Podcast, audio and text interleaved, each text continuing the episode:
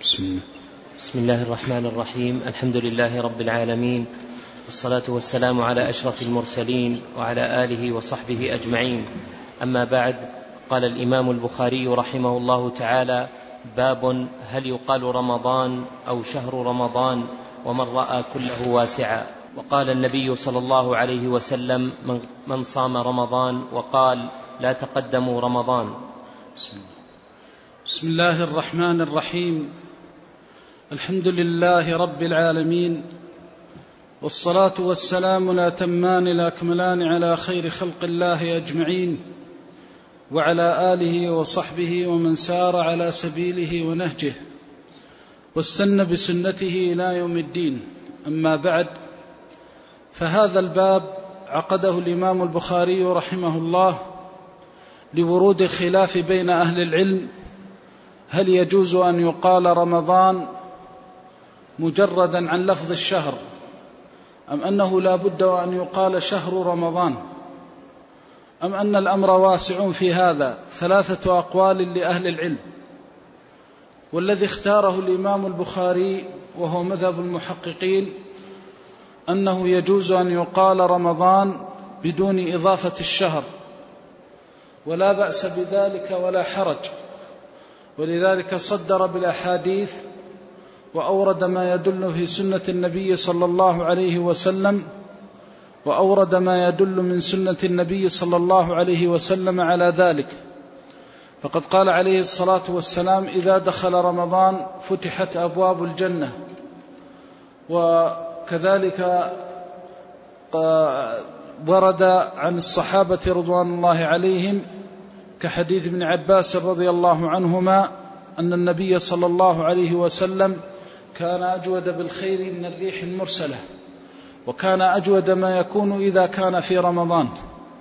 فهذه النصوص في الكتاب في سنة النبي صلى الله عليه وسلم وآثار الصحابة تدل دلالة واضحة على جواز إطلاق رمضان بدون إضافة لفظ الشهر.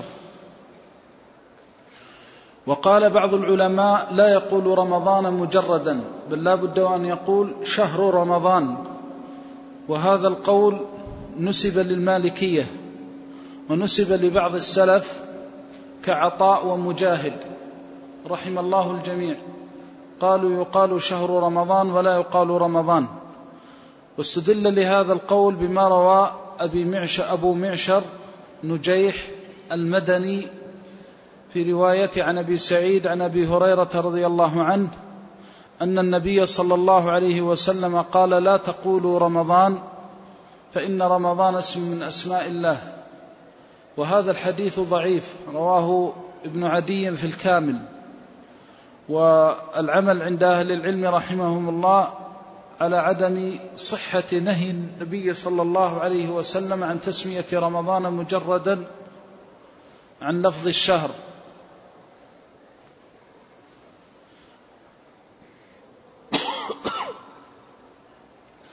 وإضافة لفظ الشهر عند عند هذا القول لازمة. ولما كان الحديث ضعيفا لم يقوى على إثبات الحكم بتحريم إطلاق رفض رمضان بدون شهر. وهناك قول ثالث واختاره أكثر الشافعية رحمهم الله أن الأمر واسع أنه يجوز أن يقال رمضان إذا كانت هناك قرينة تدل على الشهر. مثل أن يقول صمت رمضان. وأما إذا لم تكن هناك قرينة فإنه لا يطلق لفظ رمضان مجردا عن الشهر. كقوله يتعبني رمضان ونحو ذلك. فقالوا إن هذا هو إن الحكم في هذه المسألة مبني, مبني على هذا التفصيل أو إن هذا التفصيل هو المعتمد. وكأنهم أرادوا الجمع بين حديث النهي وبين الأحاديث الصحيحة التي تدل على الجواز. وقد بينا أن النهي لم يثبت. وبناء على ذلك لا يقوى المنع. قال بعض العلماء ولا تضف قالوا إن إضافة الشهر إلى أربعة شهور لسبب. وهذه الأربعة الشهور هي ربيع الأول وربيع الآخر أو الآخر لغتان ورجب ورمضان. فهذه أربعة شهور قالوا لا بد من إضافة لفظ الشهر قبلها. والسبب في ذلك قالوا إن ربيع إذا أطلقته بدون شهر احتمل الموسم وهو موسم الربيع. ولذلك تقول شهر ربيع. فلو قال أعطيك هذا المال في ربيع احتمل أنه يعطيه في فصل الربيع واحتمل أن يعطيه في شهر الربيع فتضيع حقوق الناس. قالوا لا بد من إضافة لفظ الشهر خاصة في الأمور الشرعية كالبيع والإجارة ونحو ذلك ما تترتب عليه الحقوق وتختلف فيه المسائل. وكذلك بالنسبة لرمضان يبنونه على هذا النهي وبينا أنه لا يصح ومنهم من ألحق رجب بهذه الشهور ولذلك يقول بعض العلماء ضابطها الشهر الذي أوله راء.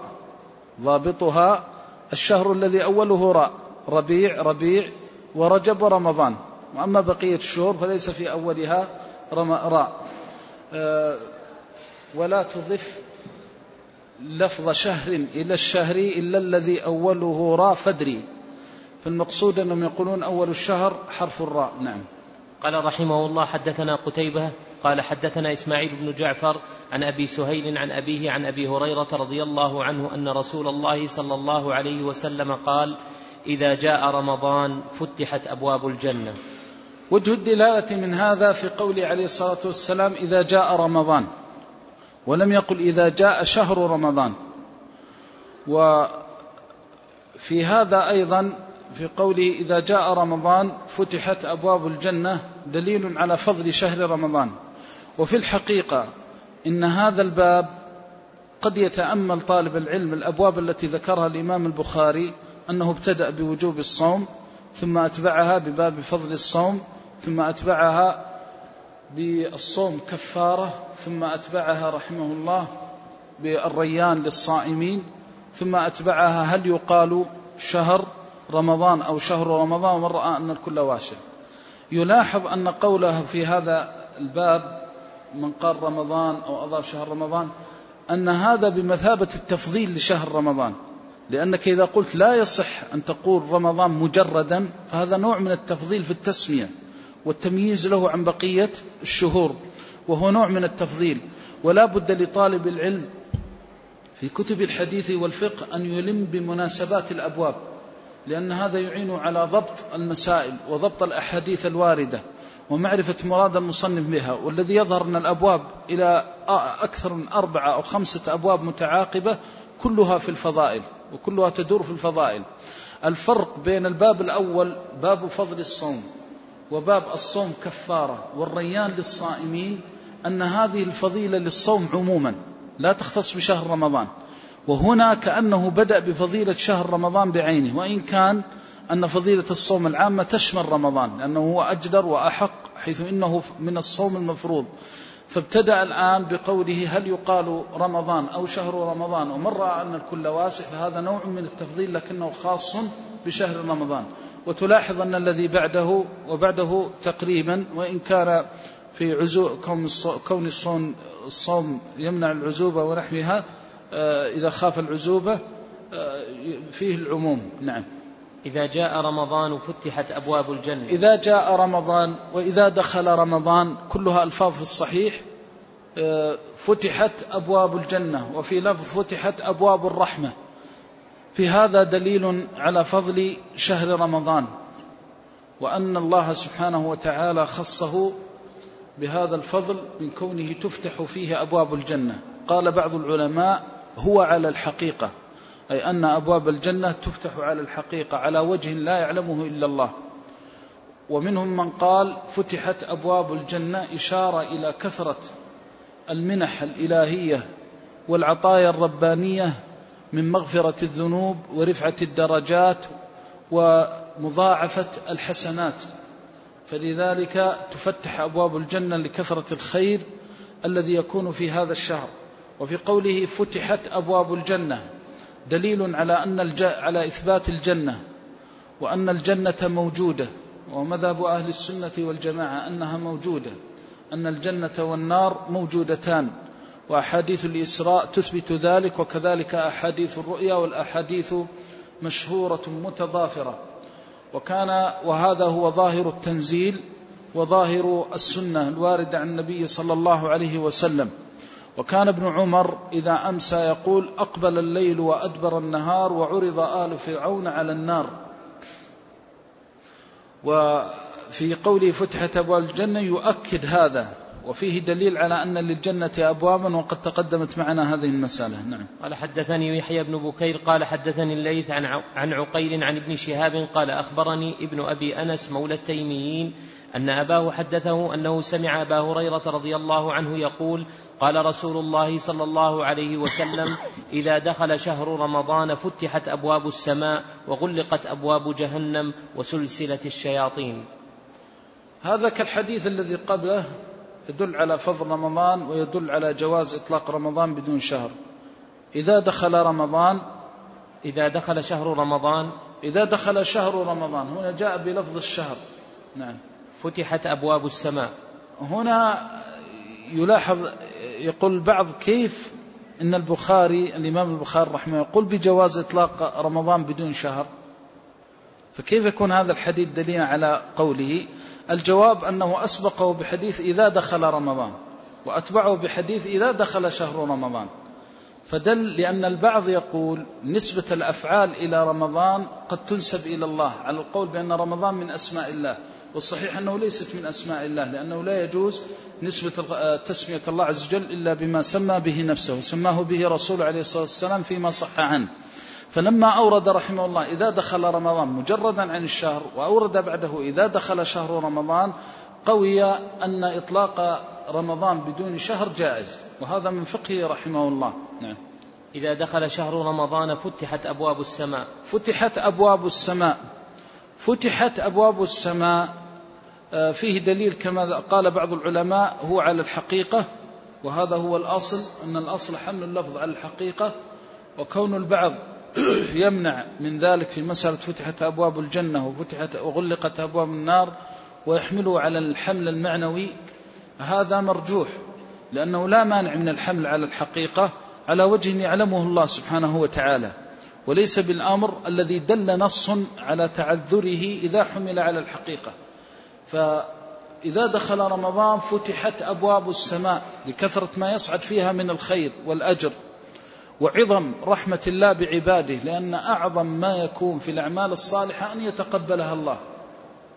وإذا فتحت أبواب السماء صعدت لقوله تعالى إليه يصعد الكلم الطيب والعمل الصالح يرفعه. قال بعض العلماء فتحت لما ينزل منها من الخير.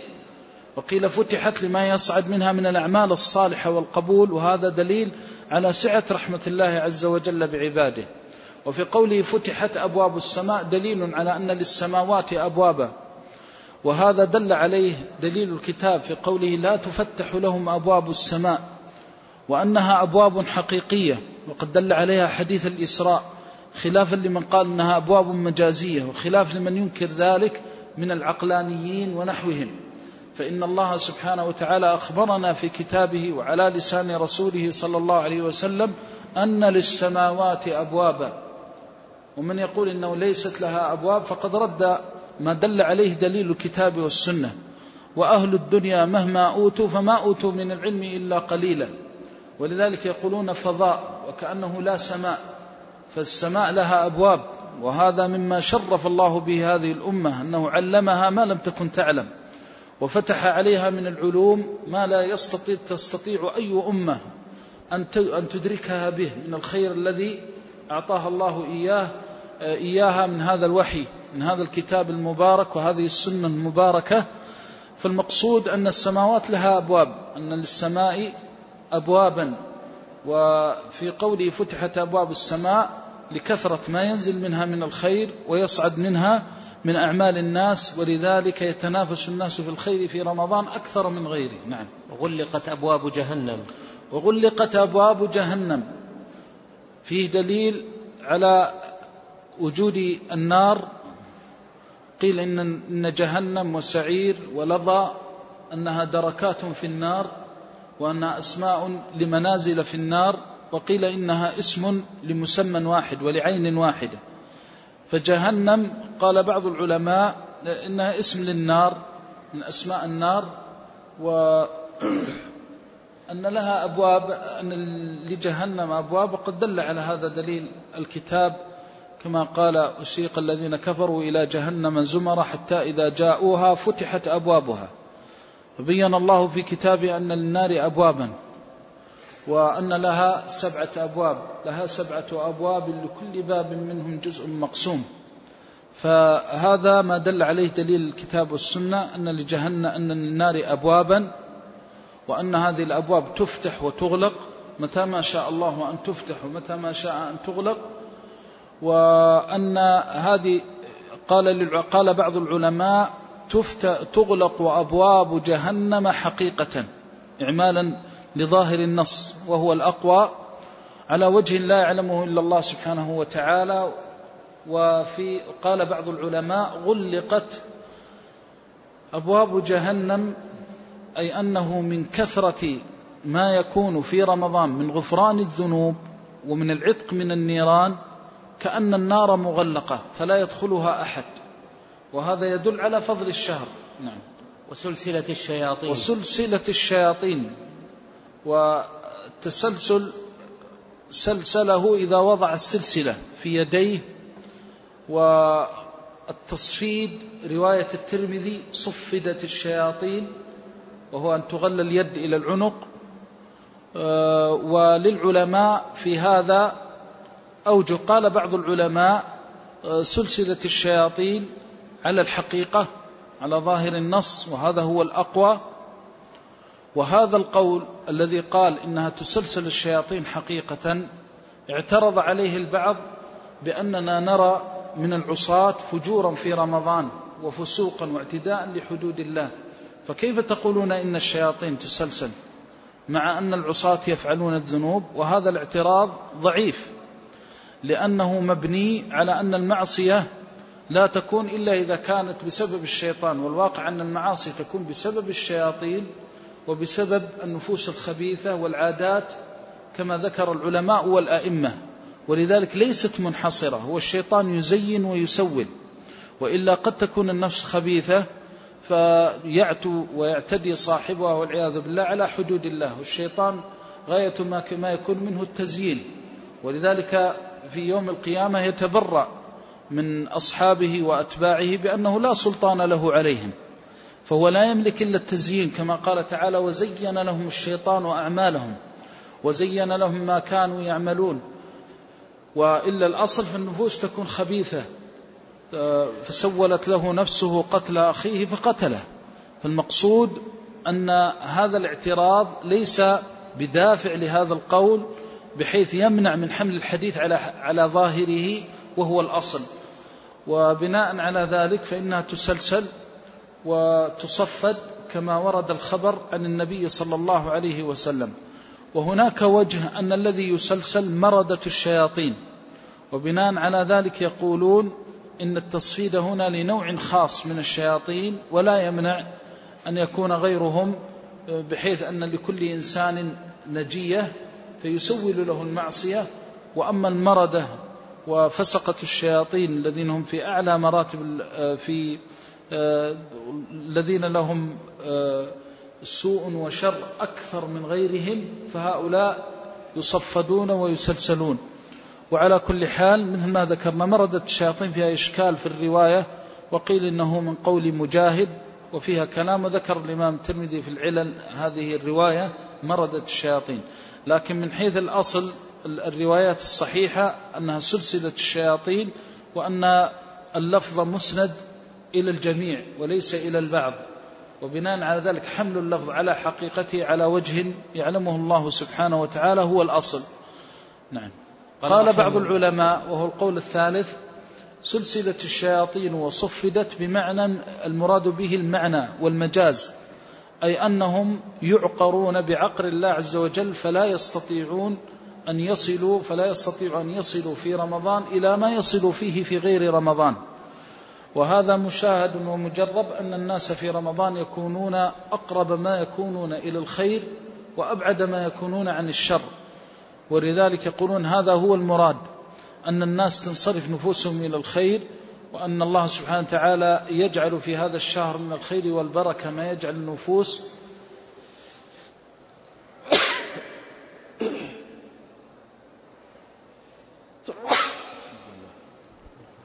الله الصحبان أن الله تعالى يجعل في هذا الشهر من الخير والبركة ما يجعل النفوس تقبل على الخير وتدبر عن الشر. فإذا أدبرت عن الشر كأن هؤلاء الشياطين صفدوا وسلسلوا. وهذا كما ذكرنا صرف للنص عن ظاهره الراجح إلى معناه المرجوح.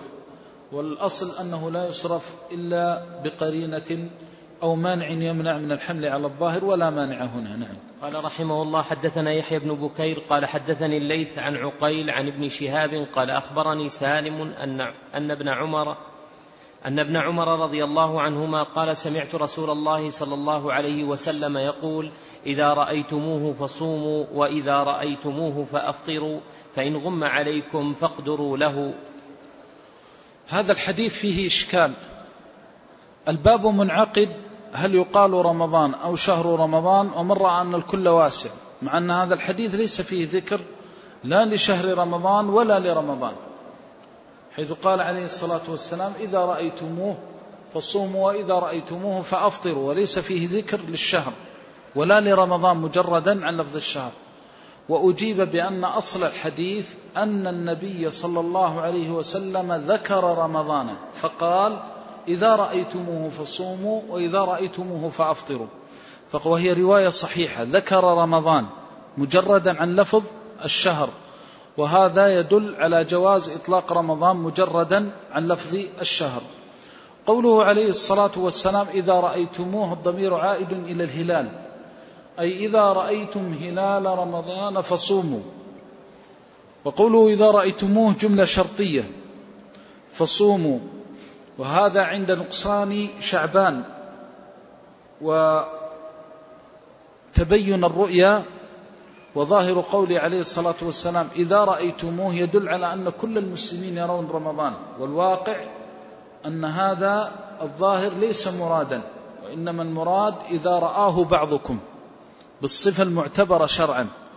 والصفة المعتبرة شرعا أنهم اتفق العلماء على أنه إذا كانت السماء غير مصحية ورآه عدلان وشهدا بذلك أنه يجب الصوم وهذا بالإجماع. وأما إذا كانت السماء صحوا ففيه خلاف أصحه القولين قول الجمهور أنه تقبل شهادة العدلين لحديث ابن عمر رضي الله عنهما أن النبي صلى الله عليه وسلم قال فإن شهد عدلان فصوموا فدل على أنه إذا شهد العدلان ولم يفرق النبي صلى الله عليه وسلم بين كونه صحوا أو غير صحو. والذين قالوا إذا كانت السماء صحوا وشهد عدلان نشك في الشهادة ولذلك ينبغي أن تكون الشهادة مستفيضة ولا يقبلون فيها شهادة العدلين. وهذا ضعيف لأن شهادة العدلين توجب غلبة الظن وقد بنيت عليها الأحكام حتى استبيحت بشهادة العدلين دماء المسلمين فلو شهد عدلان على رجل أنه قتل رجلا لحل قتله قصاصا به. وهذا يدل على أن غلبة الظن معتبرة وهي التي يفيدها تفيدها شهادة العدلين. ولا داعي للتشكيك بكونها صحوا وأنه آه، قد يتشاغل الناس قد لا يراه إلا العدلين إلا العدنان لإهتمامهم ونحو ذلك من الأسباب. وعلى كل حال فلا فرق بين كون السماء مصحية أو فيها غيم. نعم. فإن غم عليكم فاقدروا له. إذا رأيتموه فصوموا. فيه دليل على أن العبرة أن المسلمين الواجب عليهم في نهاية كل شهر أن يتراءوا الهلال. فإن رأوا الهلال حكموا بنقصان الشهر شهر شعبان ودخول شهر رمضان. وإذا لم يروا الهلال أتموا عدة شعبان ثلاثين يوما. لو أن المسلمين اليوم عملوا بهذه السنة ما حصل خلاف بينهم. فكل من كان في صعق صقع ومكان واحد وتحت إمامة واحدة يتراءوا الهلال. فإن رأوه عملوا بالرؤيا وإذا لم يرأوه, يروه أتموا العدد والحساب. والذي يحصل فيه الخلاف بين الناس الآن هي مسألة هل يتبع هل رؤية بلد كرؤية غيره وإذا كان كرؤية غيره هل يتبعون هذا البلد الإسلامي أو ذاك البلد الإسلامي؟ ومن هنا تحصل الشوشرة ويحصل الخلاف. وأيا ما كان فإن الأصل يقتضي أن أهل كل بلد يتراءوا الهلال. وأنهم إذا كانوا تحت إمام واحد فإنهم في حكم البلد الواحد. وقصة ابن عباس رضي الله عنهما في الصحيح واضحة في هذا أن لكل بلد رؤيته. وهذا هو الأقوى وهو الذي يبعد من الخلاف ويذهب الشكوك. فالمسلمون في كل سقع يتراءون الهلال فإن رأوا حكموا بدخول الشهر وإذا لم يروا حكموا بتمام العدة. ولا داعي أن يتبعوا البلد الفلاني أو البلد الفلاني. لو فعلوا هذا لانتهى الإشكال. لكن بالقول بأنهم يتبعون وأن المسلمين بمثابة أن بلاد الإسلام بمثابة السقع الواحد وهو الذي ينبني يبنى على إلغاء اختلاف المطالع على هذا القول حينئذ يرد الإشكال. إذا كان هناك أكثر من بلد إسلامي هل يتبعون هذا البلد أو ذاك؟ أو يتبعون ما هو أقربها إليهم؟ وهذا الخلاف في الحقيقة ينبغي أن ينتبه له. أنه لو قال البعض نتبع البلد الفلاني وقال الآخر نتبع البلد الفلاني وقال الثالث نتبع أقرب البلاد إلينا واحتمل الأمر فلا مانع من هذا الخلاف. البعض يجعل الخلاف في الرؤية وكأنه أمرا معيبا ومنقصا للمسلمين. وهؤلاء لا يقصدون أنهم يبينون لنا أنه ينبغي عليكم أن تتفقوا. متى كان أعداء الإسلام يريدون من المسلمين أن يتفقوا؟ في عبادة أو معاملة. إنما يريدون الشماتة ولذلك طرح هذه المسألة وكثرة الخوض فيها.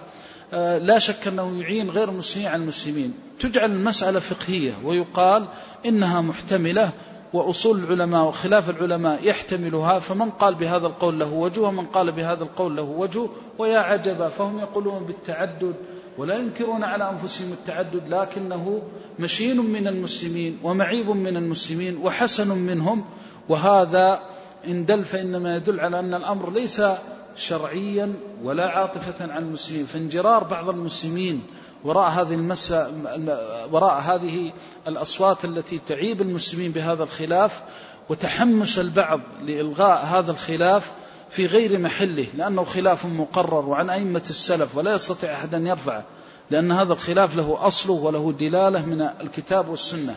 إنما المنبغي أن يسلم النفوس تعظيم هذه المسألة والتشنيع على المسلمين فيها وتشويههم. فبعضهم بعض الدعاة الذين ليس لهم إلمام شرعي قوي يتخذ هذه المسألة مذمة حتى على الفقهاء وعلى العلماء وهذا لا ينبغي. هذه مسألة تحتملها النصوص والخلاف فيها واقع بين أئمة السلف وواقع. ولذلك لما قال ألا تعتد برؤية آه، أمير المؤمنين معاوية؟ قال لا هكذا أمرنا رسول الله صلى الله عليه وسلم. وهذا من الصدر الأول من عهد الصحابة رضوان الله عليهم. وليس بخلاف معيب. وعلى المنبغي أن يرجع إلى أصل المسألة فكل مسألة احتملها النص واختلف فيها السلف الصالح فالخلاف محمود وغير مذموم ويعمل كل بما ترجح عنده ما دام أن هذا يحتمله النص وهذا يحتمله النص. فأما كون البعض يأتي ويريد أن يحسم المسألة وينقلها كقول واحد هذا خلاف ما درى عليه ما جرى عليه عمل السلف الصالح رحمهم الله. ولذلك كان بعض الأقطار يصوم ببعض الأقطار ويجعل الرؤيا واحدة متى ما أمكن العلم في وقت يسع فيه الصوم وكان بعضهم يلتزم برؤيته في موضعه ولا يعدون هذا مع, شيئا معيبا ولا مذمة ولا منقصة.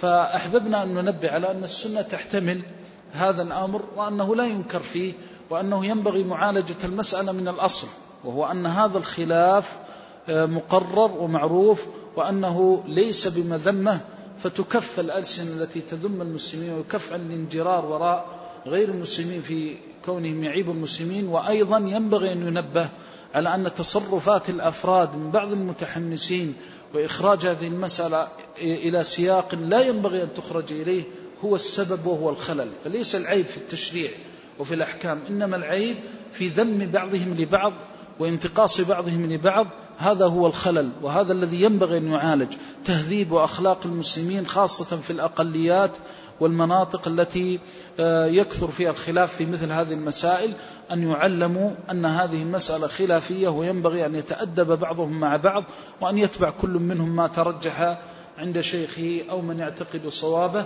ولا يثرب على أخيه ولا يعيبه ولا ينقصه. ولا يجعلوا هذا الأمر طريقا لغير المسلمين أن يعيبوهم أو ينتقصوهم. نعم.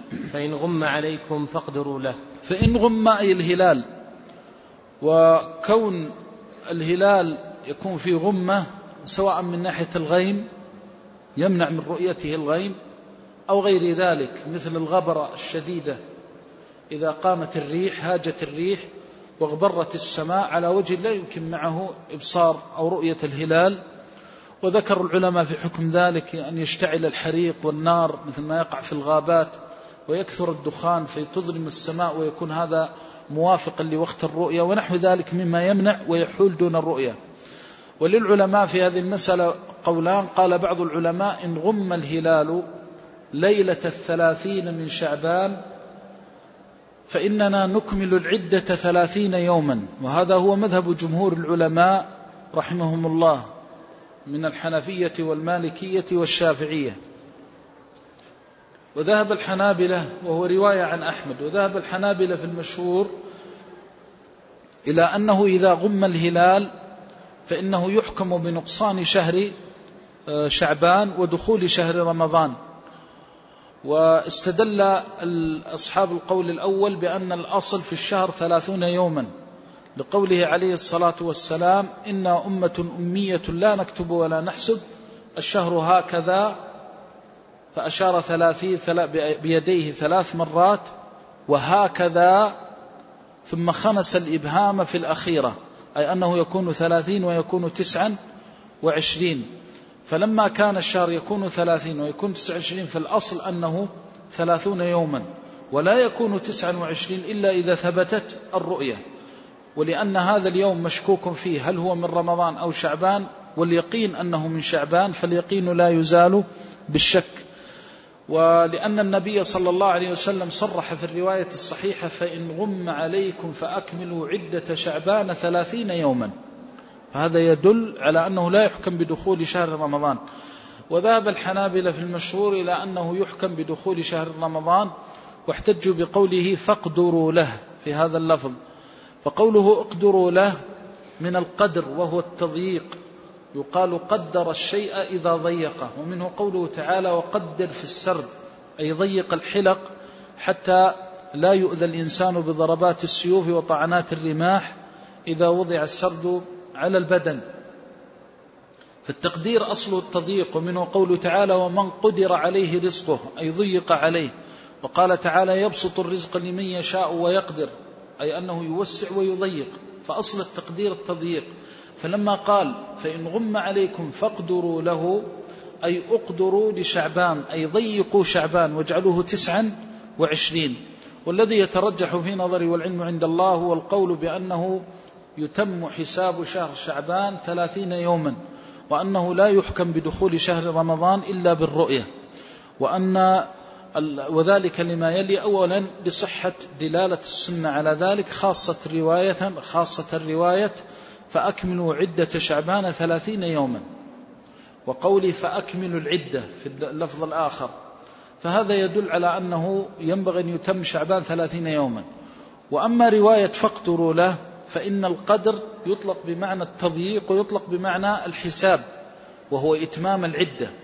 فأصبحت رواية فاقدروا محتملة للوجهين.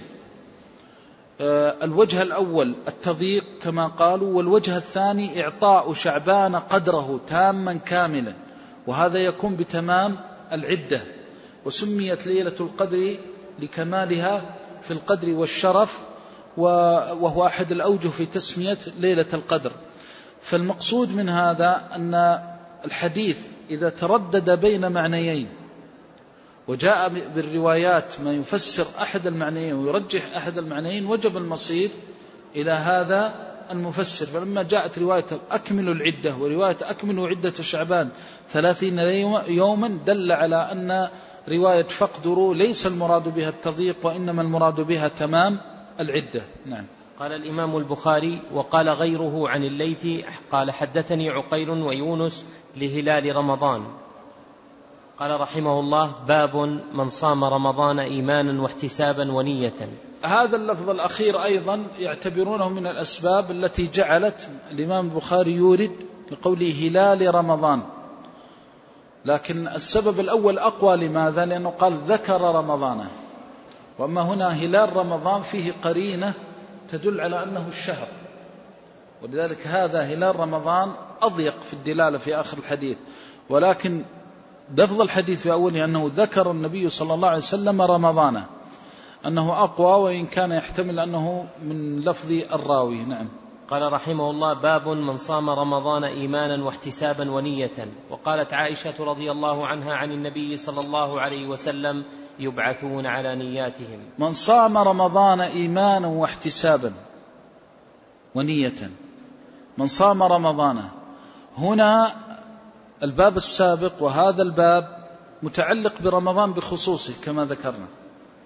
فهو بعد أن ذكر الفضائل العامة للصوم ذكر فضائل الشهر نفسه. أنه لا بدأ بالتسمية أنه لا يسمى مجردا. صحيح أن الإمام البخاري يجيز تسميته مجردا لكن يقول هذا الشهر فيه مزية حتى في اسمه لأنه يحتمله الخلاف كما أورده خلاف عن السلف. مع أن الحديث فيه ضعف لكنه آه، ورود الخلاف من حيث هو يدل على أن الشهر له مزية حتى في اسمه على غيره.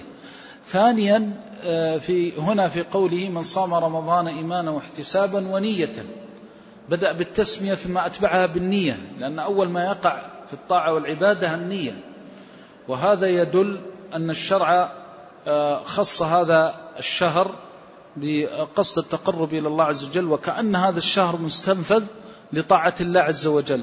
ما قال من, من مثلا من عبد الله في الشهور نية وإن كان نحن نعبد الله في كل الشهور لكن كون الشرع يخص هذا الشهر بالإيمان والاحتساب فيه يدل على مزية الفضل. فهذه فضيلة منصوص عليها في خصوص رمضان. كما ذكرنا أنها من الأبواب المتعلقة بفضائل رمضان بعينه. من صام رمضان إيمانا واحتسابا. إيمانا. حال كونه مؤمن بالله وقالوا هذا المراد بالإيمان التصديق بما جاء في الكتاب والسنة. من الأمر بصيام هذا الشهر والطاعة لله عز وجل. حيث فرض عليه صيام هذا الشهر فهو يستجيب لأمر الله عز وجل ويطيع الله سبحانه وتعالى إيمانا واحتسابا أي أنه يحتسب الأجر عند الله سبحانه وتعالى. أنه يحتسب الثواب عند الله سبحانه وتعالى في صيام هذا الشهر. نعم. ونية. ونية. النية تقدم معنا أنها القصد بمعنى أنه لا يكون آه، أن هذا الشهر لا يكون طاعة وقربة لله عز وجل إلا إذا نوى صاحبه التقرب لله لأن الصوم يكون نية وعبادة ويكون بغير النية آه، عادة مثل أن يصوم للطب والحمية. يقول له الطبيب مثلا لا تأكل خفف من الأكل فيصوم. وقصده أن يخفف وزنه ومثلا أن يضعف أثر الداء في بدنه ونحو ذلك. وقد يصوم كراهية للأكل لأنه ما وجد أكلا يناسبه نحو ذلك من الأسباب.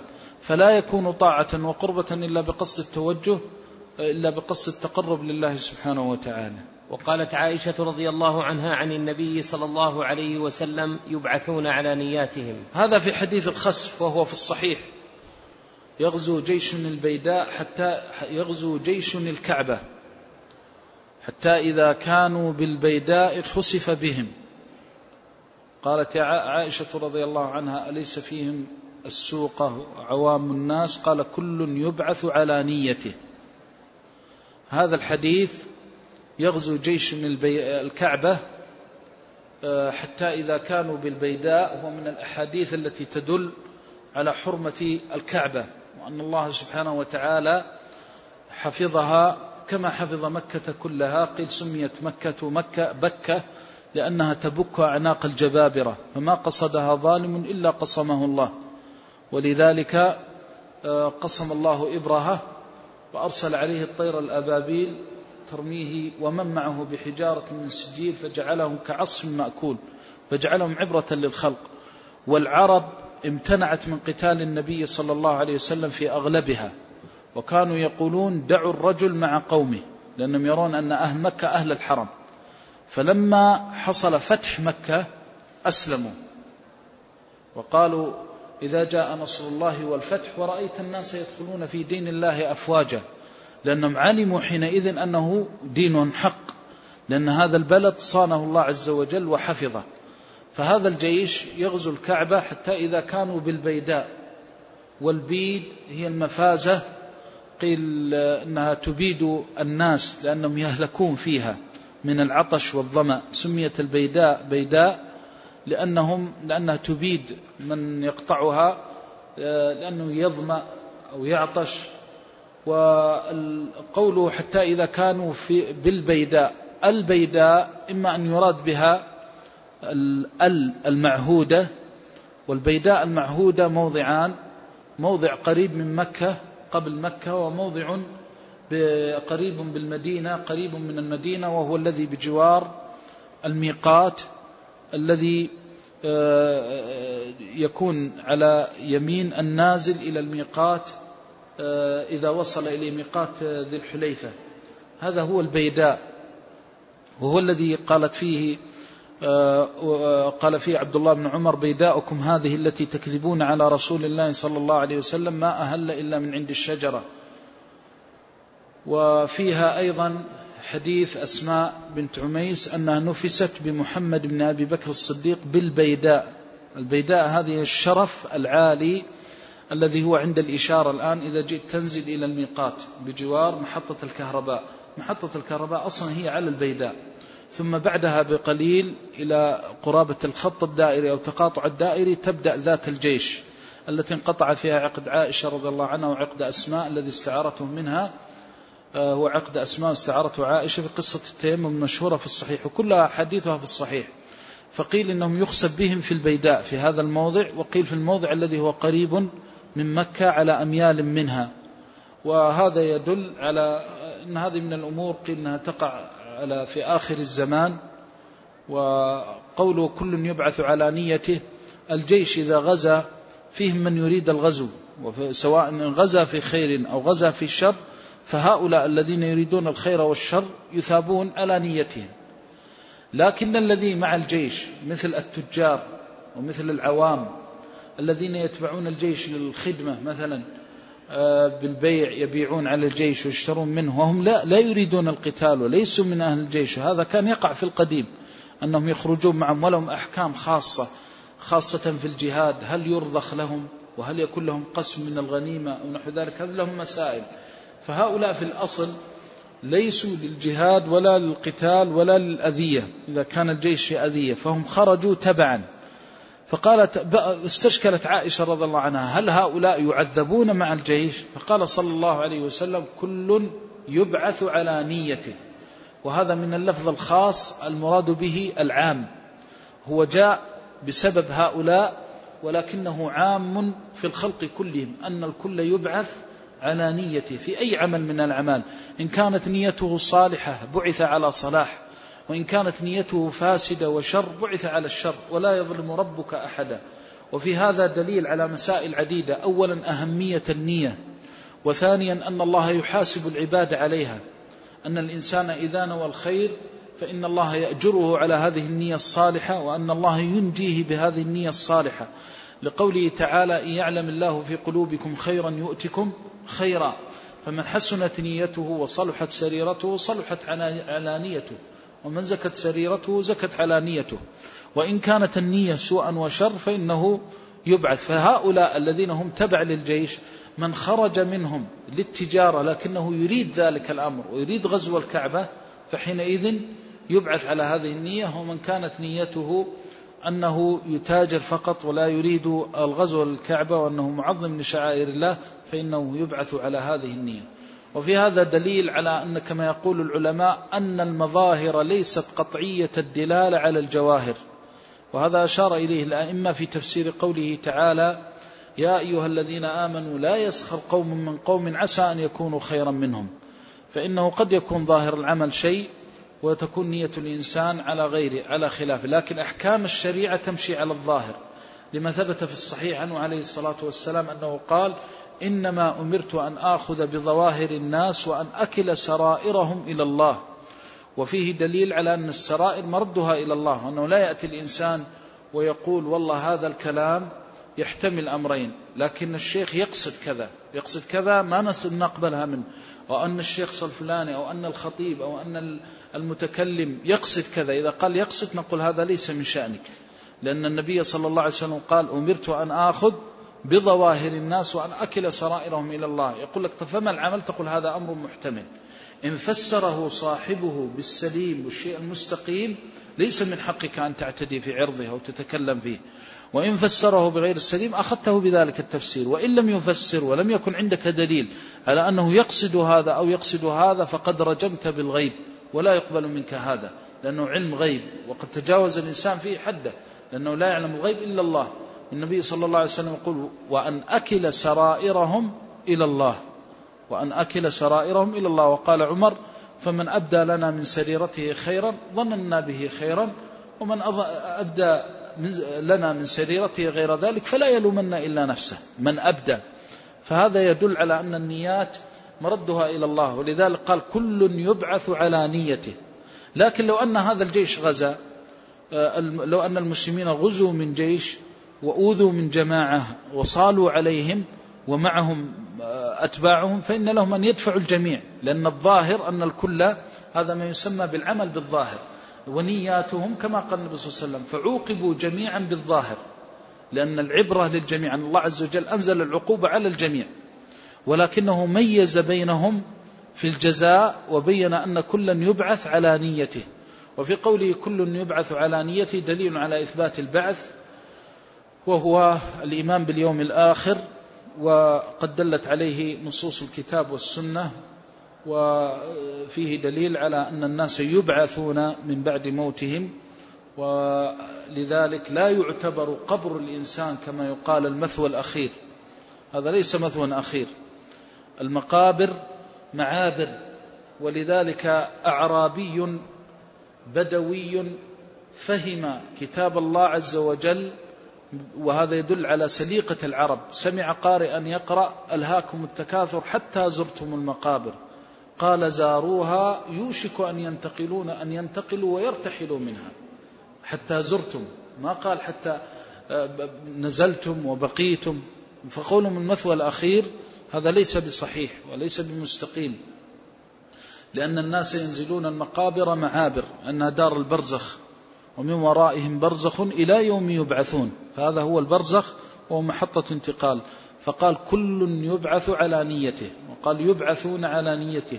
فيه إثبات البعث وهذا البعث المقصود منه الجزاء. ولذلك الأمم التي لها كتب سماوية والأديان التي لها كتب سماوية تشترك مع المسلمين في إثبات البعث بعد الموت. ولكن الوثنيين والملحدين واللادينيين لا يؤمنون بالبعث لا يؤمنون بالجزاء بعد الموت. وهذه من الفواصل والفوارق آه، بين أهل الكتاب والملل السماوية والملل والنحل الأخرى. أن الملل السماوية تثبت. ولذلك حل لنا نكاح أهل الكتاب لأننا بيننا وبينهم قواسم يؤمنون بوجود الإله وإن كان بعضهم آه، يخرج عن جادة الحق والصواب كالنصارى يقولون ثالث ثلاثة ونحو ذلك. لكنهم يؤمنون بأن هذا الكون له إله وكذلك يؤمنون بوجود الرسالة ويؤمنون بأنهم يبعثون بعد الموت فتستطيع أن تقنعها بالإسلام. فحل لنا نكاح نسائهم لأنه يمكن إقناعهم حينما يبين لهم زيف أن لله ولد أو أن المسيح ابن الله أو أنه ثالث ثلاثة. يمكن لأن بينك وبين قاسم لكن إذا كانت وثنية لا تؤمن بهذا كله. ولذلك قوله يبعثون فيه إثبات لهذا الأصل العظيم وهو الجزاء من بعد الموت. نعم. قال رحمه الله حدثنا مسلم بن إبراهيم قال حدثنا هشام قال حدثنا يحيى عن أبي سلمة عن أبي هريرة رضي الله عنه عن النبي صلى الله عليه وسلم قال من قام ليلة القدر إيمانا واحتسابا غفر له ما تقدم من ذنبه ومن صام رمضان إيمانا واحتسابا غفر له ما تقدم من ذنبه. محل الشاهد في قوله من, قا من صام رمضان إيمانا واحتسابا. وقوله من قام رمضان إيمانا واحتسابا سيأتي إن شاء الله في كتاب التراويح شرحه فيه دليل على فضيلة قيام شهر رمضان. ولكن هذه الفضيلة موقوفة على الإيمان والتصديق وأن يكون السبب الباعث الاستجابة ما ورد في الكتاب والسنة من فضل قيام رمضان. وقوله عليه الصلاة والسلام من قام رمضان القيام المراد به الصلاة. وهذه الصلاة أجمع العلماء على أن لرمضان خصوصية في قيام ليله وإحياء ليله بالصلاة. يقال قام إذا بات متهجدا أو مصليا بالليل. فقوله من قام رمضان أي من صلى ليل رمضان وأحياه بالصلاة. وهذا هو الأصل. وفيه دليل أن المقصود من قيام رمضان في التراويح أو ما يسمى بصلاة التهجد إنما هو الصلاة.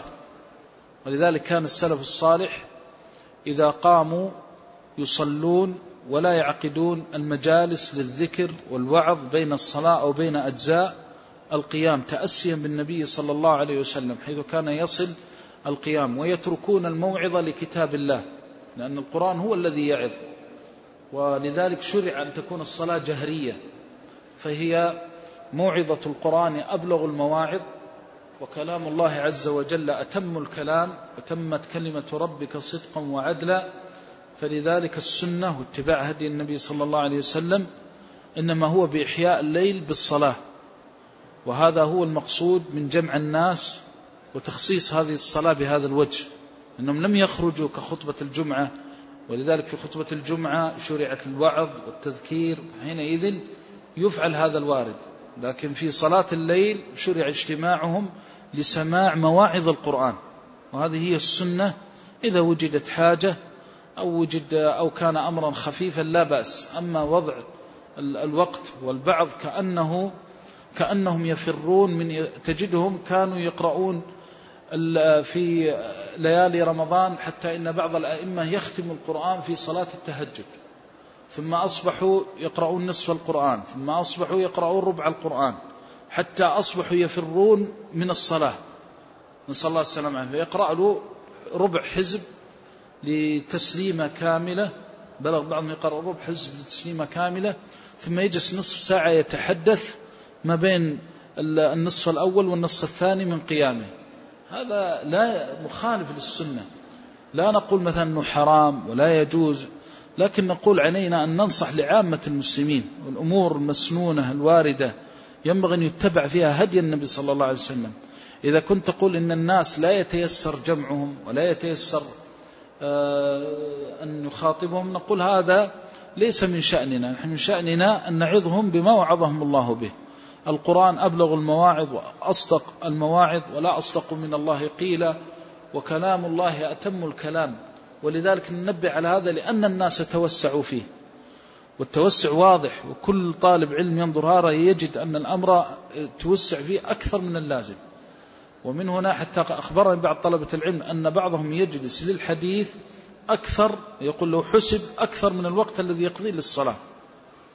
وهذا كله كما ذكرنا مخالف لهدي النبي صلى الله عليه وسلم. والمنبغي اتباع الوارد وتحري السنة. خاصة وأن الناس خرجوا لكتاب الله وكلام الله.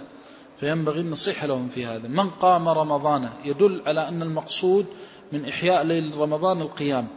ولذلك كان بعض السلف إذا جاء رمضان آه، هجروا كل شيء وتركوا كل شيء وتفرغوا للقرآن. ومنهم الإمام مالك بن أنس رحمه الله كان يوقف حلقه في رمضان من أجل أن يتفرغ للقرآن وهذا اتباع للسنة لأن النبي صلى الله عليه وسلم كان يلقاه جبريل فيدارسه القرآن. وفي قول عليه الصلاة والسلام من صام رمضان إيمانا واحتسابا هو موضع الشاهد. وفي قوله إيمانا واحتسابا. يدل على أن فضل رمضان لا يكون إلا لمؤمن محتسب إذا صامه إيمانا تصديقا واتباعا للنص فرض الله عليه صياما فصامه واحتسابا للأجر عند الله عز وجل. لا يريد من الناس ثناء ولا يريد أن هذا الصوم آه، يكون سببا في عافيته وصحة بدنه. البعض يصوم رمضان ويفرح برمضان ليس لكونه والعياذ بالله يحتسب ثوابه عند الله ولكن يقول هذا الشهر فيه صحة لبدني وأنه فرصة أن كما يقول بعضهم أنه فرصة لتصحيح بدنه واستقامة بدنه وصحته. فهذا نسأل الله السلامة والعافية. خلل. المنبغي أن يصوم طاعة لله عز وجل ولتصحيح دينه واستقامته وزيادته من الخير. ومن هنا قال صلى الله عليه وسلم من صام رمضان إيمانا واحتسابا أي أنه مؤمن بالله محتسب للأجر عند الله سبحانه وتعالى. وكان بعض مشايخنا يكره الإغراق عند الحديث عن الصوم الإغراق في فضائل الصوم للبدن وللنفوس وإخراج الناس عن الأصل وهو العبودية كما قال صلى الله عليه وسلم إيمانا واحتسابا. ولذلك تجد عند المتأخرين الولع بذكر بعض العبادات وبذكر بعض الطاعات أنهم يعتنون ببيان محاسنها على البدن وعلى الصحة. ولذلك تجد بعضهم يتكلم عن العبادات كالصدقة والزكاة بأنها تقوي أواصر المجتمع ويغرق في هذا على حساب التبعية والطاعة لله عز وجل. وهذا خلل. قد كان السلف والأئمة رحمهم الله يجعلون الأصل أنها عبادة وأنها طاعة وأن ما يحصل من الفضائل الدنيوية إنما هو تبع وليس بأساس. حتى إن بعض العوام لو جلسوا لعالم أو طالب علم يبين لهم نصوص الكتاب والسنة في فرضية العبادة وما دل على فرضيتها ووجه هذه الدلالة لملوا وسئموا. ولكن حينما يتحدث عن الأمور الجانبية من كون هذه الزكاة فيها آثار آه، نفسية وآثار اجتماعية ونحو ذلك أنصتوا وخشعوا وكأن هذا هو الأساس وهذا ليس بأساس والأمر بالعكس. ومن هنا ينبغي التنبيه على أنه هذا خلل في منهج وعظ الناس وتذكيرهم على أن الأصل هو الإيمان والاحتساب. والأصل تقوية, تقوية الإيمان آه، في نفس العبد بحيث إذا فعل الطاعة إنما يفعلها قربة واستجابة وطاعة لله عز وجل. نعم. غفر له ما تقدم من ذنبه. غفر له ما تقدم من ذنبه. الغفر هو الستر. وسمي المغفر مغفرا وهو ما يوضع على الرأس ليقي ضربات السلاح في الحرب. قال دخل رسول الله صلى الله عليه وسلم مكة يوم الفتح وعلى رأسه المغفر فالغفر أصله الستر. وإذا غفر الله للعبد ذنبه كأن الذنب غير موجود لأنه آه، لا يؤاخذه عليه. وقد قال في حديث النجوى عبدي سترتها عليك في الدنيا فها أنا أسترها عليك اليوم. فكأنه لم يذنب. ومن هنا كانت المغفرة كأنها آه، آه، كانت المغفرة محوا للذنب وإزالة لأثره وسوءه في الدين والدنيا والآخرة. غفر له ما تقدم من ذنبه. هذا فيه دليل على فضيلة الصوم صيام رمضان وأنه سبب من أسباب المغفرة. وأن المغفرة للذنب فيه تشمل جميع ما تقدم من ذنبه. وقال الجمهور تختص بالصغائر دون الكبائر لحديث الصلوات الخمس ورمضان إلى رمضان والعمرة إلى العمرة والجمعة إلى الجمعة مكفرات ما بينهن مجتنبة الكبائر. والصحيح أن هذا الحديث مورده غير الحديث الذي معنا ولا يمكن حمل المطلق في هذا على المقيد في ذاك. بل إن التكفير في الصلوات الخمس ورمضان إلى رمضان والعمرة إلى العمرة التكفير البيني وهذا لا يتعلق بالعمل نفسه. وهناك فرق بين التكفير بما بين العبادات والتكفير بفعل العبادات. هذا من التكفير بفعل العبادة. والتكفير بفعل العبادة أبلغ من التكفير بما بين العبادة والعبادة. ولذلك اشترط فيما بين العبادة والعبادة أن يجتنب الكبائر. وأما بالنسبة للتكفير بالعمل نفسه لم يرد فيه شرط فيبقى على إطلاقه. وهذا هو أقوى الوجهين واختاره غير واحد من العلماء أنه يحمل على ظاهره أن ما ورد من غفران ما تقدم من الذنب محمول على ظاهره وأما الكبائر التي فيها حقوق فينبغي التحلل من أصحابها. يغفر له ما بينه وبين الله وأما حق المخلوق فإنه لا يغفر إلا بالتحلل أو عفو صاحبه عنه. نعم. قال رحمه الله باب أجود ما ما كان ما كان النبي صلى الله عليه وسلم يكون في رمضان. قال رحمه الله حدثنا موسى بن إسماعيل قال حدثنا إبراهيم بن سعد قال أخبرنا ابن شهاب عن عبيد الله بن عبد الله بن عتبة أن ابن عباس رضي الله عنهما قال كان النبي صلى الله عليه وسلم أجود الناس. كان النبي صلى الله عليه وسلم أجود الناس بالخير وكان أجود ما يكون في رمضان حين يلقاه جبريل وكان جبريل عليه السلام يلقاه كل ليلة في رمضان حتى ينسلخ يعرض عليه النبي صلى الله عليه وسلم القرآن. فإذا لقيه جبريل عليه السلام كان أجود بالخير من الريح المرسلة. قال رحمه الله باب أجود ما كان النبي صلى الله عليه وسلم يكون في رمضان. هذا الباب في الحقيقة يدل على فضيلة الشهر كاملا. ومثل ما ذكرنا لأن بعض طلبة العلم لما يقرأ هذه الأبواب ولا يعلم المناسبة بينها ما يستطيع أن يلم ما ورد في الأحاديث في ضمن هذه الأبواب. ولذلك الذي يظهر أن المصنف راعى أن يبدأ كما ذكرنا بالفضائل العامة ثم يتبعها بالفضائل الخاصة. فمن فضائل هذا الشهر أن النبي صلى الله عليه وسلم كان جبريل يدارسه فيه القرآن. وكان إذا لقيه جبريل أجود ما يكون بالخير من الريح المرسلة. كان أجود ما يكون بالفتح وقيل أجود ما يكون بالضم. إذا كان في رمضان حين يلقاه جبريل كما هو لفظ الرواية الأخرى في الصحيح فيدارسه القرآن. فيه دليل على فضيلة شهر رمضان حي أن الله, إن الله خصه بالقرآن. ولذلك سماه العلماء شهر القرآن. وتسميته شهر القرآن لأنه فيه أنزل القرآن شهر رمضان الذي أنزل فيه القرآن وجعل لمدارسة القرآن فأصبحت الفضيلة خاصة بهذا الشهر. وهذا الشهر هو شهر الصوم فصار صارت فضيلة للصوم في هذا الشهر بخصوصه فهي فضيلة خاصة. وفيه مناسبة كما يذكر بعض العلماء أن بين الصوم والجود اتصالا. أن الصوم له صلة بالجود وكرم النفس.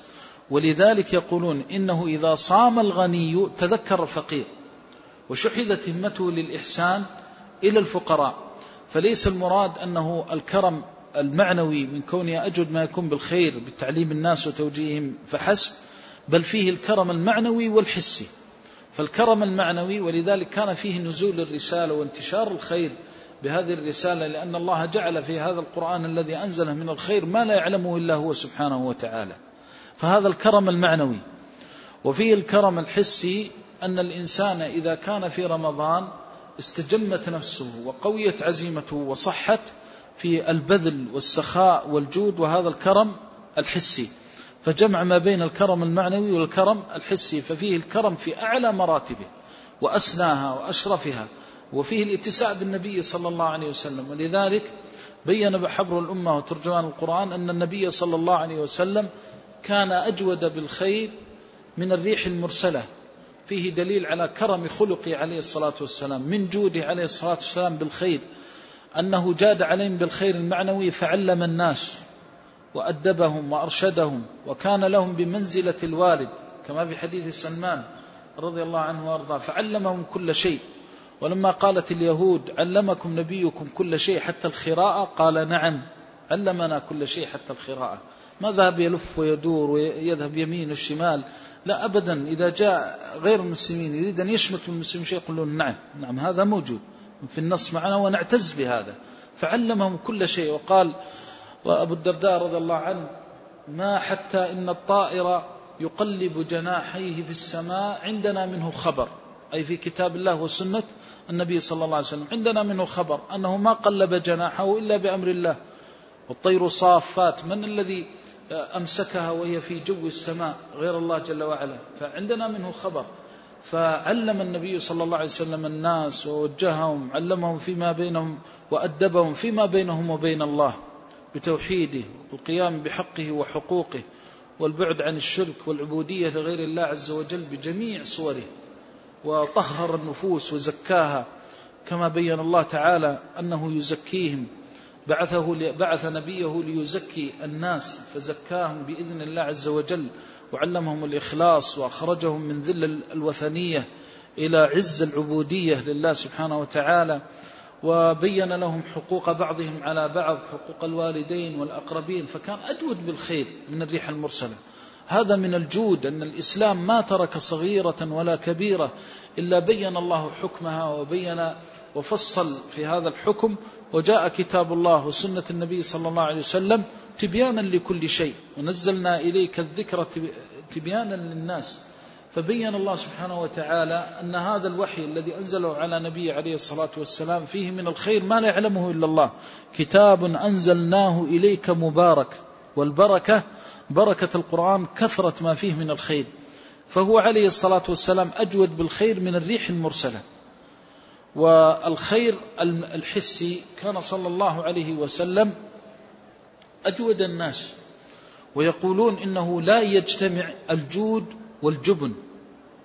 الجود والخوف لا يجتمعان. أن الشخص الجواد الكريم ليس بجبان. لأنه لا يخاف لو كان خائفا لخاف من الفقر. الجود يعدم لولا المشقة ساد الناس كلهم الجود يعدم والإقدام قتال. ولذلك قرن بالشجاعة. فالجواد شجاع ومن شجاعته أنه لم يخف من الفقر. والخوف من الفقر بعض الأحيان أقوى من الخوف من العدو. والذي لا يخاف الفقر أولى أن لا يخاف العدو. ولذلك يقولون أنه لا يجتمع الجود والخوف ولا يجتمع الجود والجبن. فكان صلى الله عليه وسلم أجود ما يكون بالخير. كان جوادا أعطى عليه الصلاة والسلام أودية الغنم وأعطى مئة من الإبل وأعطى يوم حنين صلوات الله وسلامه عليه المؤلف قلوبهم آه، رضي الله عنه وأرضاهم حتى أسلموا واطمأنت قلوبهم. ورجعت المرأة إلى قومها وقالت لقد جئتكم من رجل لا يخاف الفقر. صلوات الله وسلامه عليه. وهذا راجع إلى أن الثقة إلا أن ثقته بالله عز وجل كان صلى الله عليه وسلم أوثق. بالله عز وجل مما في يده. لو كان الشيء في يده لكانت ثقته بما عند الله أعظم من ثقته والشيء في يده. وهذا من أكمل ما يكون إيمانا بالله. فكان صلى الله عليه وسلم أجود بالخير من الريح المرسلة. تأمل رحمك الله. عبد الله بن عباس رضي الله عنهما حبر الأمة وترجمان القرآن. توفي النبي صلى الله عليه وسلم وهو يناهز الحلم. فإذا كان هذا الصبي الصغير الكبير في قدره الصغير في سنه الكبير في قدره يشهد للنبي صلى الله عليه وسلم بالكرم والجود وهو صغير. لأن الصغير يتخلف عن أشياء كثيرة من المشاهد فيشهد له بالجود. فكيف من هو كبير؟ فالذي يراه الكبير أكثر مما يراه الصغير. وذلك قال أنس رضي الله عنه ما تعدوننا إلا صبيانا لقد كنت تحت ناقة النبي صلى الله عليه وسلم يمسني لعابها إشارة إلى القرب لأن الذي كان قريبا منهم الكبار. وحتى في الصلاة كان يقدم الكبار على الصغار. فإذا كان الصغير يقول إنه أجود بالخير من الريح المرسلة فما بالك بكبار الصحابة؟ فهو صلى الله عليه وسلم كذلك. وصدق ابن عباس وبر وشهد له عليه الصلاة والسلام بالكرم والجود صلوات الله وسلامه عليه كان يعطي عطاء من لا يخشى الفقر. بأبي وأمي صلوات الله وسلامه عليه. وهذا لا إشكال فيه لأن الله إذا نزع الدنيا من قلب العبد هانت عليه. ولذلك تجد العبد المؤمن الصادق في إيمانه لا يبالي بالمال لأنه لا يمكن إذا كمل الإيمان في قلب العبد لا يمكن أن يجعل قدر الدنيا ووسخها ونتنها أعز عليه من أخيه المسلم. ولا يمكن أن يأتيه أحد محتاج في ضائقة والمال بيده وقادر أن يفرج كربته وهو يعلم أن الله سيخلف عليه بسبعمائة ضعف ذكرها في العطاء في السنبلة. وهذا أقل ما يكون من الخلف من الجزاء بالمضاعفة. فما بالك إذا أعطى لله سبحانه وتعالى وكان على يقين بما عند الله سبحانه وتعالى من حسن الخلف؟ فالمقصود من هذا أنه كان عليه الصلاة والسلام أجود ما يكون حسا ومعنى أجود ما يكون بالخير. وقوله بالخير لأن الجود المحمود والذي هو منقبة لصاحبه إذا كان بالخير. أما بالسوء والشر فهذا ليس بجود. تجد الشخص والعياذ بالله شريرا كثير الشر جوادا بالشر. يأتي الواحد ويقول له أريدك أن تضرب فلان. يقول بسم الله تعال حتى يعني ربما يقول له تعال واقتل فلان قيل الرجل اقتل فلانا. قال لا اقتل حتى تعطوني. قالت له أم القتيل اقتله لوجه الله. صلى الله العافية والسلام جود بالشر. فابن عباس رضي الله عنه يقول أن النبي صلى الله عليه وسلم كان أجود ما يكون بالخير صلوات الله وسلامه عليه. نعم. قال رحمه الله باب من لم يدع قول الزور أكمل الحديث. وكان عن ابن عباس رضي الله تعالى عنهما قال كان النبي صلى الله عليه وسلم أجود الناس بالخير. كانت تفيد الدوام والاستمرار أجود الناس تزكية للنبي صلى الله عليه وسلم بأنه أجود الناس وهذه الكلمة لا يجوز لأحد أن يقول فلان أجود الناس وأكرم الناس على سبيل العموم لأن هذا فضل الله به نبيه عليه الصلاة والسلام في صفاته. وقد يكون الرجل أجود الناس في زمانه وأفضل الناس في زمانه قد يكون في بلده في حيه في جماعته هذا يمكن. أما التعميم تزكية بالتعميم هذه لا تجوز. أن يقول فلان أكرم الناس وأفضل الناس وأشجع الناس ونحو ذلك على سبيل القصد للمعنى على ظاهره.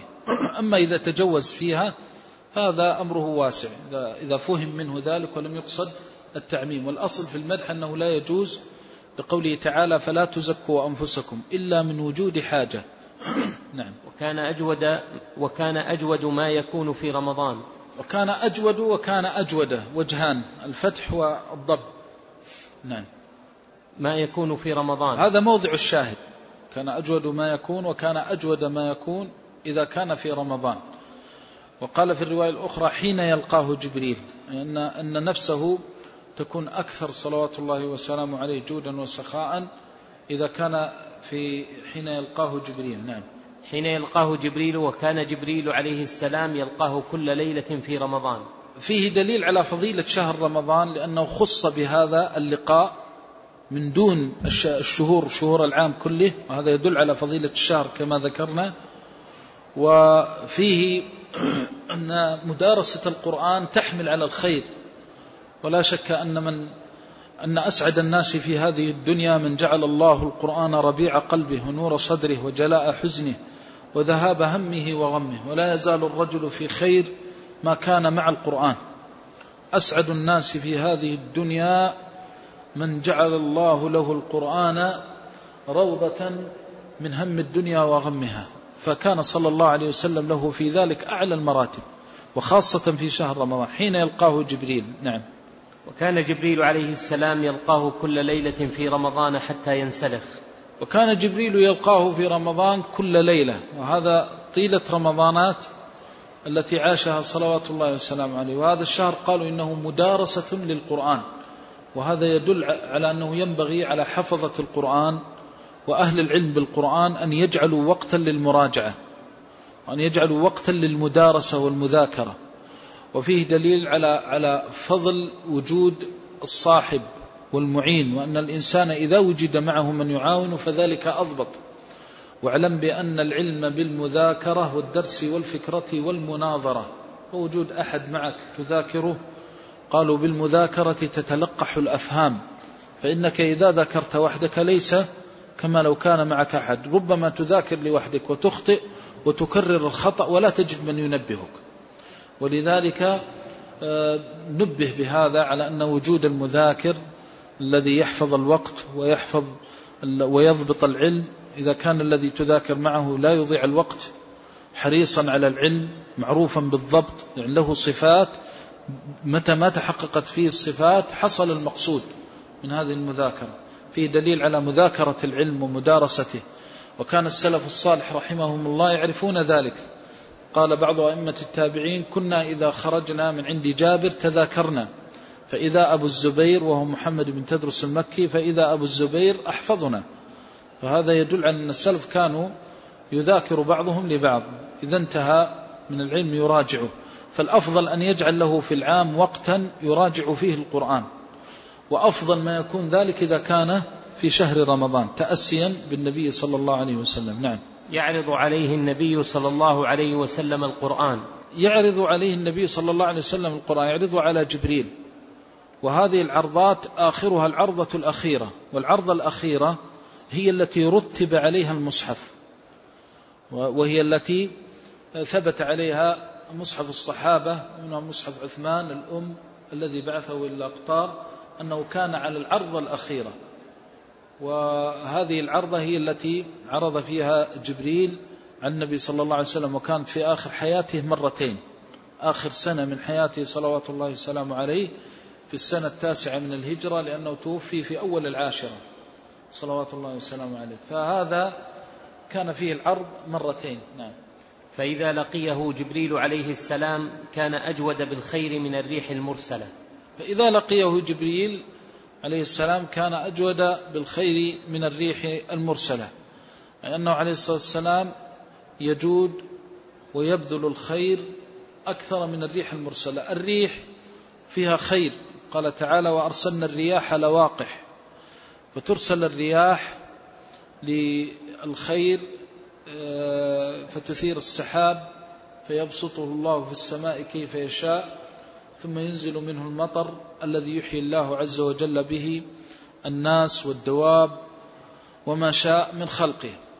فهذا يدل على فضل إذا كانت الريح جعل الله فيها هذا الخير وفيها قوة الريح فيها قوة. ولذلك سخرت لنبي الله سليمان عليه السلام وامتن الله عليه بتسخيرها لما فيه من القوة فيها من القوة والخير والنفع. مع ذلك كان صلى الله عليه وسلم أجود بالخير من الريح المرسلة. وهذا يدل على عموم فضله صلوات الله وسلامه عليه وخيره وبره. صلى الله عليه وسلم تسليما وزاده تشريفا وتكريما وتعظيما. وجزاه عن هذه الأمة خير ما جزى نبيا عن نبوته وصاحب رسالة عن رسالته. وأتاه الوسيلة والفضيلة وبعثه المقام المحمود الذي وعده. نعم. قال رحمه الله باب من لم يدع قول الزور والعمل به في الصوم. قال رحمه الله حدثنا آدم بن أبي إياس قال حدثنا ابن أبي ذئب قال حدثنا سعيد المقبري عن أبيه عن أبي هريرة رضي الله عنه قال قال رسول الله صلى الله عليه وسلم من لم يدع قول الزور والعمل به فليس لله حاجة في أن يدع طعامه وشرابه. قال رحمه الله باب من لم يدع قول الزور والعمل به في الصوم. هذا من فضائل الصوم لأن فضائل الصوم ترجع إلى أمرين فيهما أمران وفضيلتان هما من أسباب النجاة من النار ودخول الجنة كما نبهنا عليه. الأمر الأول السلامة من فتنة الفرج. والأمر الثاني السلامة من فتنة اللسان. ولذلك قال صلى الله عليه وسلم من يضمن لي ما بين لحييه وهو اللسان وما بين رجليه وهو الفرج أضمن له الجنة. والصوم ذكر الإمام البخاري رحمه الله من فقه ذكر الأمرين فجاء بهذا الباب من لم يدع قول الزور والعمل آه، إذا خاصمه أو شاتمه فليقل هل يقول إني صائم وأتبعه بباب الصوم لمن خاف العزبة أو العزوبة. فهذه الثلاثة الأبواب البابان الأولان متعلقان باللسان والباب الثالث متعلق بالفرج. فإن في الصوم نعمة من الله سبحانه وتعالى فإن في الصوم نعمة من الله بالسلامة من آفة اللسان وآفة الفرج. لكن آفة اللسان الفرج يضعف بسبب الصوم. وإذا قال إنه له وجاء فيأتيه الأثر. لكن بالنسبة للسان يحتاج من المكلف أن يمنعه. ومن هنا جعل له بابين. الباب الأول أنه إذا لم يمسك لسانه فليس لله حاجة. وأما الأمر الثاني أنه إذا إذا استفز ودفع إلى أن يخرج عن صومه ويجهل فليقل إني صائم. وهذا يدل على خطر اللسان. وهذا من فقهه رحمه الله. وأن صوم اللسان أعظم لأن ذلك يأتي أثرا وتبعا. ولكن هذا يأتي من المكلف كسبا وطلبا.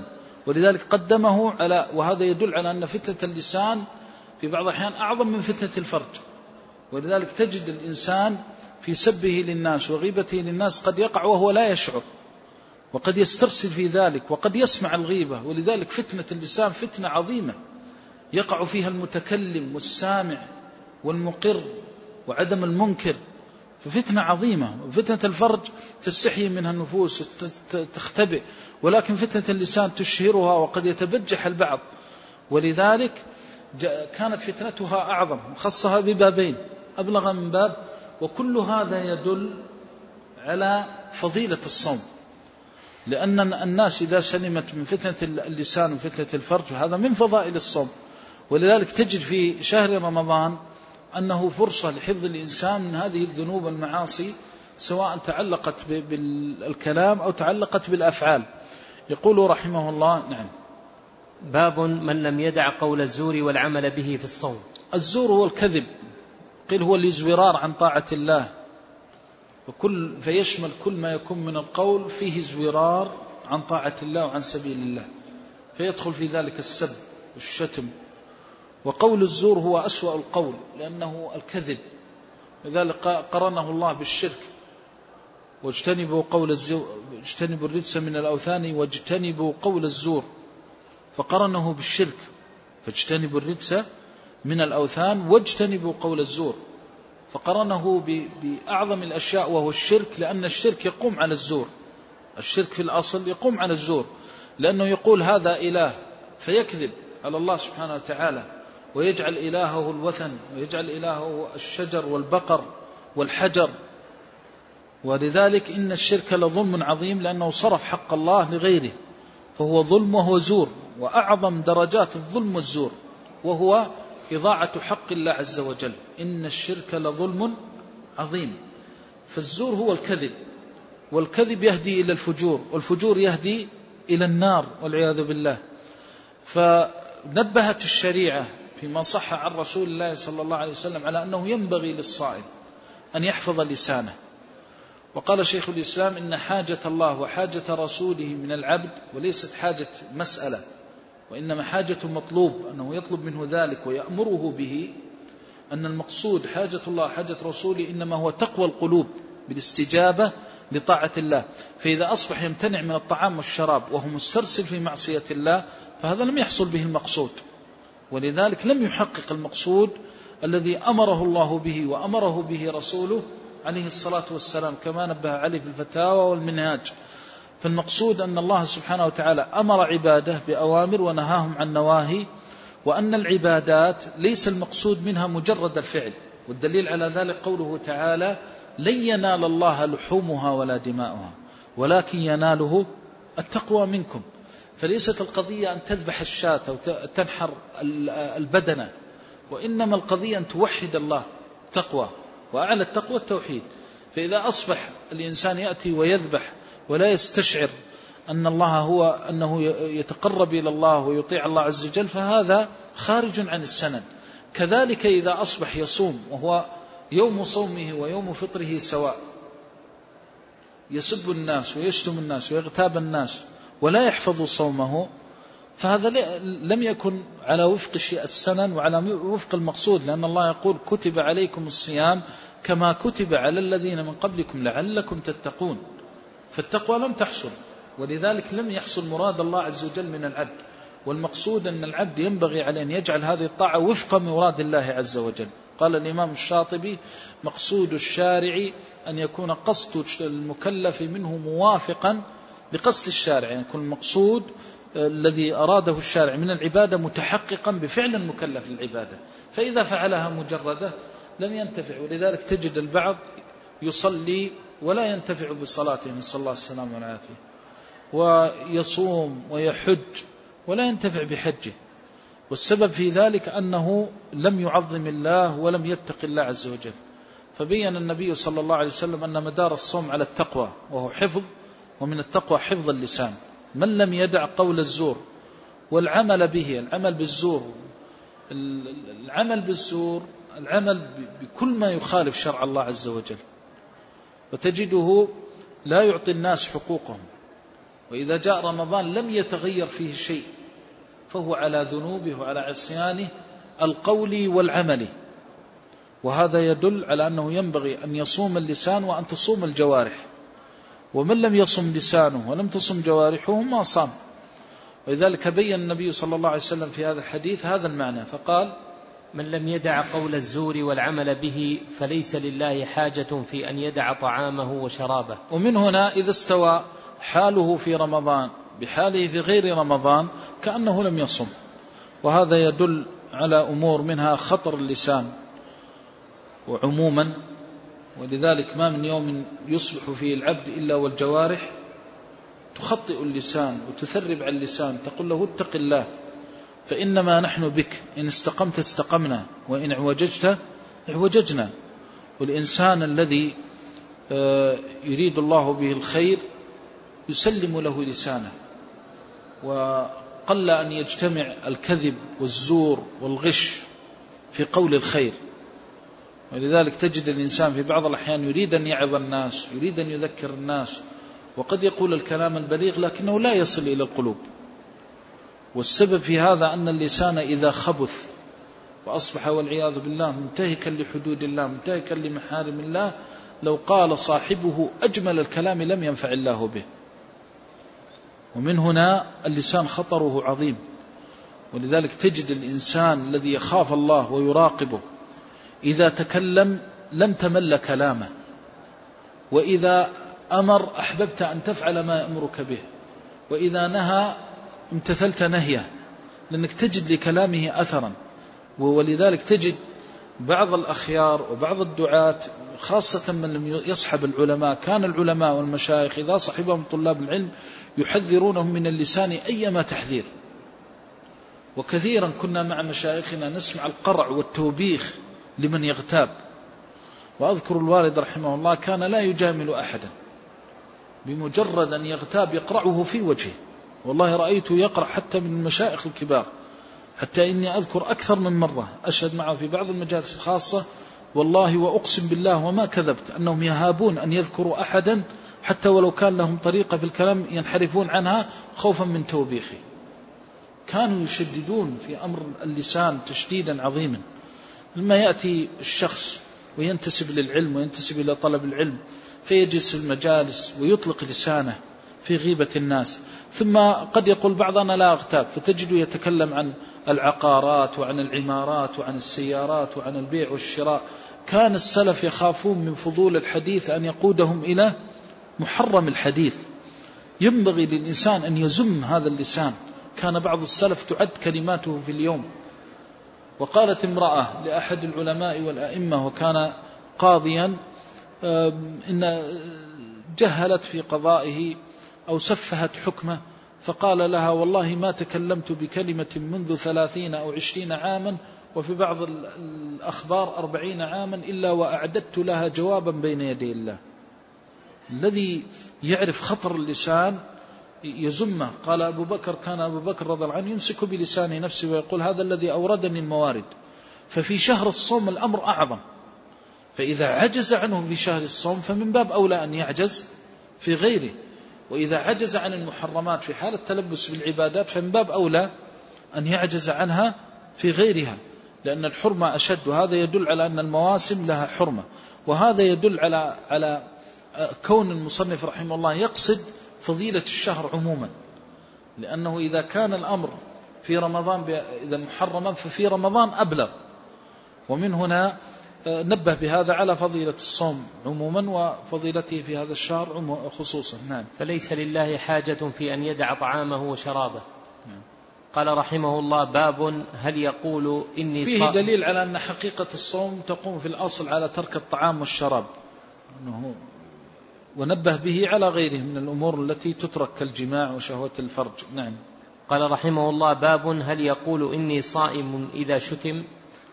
قال رحمه الله حدثنا إبراهيم بن موسى قال أخبرنا هشام بن يوسف عن ابن جريج قال أخبرني عطاء عن أبي صالح الزيات أنه سمع أبا هريرة رضي الله عنه يقول قال رسول الله صلى الله عليه وسلم قال الله كل عمل ابن آدم له إلا الصيام فإنه لي وأنا أجزي به. والصيام جنة وإذا كان يوم صوم أحدكم فلا يرفث ولا يصخب فإن سابه أحد أو قاتله فليقل إني امرؤ صائم. والذي نفس محمد بيده لخلوف فم الصائم أطيب عند الله من ريح المسك. للصائم فرحتان يفرحهما إذا أفطر فرح وإذا لقي ربه فرح بصومه. قال رحمه الله باب هل يقول إني صائم إذا شتم. ترجم الإمام البخاري بهذه الترجمة. وكما ذكرنا يقولون فقه الإمام البخاري في تراجمه. يترجم بالآيات يترجم بالأحاديث ويترجم بمعنى الحديث العام ويترجم بمعناه الخاص ويترجم بالاستفهام. والمشكلة الآن لماذا عدل عن لفظ الحديث؟ يقول إذا شتم إني صائم إلى إراده بصيغة الاستفهام. هل يقول؟ وهذا من فقه وورعه. لأن قوله هل يقول تقدم معنا بالأمس في شرح الحديث أن العلماء رحمهم الله اختلفوا على قولين. قال بعضهم يقول بلسانه وينطق إني صائم. وقال بعضهم يقول لنفسه فيذكر نفسه بأنه في عبادة الصوم. ومن هنا اختلف. هل هو قول منطوق أو قول في النفس كما جرت عليه العرب تسمي الشيء ولو لم يكن منه نطقا حقيقيا بأنه قول. كما ذكرنا في قول امتلأ الحوض فقال قطني مهل الرويدة قد ملأت بطني. الحوض ما يتكلم. امتلأ الحوض فقال قطني. أنك لما تنظر للحوض كأنه يقول لك كفى كفى. قال قطني هذا من نسبة القول لمن, لم. لمن لا يتكلم. والمراد بذلك أنه لا يتكلم حقيقة وإنما يخاطب نفسه بذلك على التفصيل الذي ذكرناه. فأصبح الحديث محتملا للوجهين. ولم يجزم بأحدهما فأورد بهذه الصيغة. هل يقول وهذا من فقه ومن ورعه رحمه الله هل يقول إني صائم إذا شتم؟ نعم. قال رحمه الله والسبب في هذا أن البعض كما قدمنا يقول أنه لا يصرح بذلك لأن الصيام ينبغي أن يكون خاصة في النافلة ينبغي أن يكون بين العبد وبين ربه ولا يطلع عليه أحد. قال عبد الله بن عمر رضي الله عنهما إذا كنت في السفر صائما فلا يعلمن أحد بك. إنهم يقولون أنزلوا الصائم. آه، أطعموا آه، أكرموا الصائم. آه، أقضوا حاجة الصائم حتى يذهب أجرك. وخاصة تصبح أنت صائم بينهم ويعلمون أنك صائم ويقومون بخدمتك لا يزال الإنسان يخدم حتى يذهب أجره. والمراد المراد ليس أجر العبادة. طبعا إذا قصد بذلك الرياء ذهب أجره. ولكن حينما يكون خفيا ولا يعلم به أحد فهو أجر الكمال ذهب أجره يعني بالكمال. فإن قصد ذلك وفتنت به نفسه ذهب عليه الأجر كلا نسأل الله السلامة والعافية. قالوا فلان ما أفضله وما أحسنه وأصبحوا يثنون عليه في وجهه قال وإني اليوم صائم والعياذ بالله. يعني يريد هذا ويريد أن يمدح نفسه فالصوم عبادة خفية نعم. عن أبي هريرة رضي الله عنه. تقدم معنا شرح هذا الحديث ولكن في هذه الرواية زيادة للصائم فرحتان. بين النبي صلى الله عليه وسلم أن للصائم فرحتين, ولا شك أنهما فرحتان وأنه سيفرح. الفرحة الأولى عند فطره. والفرحة عند الفطر ليس المراد بها أنه يكره الصوم ويمل الصوم. وإنما فرحة بانتهاء العبادة. وليس المراد بها أنه سئم هذا الصوم أو مله إنما فرحة أن الله وفقه لكي يصوم ويتم صومه. فهذه من أعظم الفرح والفرح برحمة الله. فبذلك فليفرحوا هو خير مما يجمعون. فهذا هو محل الفرح وهو الحقيق بالفرح والخليق بالفرح. أن تفرح أن الله وفقك لطاعته ووفقك لمحبته ومرضاته. يقوم العبد الليل ويتجافى جنبه عن المضاجع فيحرم نفسه الكرى ولذة النوم ولكنه ما إن يصبح ويتذكر أن الله وفقه لقيام الليل حتى ينسى كل تعب. وتجده يملك المال ويجمع المال ثم يرى أمة من أماء المسلمين أو أرملة أو يتيما أو محتاجا شديد الحاجة فيأخذ المال الذي أعده لحاجته إلى حاجة أخيه. فإذا دفعه إلى المسكين فرح فرحا شديدا لأنه يفرح أن الله وفقه لهذا لأن الله أعطى الدنيا لمن أحب وكره ولكنه لا يعطي الدين والطاعة إلا لمن أحب. فهو يعلم إذا غابت شمس ذلك اليوم أنه كم من إنسان حرم صيام هذا اليوم. فهو يفرح أن الله عز وجل أعانه على هذا الصيام.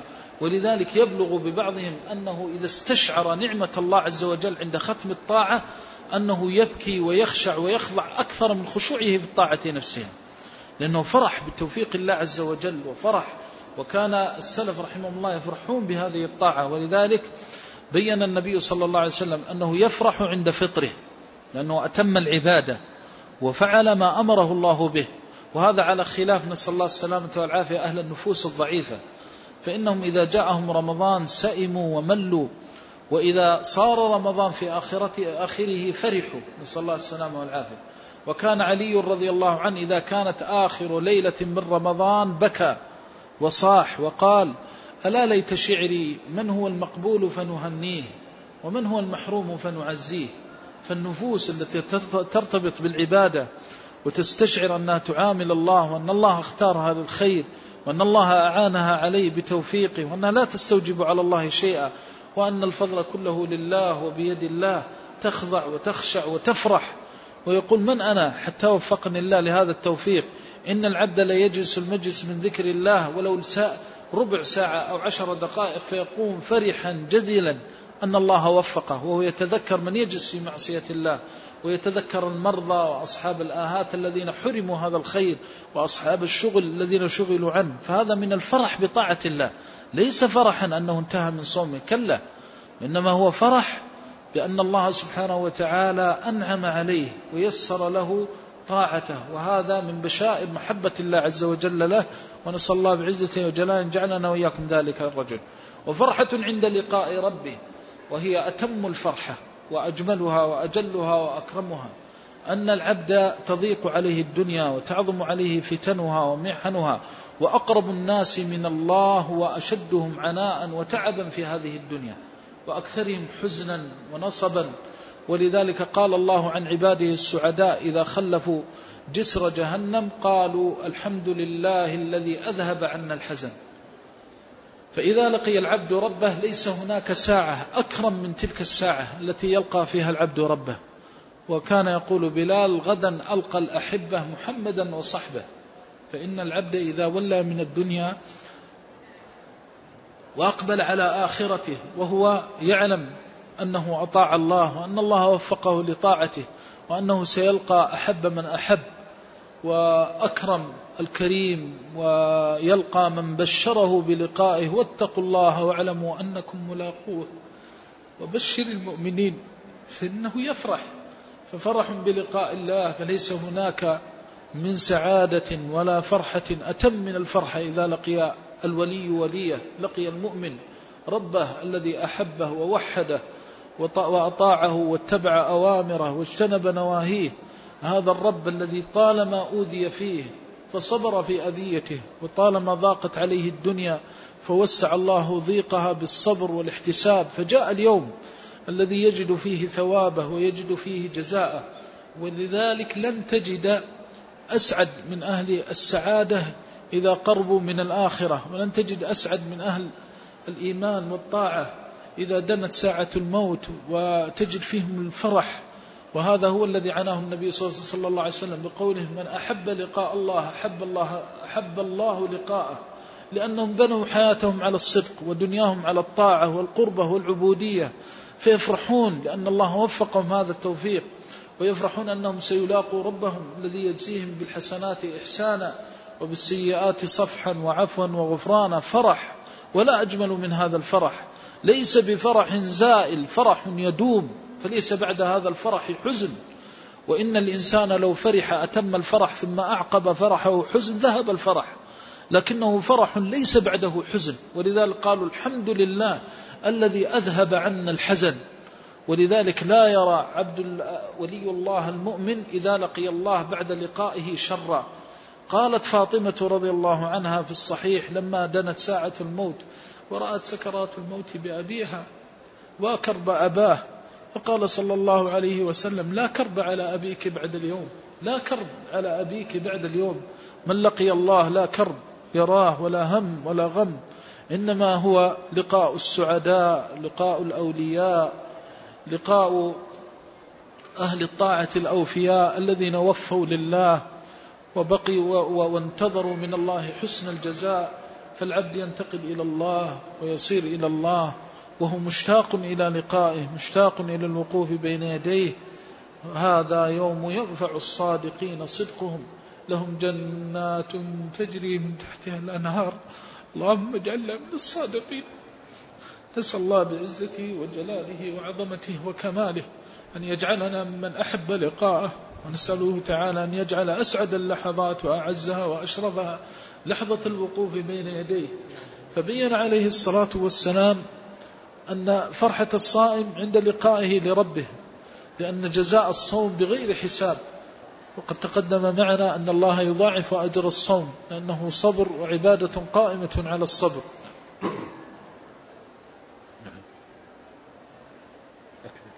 قال رحمه الله باب الصوم لمن خاف على نفسه العزوبة. قال رحمه الله حدثنا عبدان قال عن أبي, عن أبي حمزة عن الأعمش عن إبراهيم عن علقمة قال بين بين أنا أمشي مع عبد الله رضي الله عنه قال كنا مع النبي صلى الله عليه وسلم فقال من استطاع الباءة فليتزوج فإنه أغض للبصر وأحسن للفرج ومن لم يستطع فعليه بالصوم فإنه له وجاء. قال رحمه الله باب الصوم لمن خاف على نفسه العزوبة. هذا الباب يتعلق بفضائل الصوم وقد بينا وجه تعلقه ولذلك الصوم هو خير معين لكبح جماح النفس عن الشهوة.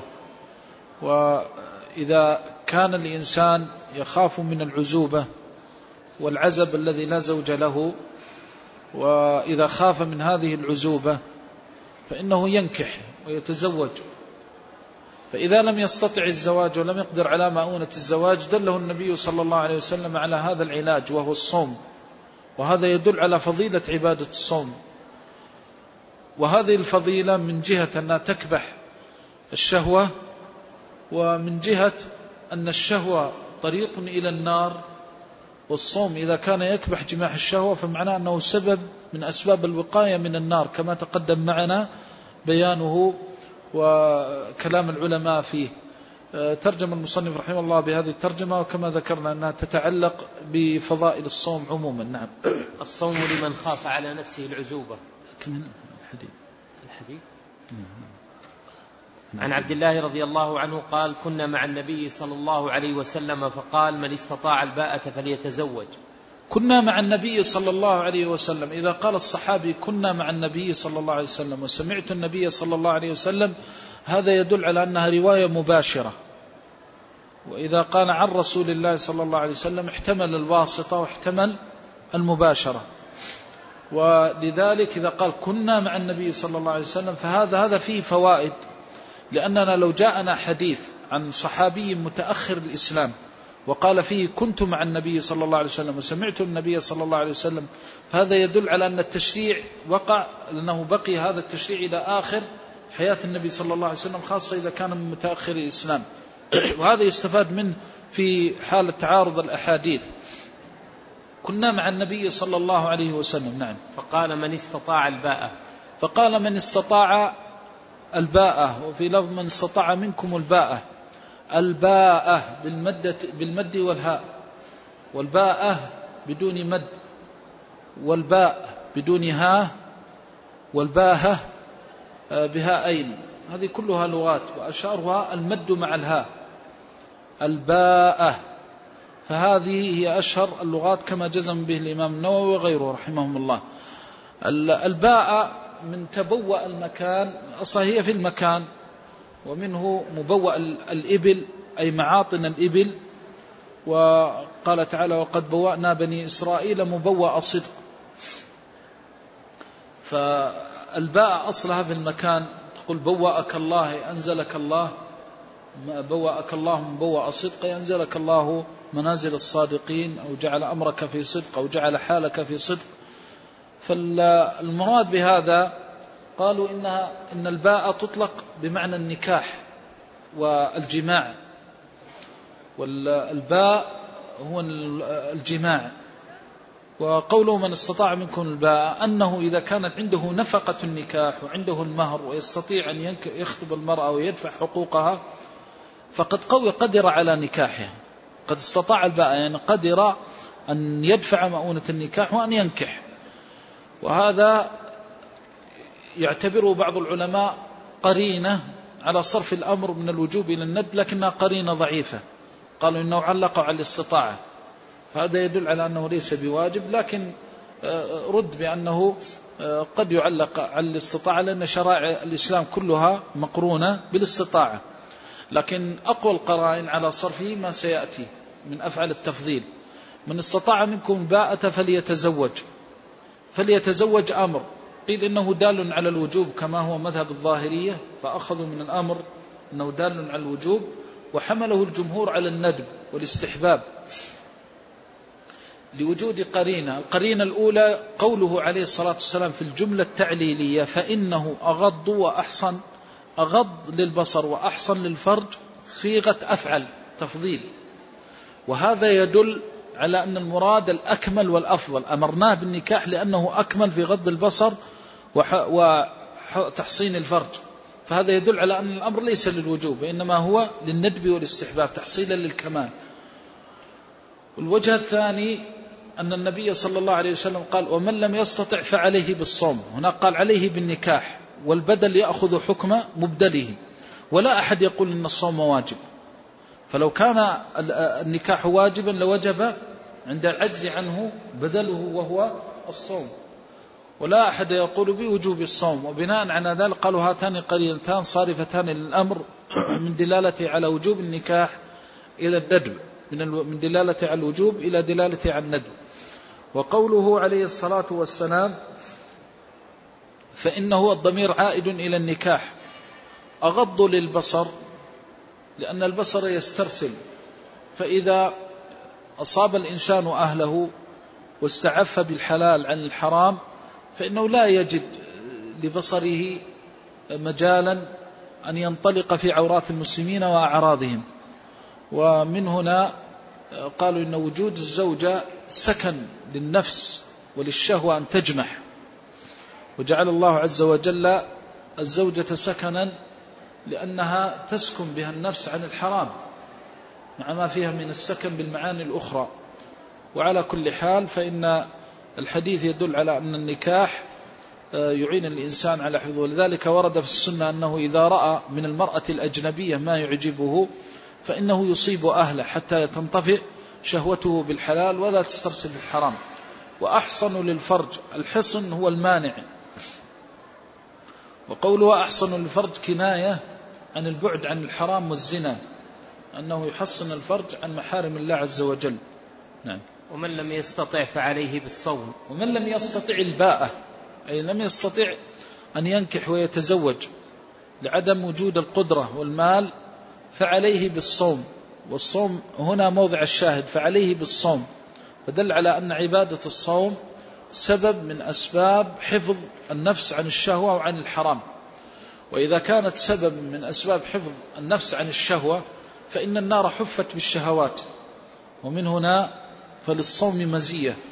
فعليه بالصوم وهذا يقع في النوافل وليس في الفرائض.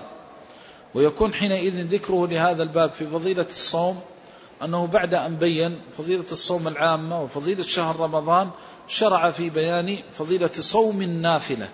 لأن هنا فعليه بالصوم ليس صيام الفرض بلا إشكال وأن المراد به صوم النافلة.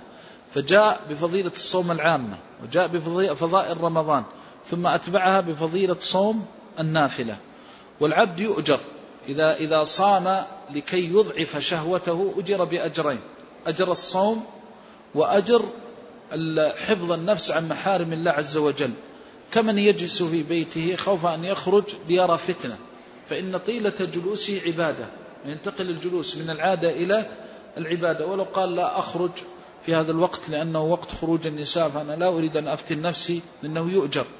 ونية المؤمن خير من عمله بسبب هذا أنه إذا نوى الخير والابتعاد عن الشر أجر وفي هذا دليل على تعاطي الأسباب التي تحصن الفرج وتغض البصر.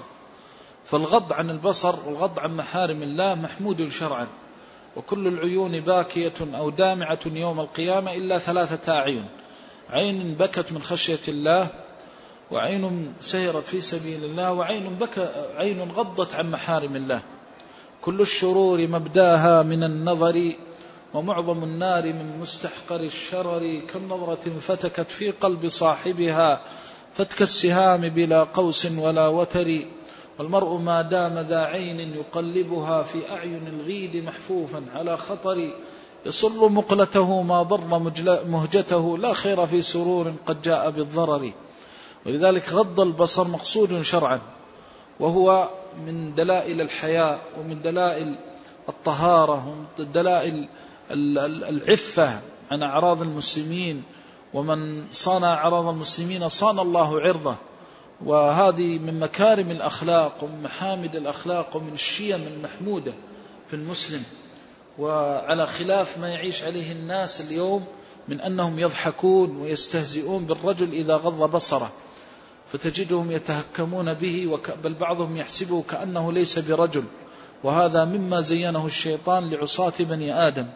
فإن غض البصر وصرف النظر خاصة إذا كان بمحضر الصبيان ومحضر الصغار ومحضر من يتعلم ويأتسي بك تؤجر عليه وتثاب عليه. وهو يدل على الخوف من الله والخشية لله سبحانه وتعالى ويدل على تعاطي الكمالات وعلى الحياء ولا يزال المرء بخير إذا استحيا. يعيش المرء ما استحيا بخير ويبقى العود ما بقي اللحاء. ومن مما أدرك الناس من كلام النبوة الأولى إذا لم تستحي فاصنع ما شئت. يقول لماذا أغض بصري؟ لماذا؟ لماذا أغض البصر؟ والله عز وجل يقول قل للمؤمنين. نقول له غض البصر لأن الله أمرنا. قال قل للمؤمنين يغضوا من أبصارهم. ومن قال لأخيه غض بصرك فقد أمره بطاعة الله وأحب له الخير وكره له الشر. الذي يقول للناس غضوا أبصاركم ليس بكاذب لأنه يقول بالحق والحق لا يكذب ومن نطق بالحق فلسانه لم يتلجلج. وإذا قال للناس غضوا من أبصاركم واحفظوا أبصاركم فقد قال ما قال الله وقال رسوله عليه الصلاة والسلام. ويقول بعضهم إن هذا معناه أنه يتهم الناس أو يدخل في نياتهم. هذا قول من لا خلاق له ولا علم له.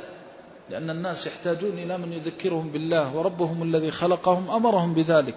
وهو أعلم بالفتنة ومكامن الفتنة والغرائز التي لا يكبح جماحها إلا الحياء من الله عز وجل والخجل. فإذا صرف الإنسان بصره أمام العامة والخاصة هذا شرف له وهو قدوة خير وإحياء للسنة. فكون البعض يستهجن أو بعض يستغرب أو بعض يتعجب وحتى إن بعض النساء أصبح ببعضهن الجرأة على ذلك هذا كله مما يخالف الشيم المحمودة ومكارم الأخلاق والحياء حتى أصبح الرجال هم الذين يستحيون من النساء وهذا من الشر والبلاء. فالنصيحة في مثل هذا والأمر بغض الله البصر كله خير ولذلك حرص النبي صلى الله عليه وسلم على تذكير الأمة بهذا. فقال في هذا الحديث فإنه أغض للبصر وأحصن للفرج ومن لم يستطع فعليه بالصوم فإنه له وجاء. الوجاء هو رض الخصيتين. وقيل رض العروق التي في الخصيتين وحينئذ يكون كأنه كالمختصي كالخصي. وتضعف تضعف الشهوة وينكسر تنكسر حدتها. بين النبي صلى الله عليه وسلم أنه كالوجاء. وهذا كناية عن ضعف الشهوة وانكسار وانكسارها بالصوم. أخذ منه بعض العلماء دليلا على مشروعية أخذ الأدوية لقطع الشهوة وهذا ضعيف لأن الصوم يخفف الشهوة ولا يقطعها وفرق بين قطع الشهوة وبين آه، تخفيفها ولذلك نهي عن التبتل. قال لو أذن لنا حديث عثمان مضعون رضي الله عنه ولو أذن استأذن النبي صلى الله عليه وسلم بخصاء قال لو أذن له لاختصينا. فهذا يدل على أنه لا يجوز قطع الشهوة لأن الخصاء قطع للشهوة. لكن الصوم يخفف الشهوة وفرق بين القطع وبين التخفيف. فيخفف الشهوة حتى يتيسر له النكاح فينكح.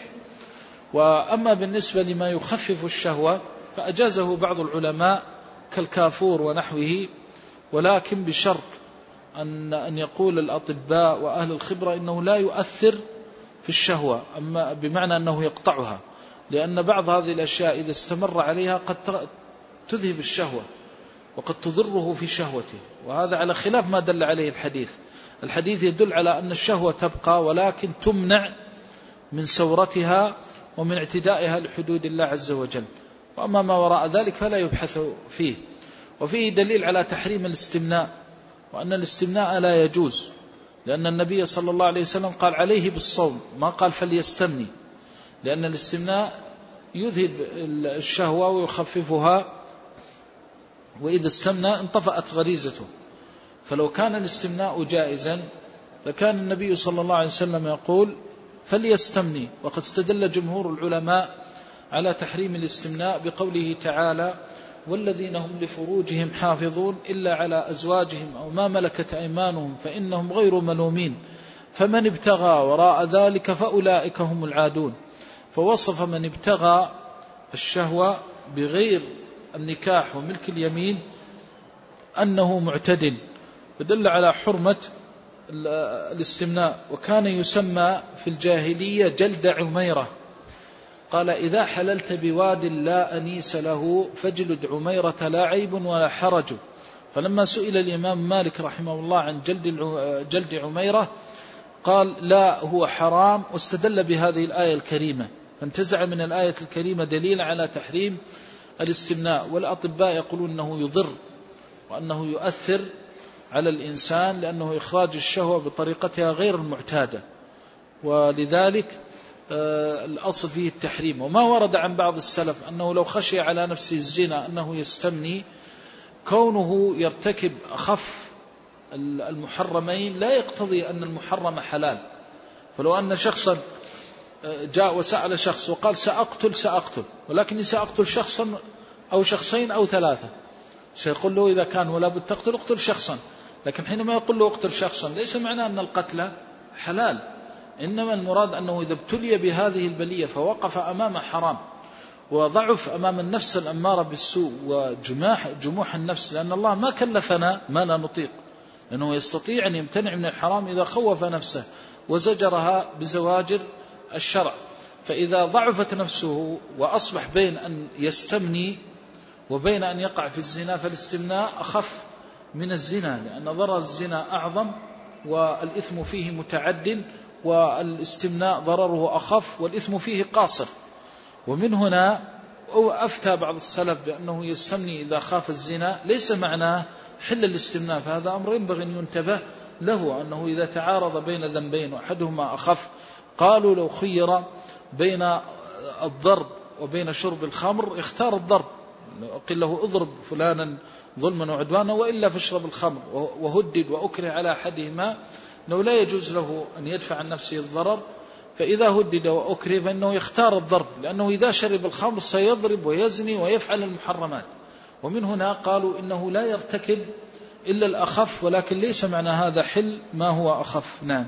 قال رحمه الله باب قول النبي صلى الله عليه وسلم إذا رأيتم الهلال فصوموا وإذا رأيتموه فأفطروا. وقال صلة عن, عن عمار من صام يوم الشك فقد عصى أبا القاسم صلى الله عليه وسلم. شرع المصنف رحمه الله في هذه الأبواب هنا انقطع انقطعت أبواب فضل الصوم وابتدأ بالعبادة نفسها. والبداء بالعبادة يستلزم أولا أن تقول فرض الله علي صوم رمضان فمتى يجب علي صوم رمضان؟ هذا أول سؤال. متى يجب علي صوم رمضان؟ فبين أنه يجب صوم رمضان على الفرد وعلى الجماعة إذا ثبت بالرؤية أو أكملت العدة. فترجم بهذه الترجمة التي هي من لفظ حديث رسول الله صلى الله عليه وسلم إذا رأيتموه فصوموا. فشرع في هذا الباب في بيان زمان العبادة.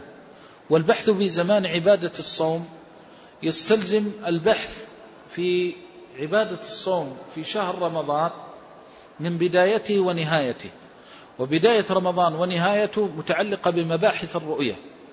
ثم بعد ذلك ينتقل من زمان الشهر كاملا إلى بداية الصوم في كل يوم بحسبه. وهو الإمساك عند تبين الفجر الصادق من الفجر الكاذب. ولذلك رتب رحمه الله الأبواب على هذا الترتيب. فابتدأ بمباحث الرؤية. والأصل أن العلماء أجمعوا أنه إذا كملت عدة الشهر السابق أنه يحكم بدخول الشهر اللاحق ووجوب الصوم إذا كملت عدة شعبان ثلاثين يوما من حيث الجملة. أما التفصيل فيه كلام وفروع محلها كتب الفقه المطولات الأمر الثاني أنه لا يحكم بدخول شهر رمضان بنقصان شهر شعبان إلا بالرؤية.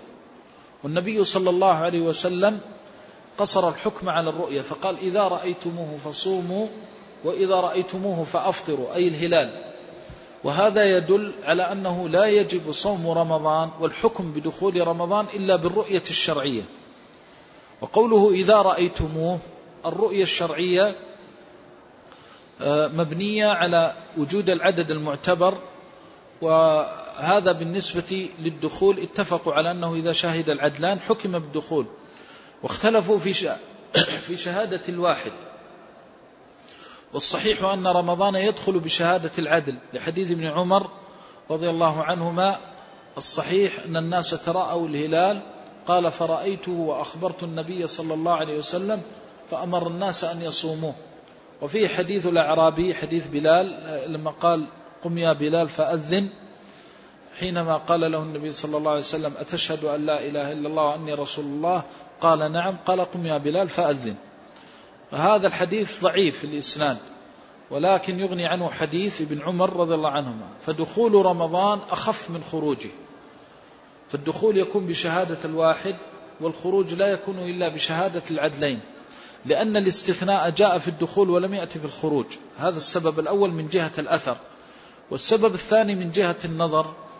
أن الدخول لا يؤثر لوجود الاحتياط بخلاف الخروج فإن اليقين أنه من رمضان.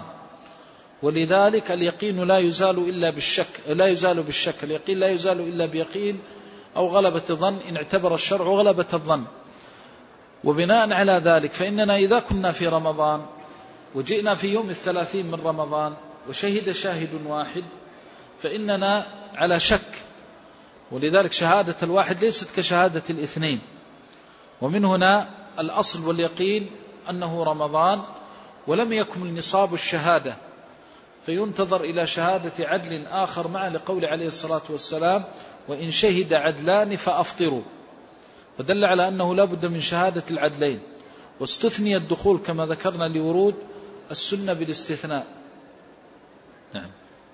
وعن عمار, وعن عمار قال من صام يوم الشك فقد عصى أبا القاسم صلى الله عليه وسلم. هذا راجع هذا راجع إلى مسألة يوم الشك. يوم الشك هو يوم الثلاثين من شعبان. يسمى يوم الشك. لأنه يحتمل أن يكون الشهر ناقصا فهو من رمضان أول رمضان ويحتمل أن يكون شهر شعبان كاملا فهو من شعبان.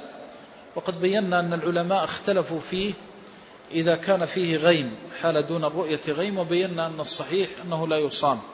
من صام يوم الشك أي من صام اليوم الذي يشك فيه.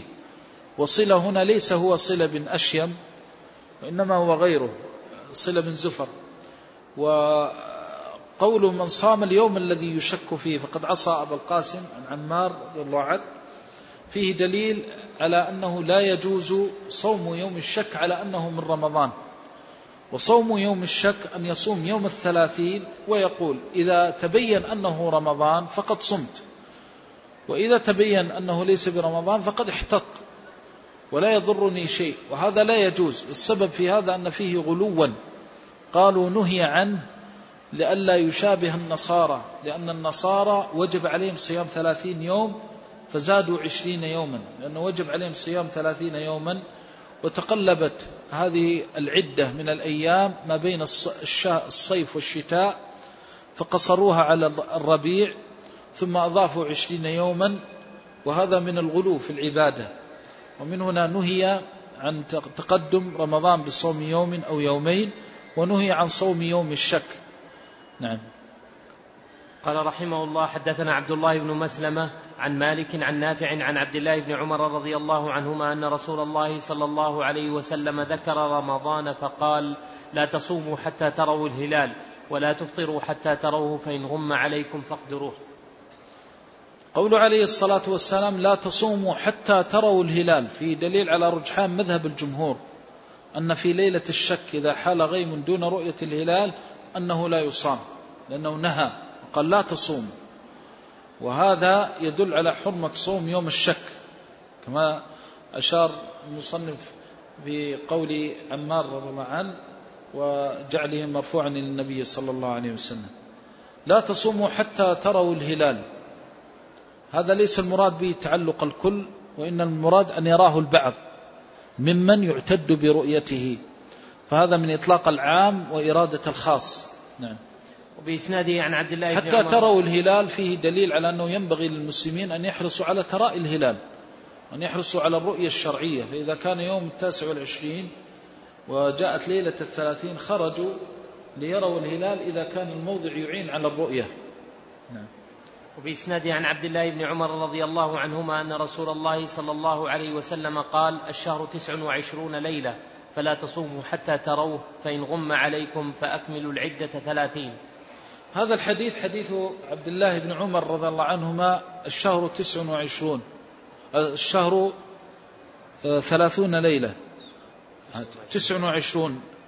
آه، فإن غم عليكم هذا حديث ابن عمر رضي الله عنهما. هو أصل إن أمة أمية هذا الشهر آه هذا الحديث بين فيه النبي صلى الله عليه وسلم أن الشهر يكون تسعا وعشرين ويكون ثلاثين. يكون تسعا وعشرين إذا ثبتت الرؤية. كما ذكرنا. ويكون ثلاثين على الأصل. وإذا كان الأمر كذلك فإنه الأصل فيه أنه ثلاثين. وإذا كان الأمر كذلك فإن الأصل فيه أنه ثلاثين. آه، أنه ثلاثون حتى يثبت أن الهلال رؤي وحينئذ يحكم بنقصان الشهر. وهذا ما قصده المصنف من كون الشهر لا يحكم بنقصه إلا بالرؤية. فقال عليه الصلاة والسلام الشهر تسع وعشرون ليلة. الشهر تسع وعشرون ليلة إن ثبتت الرؤية. نعم. فلا تصوموا حتى تروه. فلا تصوموا الشهر تسع وعشرون. هذا مستتبع بما بعده وليس المراد أن الشهر الأصل في تسع وعشرون. هو من حيث اليقين تسع وعشرون لا إشكال أنها من الشهر. والثلاثون شك. فقال لا تصوموا حتى تروا الهلال. هذا يحتج به من يقول إنه إذا كان غيم فإن الأصل في الشهر تسع وعشرون فنصوم الثلاثين. نقول أكمل الحديث. قال فلا تصوموا حتى تروا الهلال. فدل على أن الأصل فيها أنه ثلاثون. وأن هذا الوقفة عند تسع وعشرون استتباع. وأن تسع وعشرون على الأصل من أنها لا يدخلها شك في أنها من شعبان. وأما اليوم الثلاثين فهو الذي يحتمل أن يكون من رمضان ويحتمل أن يكون من شعبان فلما نهى عن الصوم دل على أن هذا اليوم من الشك لا يجوز صومه. نعم. فإن غم عليكم فأكملوا العدة ثلاثين. هذا صريح. فإن غم عليكم بسبب الغيم أو بسبب الغبار والريح ونحو ذلك من الأسباب فإن غم عليكم فأكملوا العدة ثلاثين. هذا صريح في رجحان مذهب الجمهور. لما قال عليه الصلاة والسلام أكملوا العدة ثلاثين أكد ما قاله من أن الصوم لا يكون إلا بالرؤية لأنه أمر بإكمال العدة ثلاثين يوما. وفي هذا دليل على إلغاء الحساب الفلكي لأن النبي صلى الله عليه وسلم ردنا إلى هذه الأمور السهلة الميسرة. والحساب الفلكي لا يعرفه إلا الخاصة. ثم الفلكيون يختلفون ويقع بينهم خلاف. وأما بالنسبة لهذه الأمور فهي واضحة بينة حتى إن الرجل حتى ولو كان في الصحراء يستطيع أن يطبق هذا الشرع من شرع الله عز وجل بسهولة ويسره. فالذين يقولون أنه لا يعتد بالحساب الفلكي ليسوا مضيقين بل هم ميسرين للأمة لأن الشرع أوقفنا عند اليوم التاسع والعشرين وأمرنا أن ننظر الهلال. فإن رأيناه حكمنا بدخول الشهر ووجوب الصوم وإن لم نره بقينا على الشهر وهذا يدل على أنهما أمران لا ثالث لهما. إما رؤية الهلال والحكم بدخول شهر الصوم وإما إكمال العدة ثلاثين وليس هناك ثالث وهو الحساب الفلكي. وأكد هذا قوله عليه الصلاة والسلام فإن, فإن غم عليكم فأكملوا العدة ثلاثين. أكد هذا قول عليه الصلاة والسلام إن أمة أمية لا نكتب ولا نحسب. الشهر هكذا وهكذا. هكذا إذا حصلت الرؤية اللي هو 29 وهكذا تاما كاملا إذا لم تحصل الرؤية أو العكس. فرد النبي صلى الله عليه وسلم إلى هذه الأمور السهلة. ولذلك على طالب العلم وعلى المسلم أن يعلم أن أمر الرؤية ليس فيه أي إشكال. أمر ليس بمشكل ولا هو بمزعج ولا هو ب... إنما هو نوع من البعض الذي يزعج به لا يفقه أصول الشريعة كما ينبغي. أنه أمر واضح جدا. هل وجدتم السلف رحمهم الله أقاموا الدنيا وقعدوها على الرؤية؟ أبدا. كانوا يصومون رمضان وأهل الشام يصومون بيوم السبت وأهل الحجاز يصومون بيوم الجمعة. حديث ابن عباس الصحيحين واضح في هذا. ما قامت الدنيا وقعدت وقالوا نحن أحق نحن على صواب وأنتم على خطأ بل كان كل منهم يعلم أنه يعبد الله عز وجل وما كان هناك أي إشكال. بل حتى ولو حصل خطأ في الرؤيا فأخطأوا فإن العبادة لا تتأثر. إنما يجب عليهم الجبر على تفصيل عند العلماء في هذا. وقالوا لو أنهم حكموا بدخول شهر ذي الحجة على شهادة كاذبة ووقف الحجاج اليوم الثامن الذي يزعمون أنه يوم عرفة والواقع أنه ليس بيوم عرفة ثم لم يتبين لهم كذب الشاهد إلا بعد نهاية الشهر أو بعد نهاية الحج فالحج صحيح بإجماع العلماء ولا يؤثر فيه هذا الخلط. سعة ورحمة ما هي أمر يعني يحتاج إذا كان الحج الخطأ فيه بهذه الصفة فما لك؟ يوم من رمضان. إذا كانت عبادة الحج الذي هو ركن وقد يحج حجة الإسلام ومع ذلك أجمعوا على أنه برئت ذمته وأن حجه صحيح. واتفقوا كما كان في القديم أهل الأمصار البعيدة قد يختلف عليهم بحسب الرؤية. فيتأخر الشهر إلى يوم السبت في الحجاز. فيدخلون شهر ذي الحجة في يوم الأحد ويدخل غيرهم يوم السبت. فيصوم هؤلاء تاسعاء اليوم الثامن الذي هو بالنسبة لأهل أو يصوموا يوم العيد بالنسبة للحجاز أجمع العلماء كما نبه عليه الإمام القدامى وغيره على أن الصوم صحيح وأنه يوم عرفة بحسبهم لأنهم طبقوا شرع الله. قال الله أمرهم الله أن يروا الهلال ورأوا الهلال أو لم يروا فالحكم بلا خلاف بين العلماء رحمهم الله. إذا ليس هناك مداع وهل يسلم أعداء الله إذا رأونا نقف في يوم واحد وأن يوم تاسعاء للأرض كلها. لو فعلوا ذلك لجعلنا يوم تاسعاء يوما واحدا ويوم عاشوراء يوما واحدا. لا يبحثون عن هذا إنما المراد به فقط التشويش ويأتي من ضعف علمه وقلت بضاعته صلى الله عليه وسلم فيعظم هذه المسألة. المسألة هذه بسيطة وسهلة ليس فيها أي إشكال. يقول البعض أنه تحصل بها الخلافات والنزاعات. نقول هنا الإشكال هنا المكمن. عالج الخلاف وأما شرع الله فليس فيه أي إشكال الحمد لله الأمر فيه واضح. لو أنه في برية انظر كيف الحكم. لو أن شخصا في سفر في البر وليس معه أحد وكانت ليلة الثلاثين من رمضان, من رمضان أو من شعبان فإنه يرى الهلال. فإن رآه حكم بنهاية الشهر وأفطر في خاصة نفسه وإن لم يره حكم بتمام الشهر وأكمل العدة. هل وجدت يسرا مثل هذا اليسر وهل وجدت سهالة أسهل من هذه السهالة؟ فإذا كان غيم ولم يرى الهلال أكمل العدة. تشريع من أوضح ما يكون من أسهل ما يكون. لكن حينما نقول اذهبوا إلى الحساب الفلكي من هو هذا الفلكي؟ وما هي الشروط التي ينبغي أن تتوفر فيه؟ وما هو ضابط هذا الحساب الذي هو عند أهل الخبرة يعتبر حسابا؟ ونحتاج إلى وقت حتى نجربه فلا يخطئ. هذه أمور فيها عنت. وأين يتيسر؟ وهل يتيسر لأهل البادية كما يتيسر لأهل الحاضرة إذا كان الحاضرة أنفسهم لا يجدون من يحسب حسابا صحيحا إلا فيما ندر. فما بالك بغيرهم؟ إذا هذا تكليف مشقة وعنت. ولذلك هذه المسألة كما جاء في شرع الله وهي مسألة ميسرة سهلة ليس فيها أي إشكال بحمد الله متى ما استقام الناس على دين الله. وكانوا على هذا المنهج النبوي الذي ليس فيه عنت ولا عسر نعم. قال رحمه الله وبإسناد عن ابن وبإسناد عن ابن عمر رضي الله عنهما قال قال النبي صلى الله عليه وسلم الشهر هكذا وهكذا وخنس الإبهام في الثالثة. نعم هذا حديث ابن عمر في الصحيحين أن النبي صلى الله عليه وسلم قال إنا أمة أمية لا نكتب ولا نحسب وأمية وصف شرف لهذه الأمة. قال تعالى هو الذي بعث في الأميين رسولا ووصف الأمية وصف شرف لهذه الأمة. وهناك فرق بين الأمية والجهل. الجهل عيب وأما الأمية ليست عيبا. الأمية مأخوذة من الأم. قالوا إن الرجل إذا كان لا يكتب ولا يخط ولا يقرأ مثل حاله يوم ولدته أمه. فيقال له أمي. وكونه أميا لا يستلزم أنه جاهل. فالنبي صلى الله عليه وسلم لا يكتب ولا يخط ولا يقرأ ومع ذلك صلوات الله وسلامه عليه أعلم الخلق صلى الله عليه وسلم. والأعمى لا يكتب ولا يقرأ ومع ذلك قد يكون أعلم الناس. فإذا هناك فرق بين الأمية والجهل وهذا أمر يخطئ فيه المعاصرون. الأمية وصف شرف ولذلك هي لهذه الأمة لا تمحى لأنها في كتاب الله. هو الذي بعث في الأميين رسولا فهي وصف لهذه الأمة وصف شرف. وليس فيها منقصة ولا مذمة.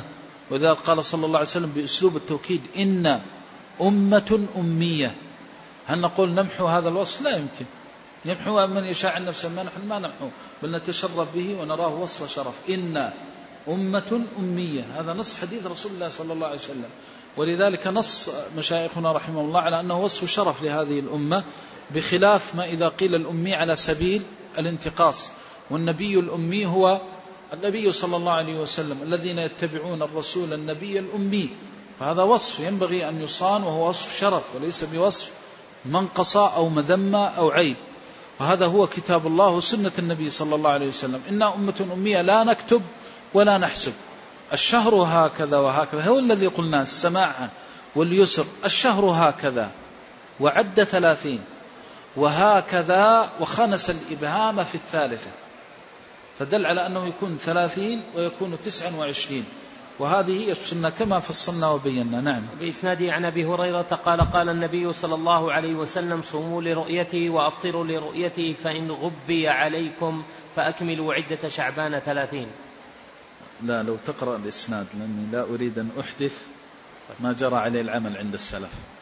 قال رحمه الله حدثنا آدم قال حدثنا شعبة قال حدثنا محمد بن زياد قال سمعت أبا هريرة رضي الله عنه يقول قال النبي صلى الله عليه وسلم أو قال قال أبو القاسم صلى الله عليه وسلم صوموا لرؤيته وأفطروا لرؤيته فإن غبي عليكم فأكملوا عدة شعبان ثلاثين.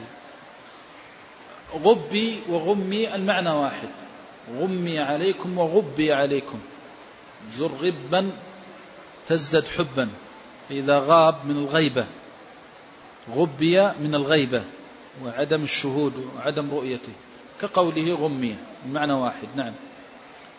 قال رحمه الله حدثنا أبو عاصم عن ابن جريج عن يحيى بن عبد الله بن صيفي عن عكرمة بن عبد الرحمن عن أم سلمة رضي الله عنها أن النبي صلى الله عليه وسلم آلى من نسائه شهرا فلما مضى تسعة وعشرون يوما غدا أو راح فقيل له إنك حلفت ألا تدخل شهرا فقال إن الشهر يكون تسعة وعشرين يوما. هذا الحديث أورده المصنف لكي يبين أن الشهر يكون تسعا وعشرين ويكون ثلاثين. ويكون تسعا وعشرين كما ذكرنا إذا ثبتت الرؤية وكونه تسعا وعشرين لا يوجب اختلاف الأحكام بل يأخذ حكم الشهر التام ثلاثين يوما. وهذا تترتب عليه مسائل العبادات والمعاملات. العبادات لو أنه صام تسعا وعشرين من يوم من رمضان ثم رؤي الهلال أفطر المسلمون. فلو قال قائل إن الله فرض علينا شهرا والشهر ثلاثون يوما نقول له إن الشهر يكون تسعا وعشرين. لأنه يقول إن الله يقول شهر رمضان فأوجب علينا صيام شهر رمضان. وأنتم صمتم تسعا وعشرين. نقول قال صلى الله عليه وسلم الشهر تسع وعشرون. فهو بيان لحالة ثبوت الرؤية أنها لا تختلف بها الأحكام عبادة ولا معاملة. أما عبادة في مثل ما ذكرنا في الصوم ولو قال والله لأصومن شهر ربيع الأول فصام فلما كان اليوم 29 رؤية الهلال فبان أن ربيع الأول 29 لم يلزمه صيام اليوم الثلاثين. هذا من ناحية العبادة.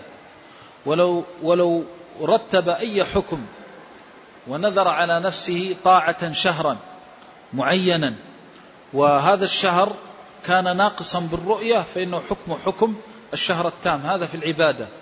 وأما في المعاملة فلو أن امرأة آه، كانت تعتد بالأشهر كالصغيرة إذا توفي عنها زوجها بعد الدخول وقلنا ولم تحض والآيسة من المحيض فإنها تنتقل إلى عدة الأشهر.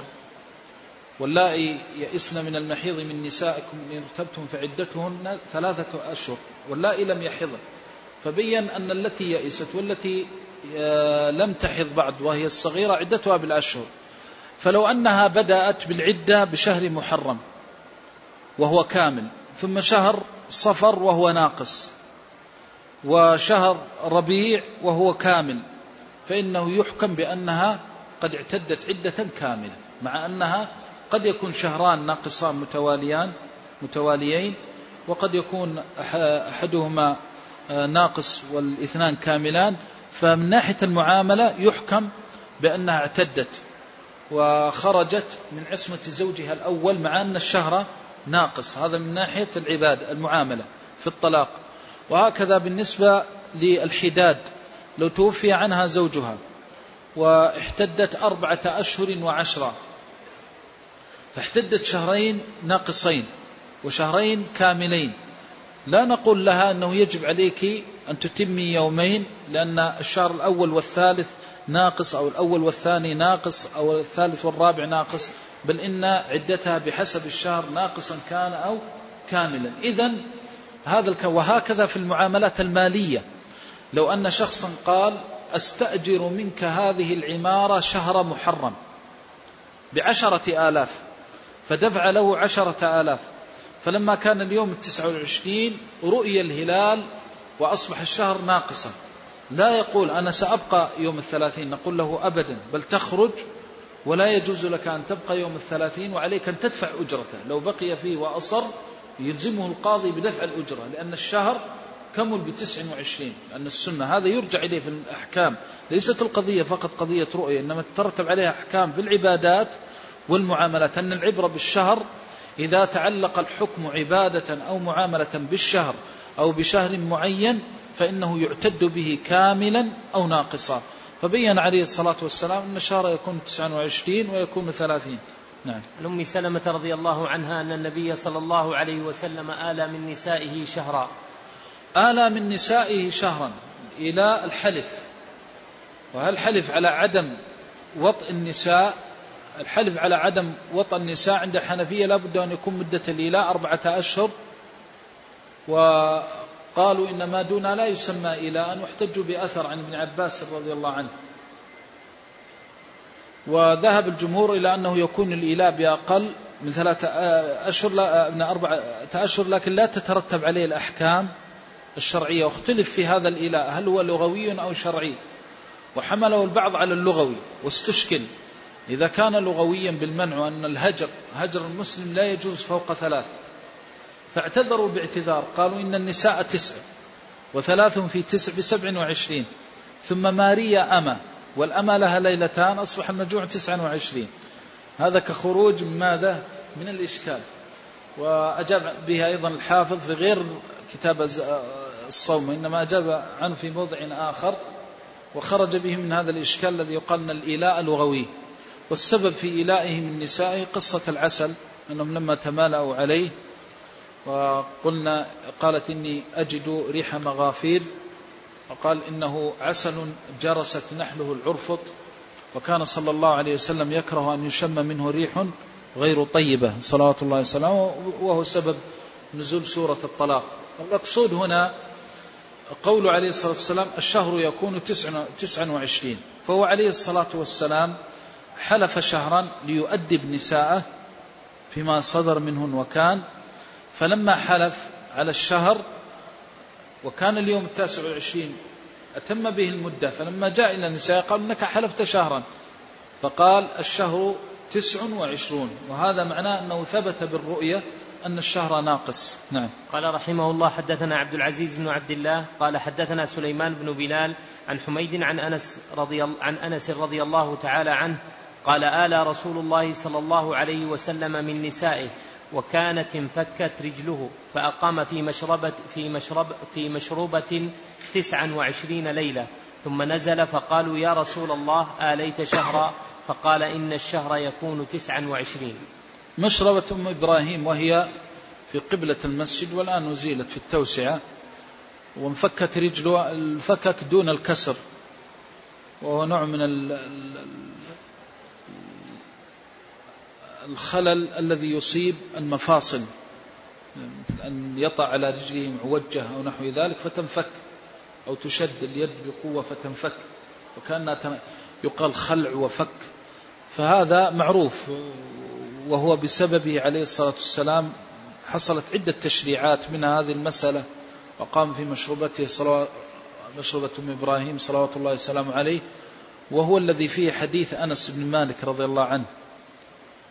قالوا إن هذا الفكك له سبب أنه سقط من على آه، فرس فجحش شقه الأيمن وانفكت رجله صلوات الله وسلامه عليه سقط من على الفرس.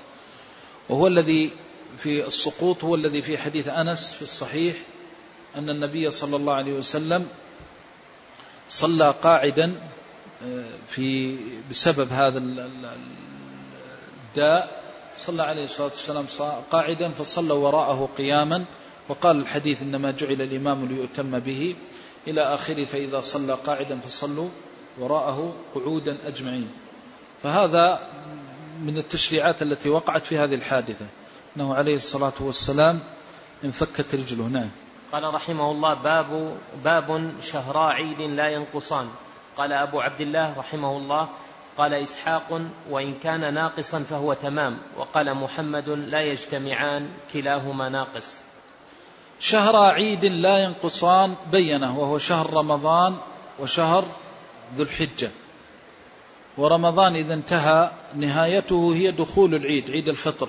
فطر ولذلك قال عيد الفطر نسبته إلى رمضان لأنه الفطر من رمضان. ولا يمكن أن يكون هذا العيد إلا بعد تمام العدة وكمال رمضان أو كمال أو أو ثبوت الرؤية بنقصان رمضان. وأما الشهر الثاني فهو ذو الحجة. فهذا المراد بقوله شهر عيد. شهر عيد لا ينقصان. قيل لا ينقصان أي أنهما لا يجتمعان في سنة واحدة ناقصين. إما أن يكون رمضان ناقصا وذو الحجة كاملا وإما العكس.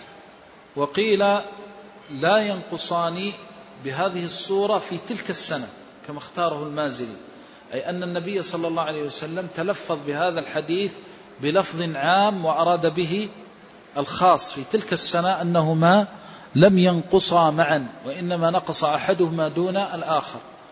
وقيل شهرا عيد لا ينقصان في الأجر والأحكام الشرعية وهو أقوى الأقوال.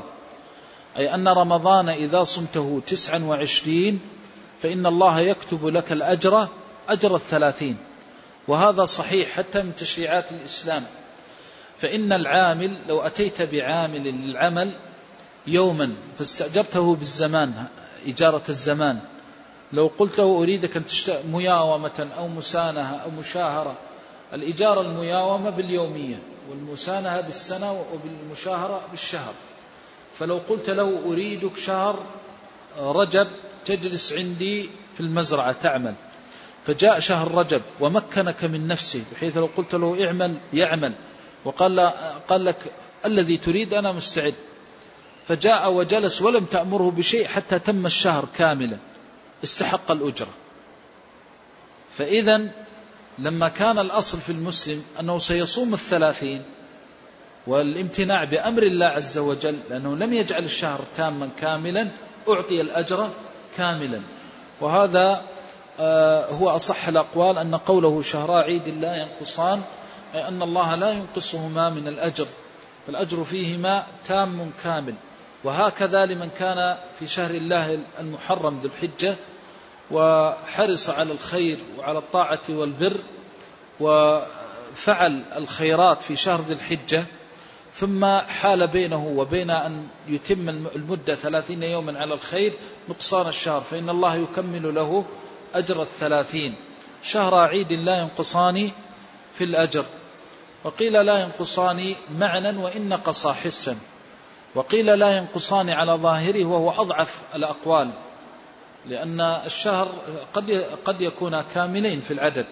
ولذلك رد هذا القول. وقوله عليه الصلاة والسلام شهر عيد لا ينقصان. المراد به كما ذكرنا شهر رمضان وشهر ذو الحجة. نعم. قال إسحاق وإن كان ناقصا فهو تمام. كان ناقصا فهو تمام أي أن الله يأجرك فيه أجر من أتم العمل وأن النقص لا يؤثر في الثواب. وقال محمد لا لا يجتمعان كلاهما ناقص. لا يجتمعان في سنة واحدة كلاهما ناقص إما أن ينقص الأول ويكمل الثاني وإما أن يكمل الإثنان أو ينقص الثاني ويكمل الأول. لا يجتمعان ناقصين. نعم. قال رحمه الله حدثنا مسدد لأن الصور أربعة في القسم العقدية أن يكون كاملين يكمل رمضان ثلاثين يوم ويكمل آه، ذو الحجة ثلاثين يوما. أن يكون ناقصين رمضان تسع وعشرون وذو الحجة تسع وعشرون عكس الأول. وأن يكون الأول ناقصا وهو رمضان تسع وعشرون والثاني كاملا وهو آه، ذو الحجة أو العكس يكون ذو الحجة ناقصا تسع وعشرين. ويكون رمضان ناقصا أي آه، كاملا ثلاثين يوما. هذه القسم العقلية. فبين أنهما لا يجتمعان بنقص في عام واحد. على قول محمد نعم. قال رحمه الله حدثنا مسدد قال حدثنا حدثنا معتمر قال سمعت إسحاق عن عبد الرحمن بن أبي بكرة عن أبيه عن النبي صلى الله عليه وسلم. وحدثني مسدد قال حدثنا معتمر عن خالد الحذاء قال أخبرني عبد الرحمن بن أبي بكرة عن أبيه. رضي الله تعالى عنه عن النبي صلى الله عليه وسلم قال شهران لا ينقصان شهرا عيد رمضان وذو الحجة. قال رحمه الله باب قول النبي صلى الله عليه وسلم لا نكتب ولا نحسب. قول النبي صلى الله عليه وسلم لا نكتب ولا نحسب.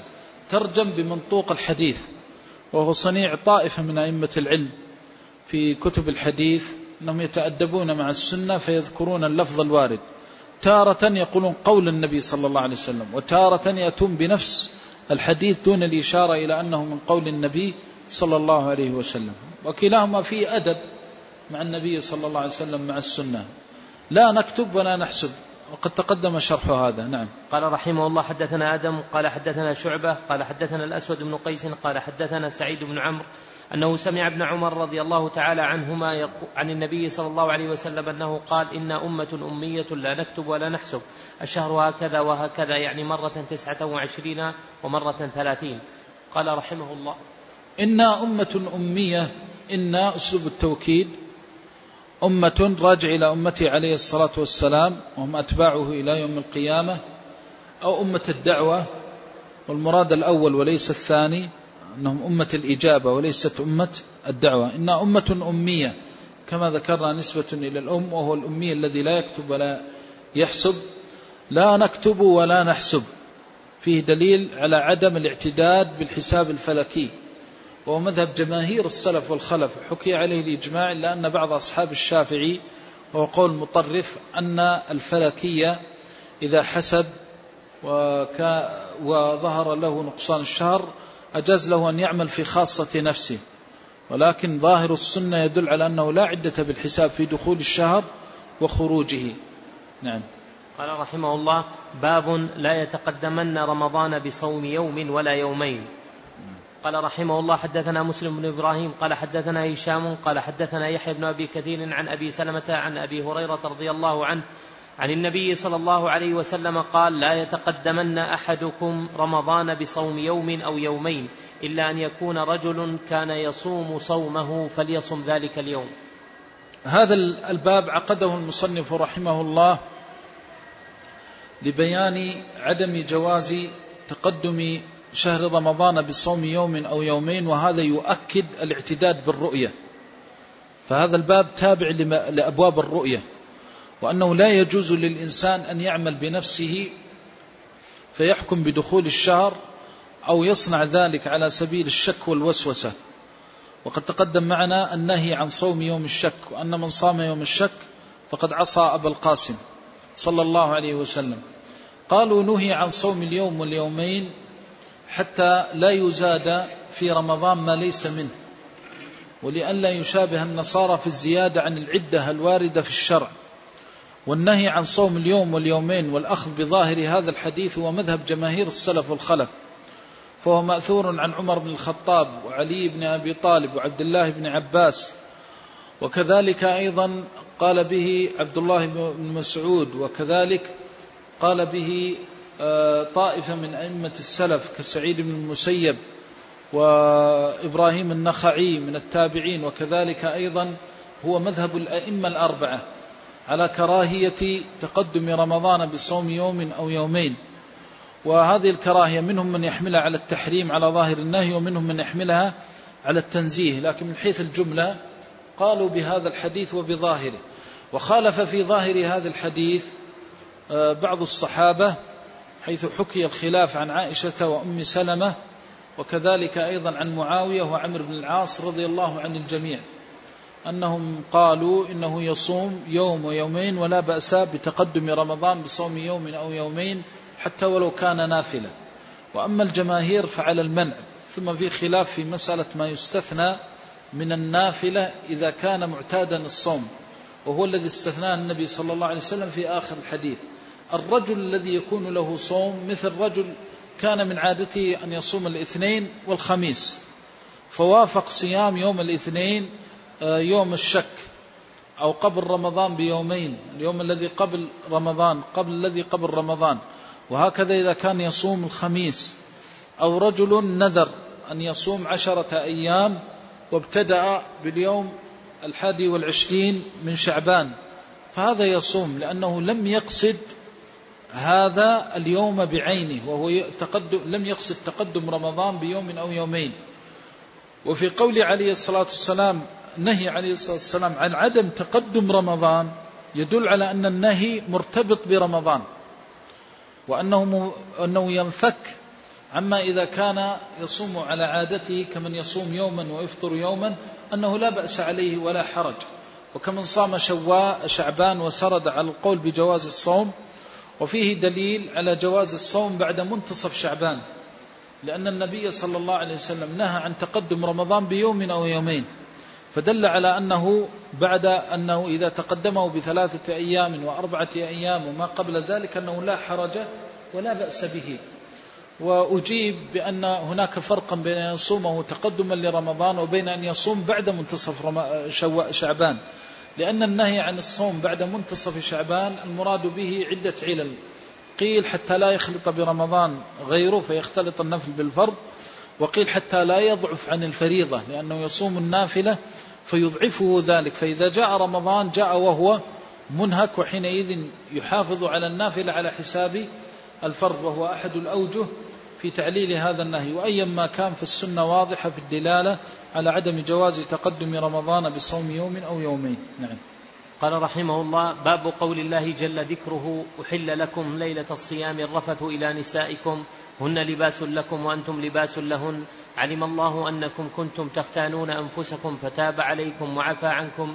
فالآن باشروهن وابتغوا ما كتب الله لكم. هذا الباب شرع المصنف الآن فيه بتحديد الزمان للصوم في خاصة اليوم.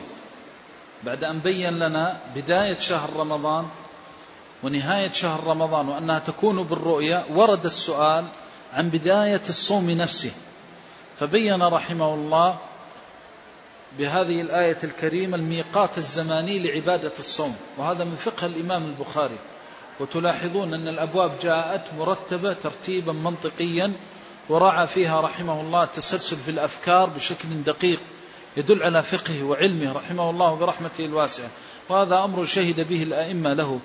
يقول باب قول الله تعالى أحل لكم أحل هذه الصيغة من صيغ الإباحة عند علماء الأصول سواء آه، ذكر فيها الفاعل وهو الله كقوله تعالى وأحل الله البيع أو جاءت بصيغة ما لم يسمى فاعله كقوله هنا أحل لكم ليلة الصيام الرفث إلى نسائكم وكقولي أحل لكم صيد البر وطعامه متاعا لكم وللسيارة متاع لكم وللسيارة وحرم عليكم صيد البر ما دمتم حرما. بالبناء لما لم يسمى فاعله هذه من صيغ الإباحة.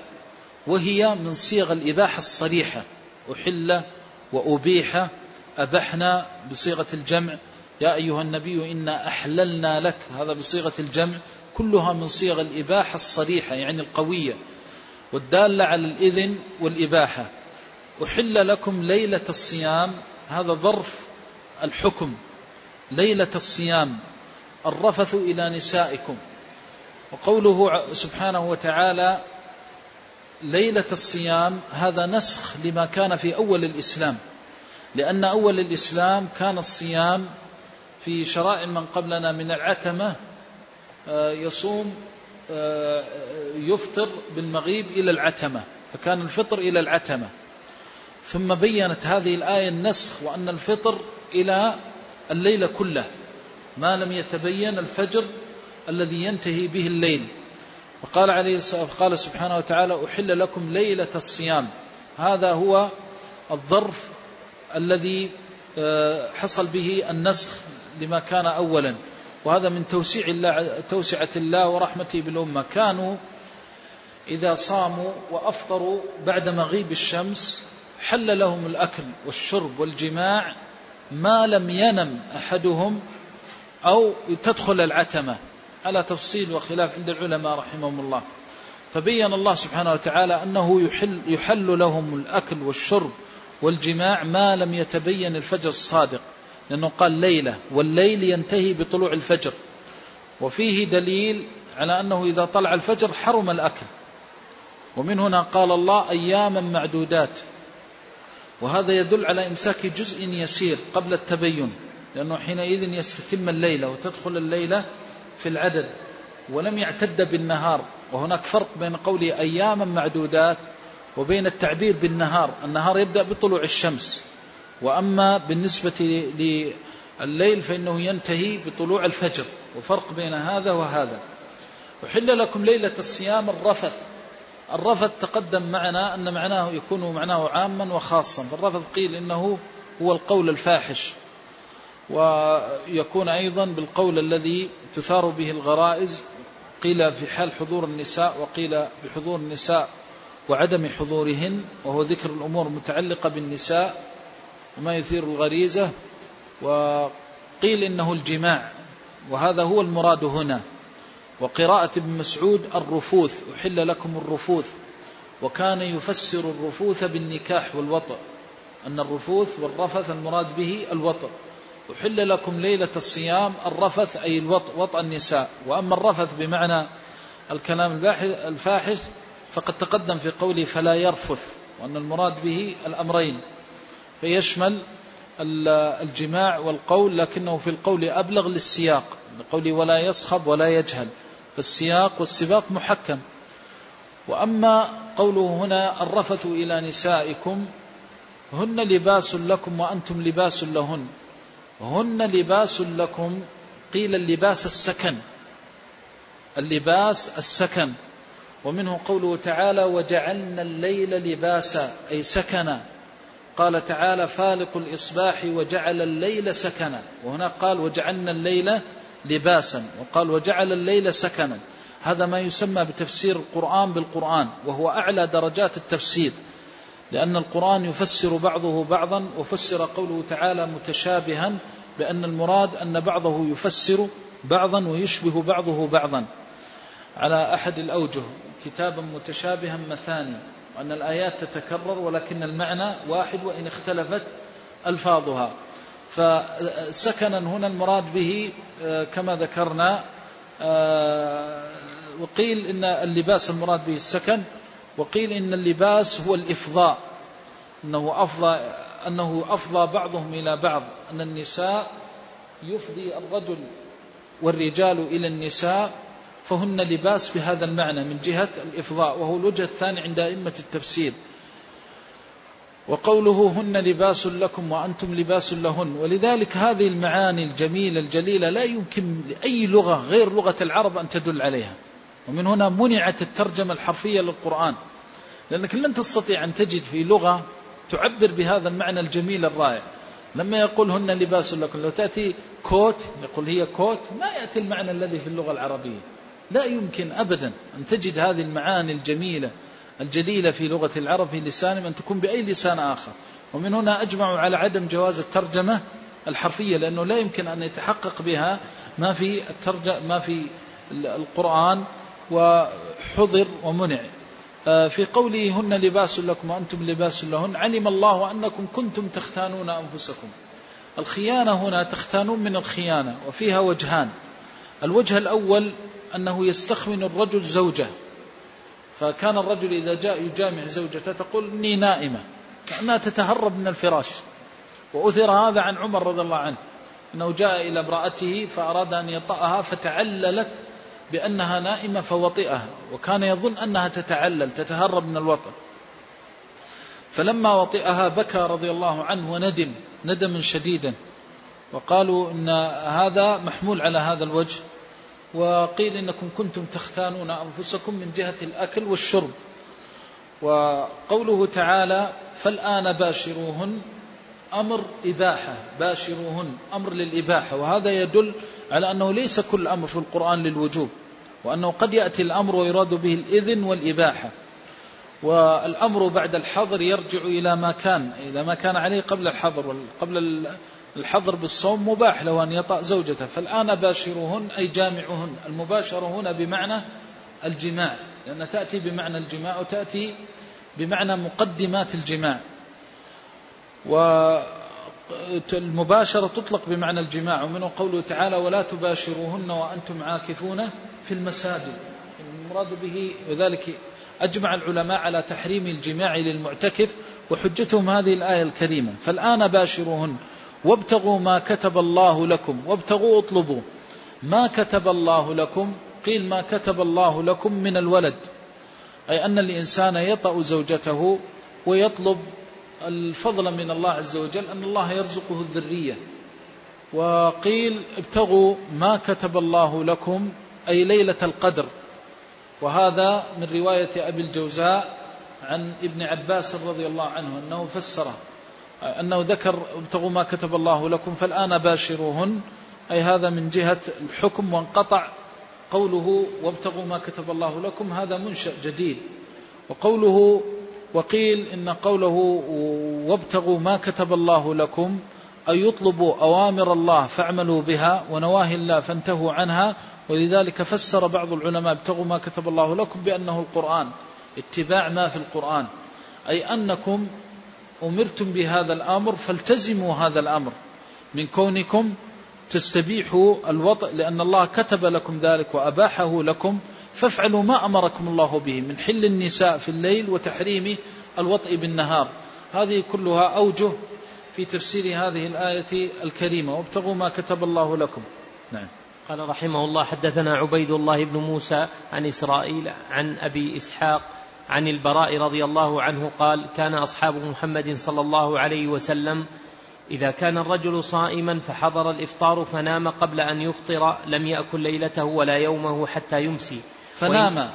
أي أنه إذا نام قبل أن سواء أكل أو لم يأكل بمجرد أن ينام يحرم عليه الأكل والشرب والجماع إلى اليوم الثاني إلى مغيب الشمس. وقصة قيس رضي الله عنه ابن صرمة الأنصاري النجاري رضي الله عنه وأرضاه مع زوجه أنه جاء آه، آخر النهار وسأل زوجه هل عندها شيء فقالت ما عندها شيء وأنها ذهبت تلتمس له الطعام فنام. فلما نام جاءت فوجدته نائما فقالت نمت خيبة لك والخيبة الحرمان. فلما نام حرم عليه الأكل والشرب فلما أصبح اليوم الثاني وعمل سقط مغشيا عليه من الجهد. فأنزلت هذه الآية. هذا من سبب في سبب من أسباب نزول هذه الآية الكريمة. نعم. وإن قيس بن صرمة ابن صرمة الأنصاري كان صائما فلما حضر الإفطار أتى امرأته فقال لها أعندك طعام؟ قالت لا ولكن انطلق ولكن عندك طعام. وهذا يدل على خدمة المرأة لزوجها وهو المعروف. من حال السلف المعهود. نعم. قالت لا ولكن أنطلق فأطلب لك. أنطلق فأطلب لك أيضا قيامها على خدمة الزوج في مأكله وطلبها للطعام بالمعروف إذا جرى به العرف. نعم. وكان, يوم وكان يومه يعمل. وكان يومه يعمل لأن الصحابة رضوان الله عليهم كانوا عمال أنفسهم كانوا يلون أعمالهم بأنفسهم كما قالت أم المؤمنين عائشة رضي الله عنها كما في سنة الترمذي وغيره. نعم. فغلبته عيناه. فغلبته عيناه إنه نام. يقال غلبته عيناه من شدة الإرهاق. إذا نام يقال غلبته عيناه. نعم. فجاءته امرأته فلما رأته قالت خيبة لك. الخيبة الحرمان. حرمانا لك. أسفت رضي الله عنها وأرضاها. على هذا أنها ذهبت تحضر له الطعام من أجل أن يأكل. وجاءت ووجدته قد نام فحرم عليه حرم عليه الأكل والشرب. نعم. فلما انتصف النهار غشي عليه. فلما انتصف النهار غشي عليه من الجهد لأنه أصبح صائما اليوم الماضي ثم لم يأكل ولما كان اليوم الذي بعده آه، أرهق من شدة التعب. نعم. فذكر ذلك للنبي صلى الله عليه وسلم فنزلت هذه الآية أحل لكم ليلة الصيام الرفث إلى نسائكم. فهذا يسميه العلماء سبب نزول الآية الكريمة. أن الآية الكريمة تنزل بسبب وتنزل بدون سبب. هناك آيات تنزل بأسباب. آه هذه الآيات آه أسبابها يعتبر فيها الوارد الصحيح الثابت فيحكم بكونه سببا للنزول. وإذا نزلت بسبب شيء قد تكون خاصة بذلك الشيء وقد تكون عامة. ولذلك هي نزلت بسبب قيس بن صرمة رضي الله عنه النجاري الأنصاري ولكنها عامة للأمة كلها. ولذلك قال كعب بن عجرة في آية الفدية نزلت في خاصة وهي لكم عامة. حملت إلى رسول الله صلى الله عليه وسلم والقبل يتناثر على وجه الحديث. فقد تنزل الآية بسبب خاص المراد ولذلك يقولون العبرة بعموم اللفظ لا بخصوص السبب. وتارة تنزل خاصة بسبب خاص ويراد بها الخصوص. نعم أي أنها خاصة بمن نزلت به. نعم. ففرحوا بها فرحا شديدا. ففرحوا بها فرحا شديدا لأن فيها التخفيف والتيسير والمؤمن يفرح بتيسير الله عز وجل. نعم. ونزلت وكلوا واشربوا حتى يتبين لكم الخيط الأبيض من الخيط الأسود. وقوله تعالى وكلوا واشربوا هذا سبب في نزول الآية والآية جزئت بهذين الجزئين أنها نزلت تحل لكم ليلة الصيام الرفث إلى نسائكم. اللي هو صدر الآية. وكلوا واشربوا إذن أمر إذن وإباحة. ليس بالفرض. وكلوا واشربوا أي أبيح لكم الأكل والشرب من الليل. قال بعض العلماء إن صدر الآية في الجماع. أحل لكم ليلة الصيام الرفث إلى نسائكم. وآخر الآية في الأكل والشرب. وكلاهما ممنوع لأن شهوة البطن وشهوة الفرج. فمن العلماء من يقول إن الآية الأولى الصدر. أحل لكم ليلة الصيام الرفث إلى نسائكم من باب التنبيه بالنظير على نظيره. وأن التكرار بعد ذلك لم يتوقف الحكم بالإباحة على نزول وكلوا واشربوا لأن كلوا واشربوا بيان لنهاية التحريم. وأما صدر الآية فهو شامل للحل سواء في الطعام والشراب أو في الجماع. ويكون قوله وكلوا واشربوا من من جميل القرآن وكل القرآن جميل لأنه ابتدأ بالإباحة بيان إباحة في الليل ثم ورد السؤال متى ينتهي؟ لأنه تشريع جديد. التشريع القديم أنه إذا نام حرم عليه الأكل والشرب. فلما جاء التشريع أنه يأكل في الليل ورد السؤال إلى متى؟ هل هو إلى نهاية الليل بطلوع الفجر الصادق من فجر كاذب أم هو إلى نهاية صلاة الفجر أم هو إلى طلوع الشمس؟ هذا يحتمل. إلى متى؟ فجاءت الآية عجز الآية وآخرها وكلوا واشربوا حتى يتبين لكم الخيط الأبيض من الخيط الأسود من الفجر. هذا بيان لنهاية الحل والإذن بالجماع وبالأكل والشرب. فالمقصود أن بعض العلماء يقول إن كلوا واشربوا إذا قلنا إن المباح في أول الآية هو الجماع فقط يكون كلوا واشربوا بمثابة التتمة لما في أول الآية. ويكون بين بأول الآية بداية جواز الوطء في الليل ثم كلوا واشربوا تابع للحل المذكور في أول الآية وليس بمستقل. وأما إذا قلنا إن كلوا أحل لكم ليلة الصيام الرفث إلى نسائكم. المراد التنبيه على المحظور في الصوم وهو حل الوطء والأكل والشرب عموما من باب ذكر الشيء التنبيه بالشيء على نظيره وهو الأقوى. ويكون قوله وكلوا واشربوا بيان للنهاية. والحقيقة القول الأخير هو الأقوى. ويكون قوله وكلوا واشربوا أمر. والأمر هنا للإباحة. هذا من أمثلة الأوامر الإباحية. كلوا واشربوا حتى يتبين لكم الخيط الأبيض من الخيط الأسود من الفجر حتى يتبين الغاية. والقاعدة أن ما بعد الغاية مخالف لما قبلها في الحكم. فلما قال حتى يتبين دل على أنه إذا تبين الخيط الأبيض من الخيط الأسود من الفجر لا يجوز الأكل والشرب ولا يجوز الجماع. وبناء على ذلك يكون ما بعد الغاية مخالف لما قبلها في الحكم. هذا ما يسميه العلماء بمفهوم الغاية وهو أحد أنواع المفاهيم المشهورة. صف واشترط علل ولقب ثنيا وعد ظرفين وحصر إغيا. إغيا مفهوم الغاية. فإذا قال حتى كذا نفهم أن ما بعد حتى لأنه قال حتى يتبين. فإذا بدأ التبين حرم الأكل والشرب. ومن هنا يستفاد أنه إذا بدأ التبين لا يجوز لأحد أن يقول للناس كلوا واشربوا. ولما كان هذا التبين حتى يتبين تحتاج إلى تقرير أمر وهو نهاية الأكل والشرب وبداية الإمساك. فلما كانت بداية الإمساك عند بداية التبين لزم أن يكون هناك جزء يسير جدا بحيث يحصل فيه الأذان حتى يمسك الناس قبل التبين الحقيقي. لأن الآية تدل على أنه إذا حصل التبين لم يجوز الأكل والشرب. فلو وقع الأذان عند بداية التبين ربما حصل الخلل ومن هنا أمسك جزء يسير. وهذا الجزء اليسير هو الذي أذن فيه أنه إذا كان الإناء في يد الإنسان أنه لا يتركه حتى يصيب نهمته. والسنة هذا يفسر بالسنة. أن الإنسان لا يعب عبا والسنة نهت عن عب الماء وعن عب الشراب وأنه يشرب ثلاثا أهنا وأمرا. فمعنى ذلك أنه الشرب التي بمقطع النفس هي بقدر الوقت المستفض المستفضل احتياطا.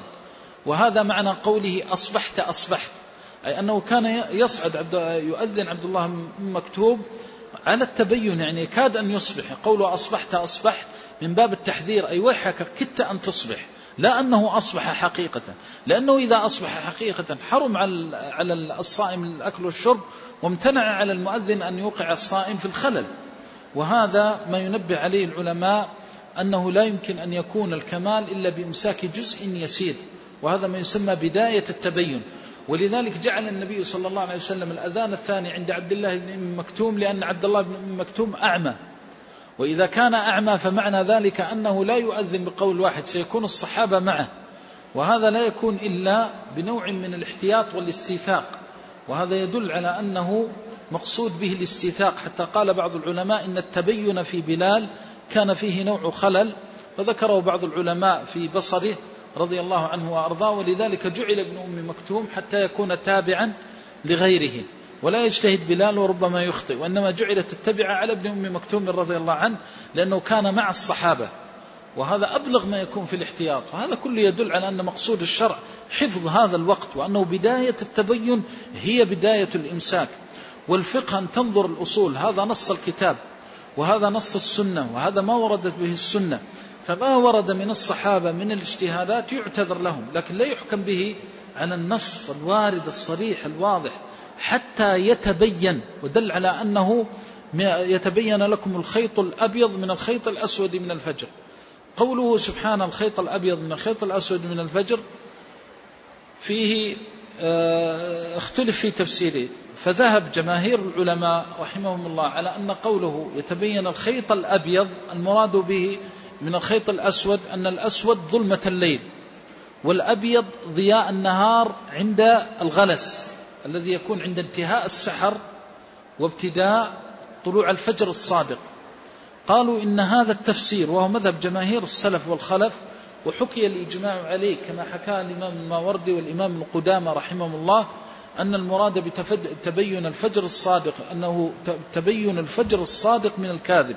لأن الله قال كلوا واشربوا حتى يتبين لكم الخيط الأبيض من الخيط الأسود من الفجر. وهذا تخصيص دل على أنه تبين من الفجر.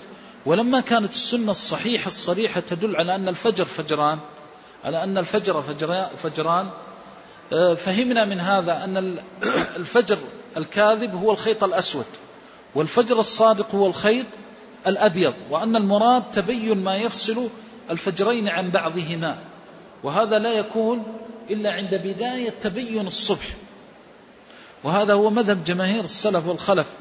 ولذلك ذكر الإمام القدامى رحمه الله حينما ذكر قول الأعمش أن المراد به آه، طلوع النهار أنه قول والآثار التي ذكرت آه، وذكر ابن عساكر أيضا الإجماع على خلاف ما ورد عن حذيفة رضي الله عنه والذي سنذكره وعن علي رضي الله عنه من أنهم كانوا يقولون أنه النهار إلا أن الشمس لم تطلع أنه ليس مرادا بهذه الآية.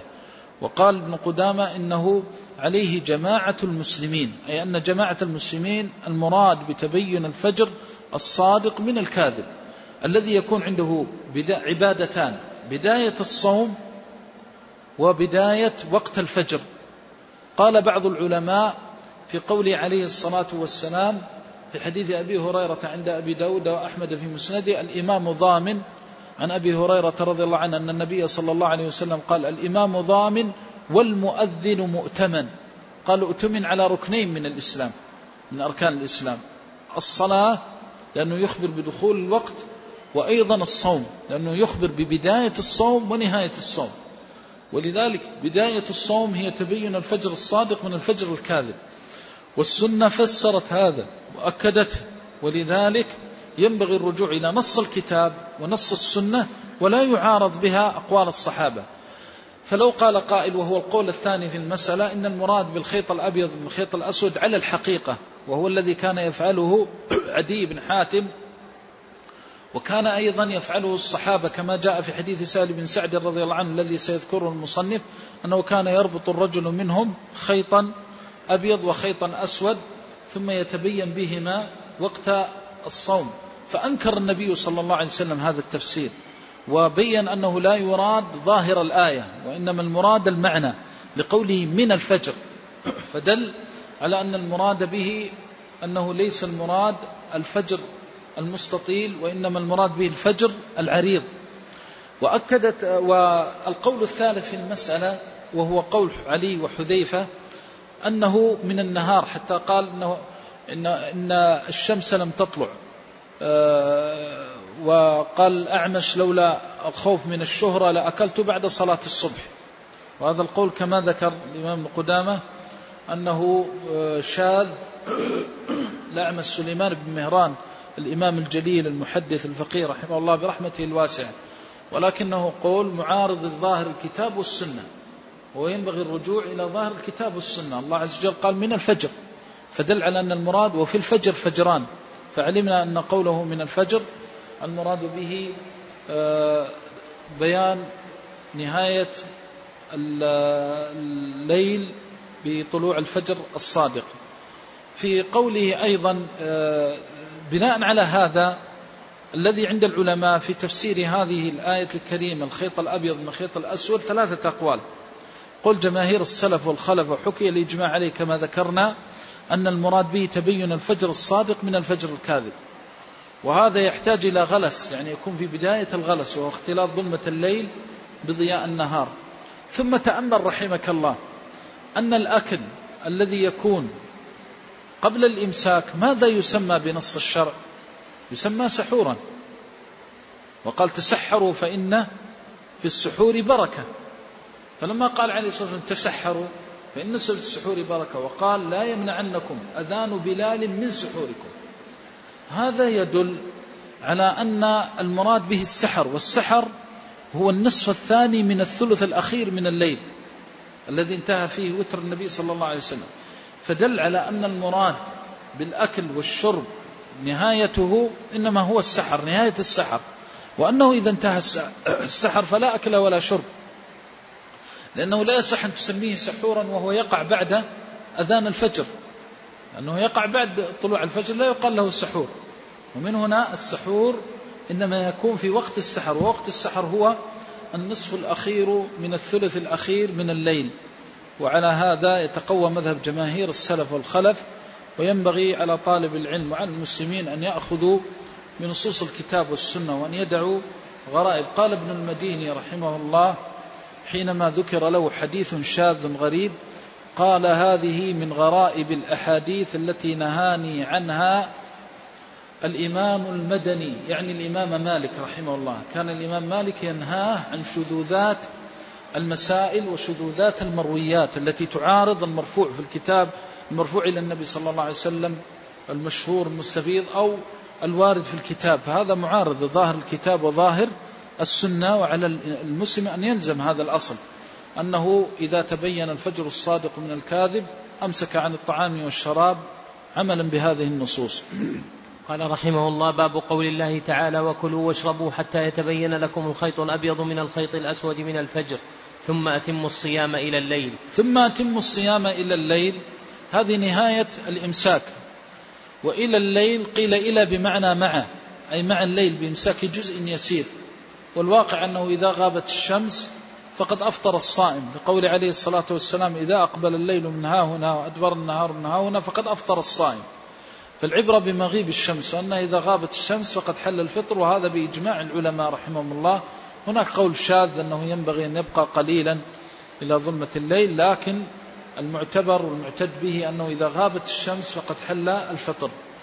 فيه البراء فيه البراء عن النبي صلى الله عليه وسلم.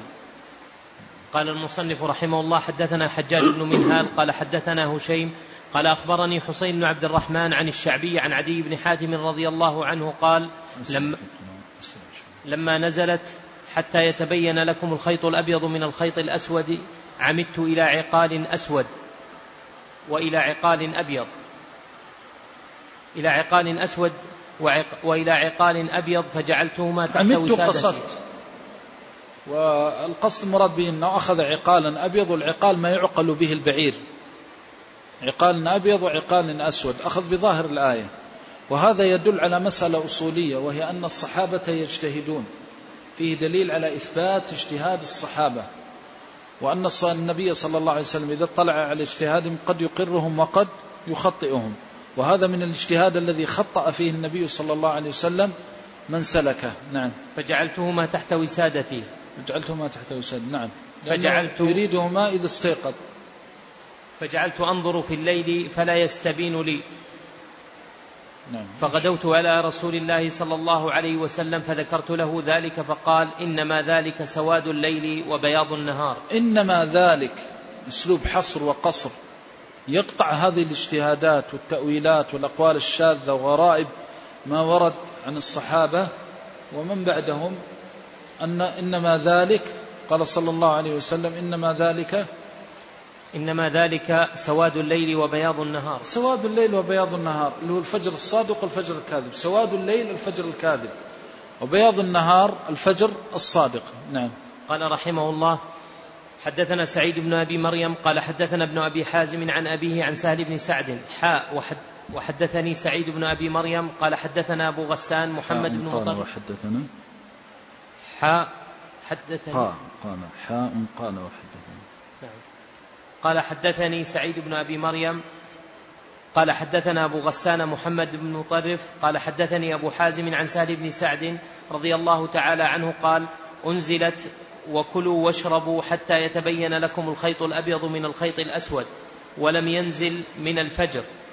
فكان رجال إذا أرادوا أنزلت هذا يدل على أن الآية قد تنزل كاملة وقد ينزل بعض الآية. كقوله تعالى غير أولي الضرر فإنها نزلت مستقلة. وكقوله هنا من الفجر.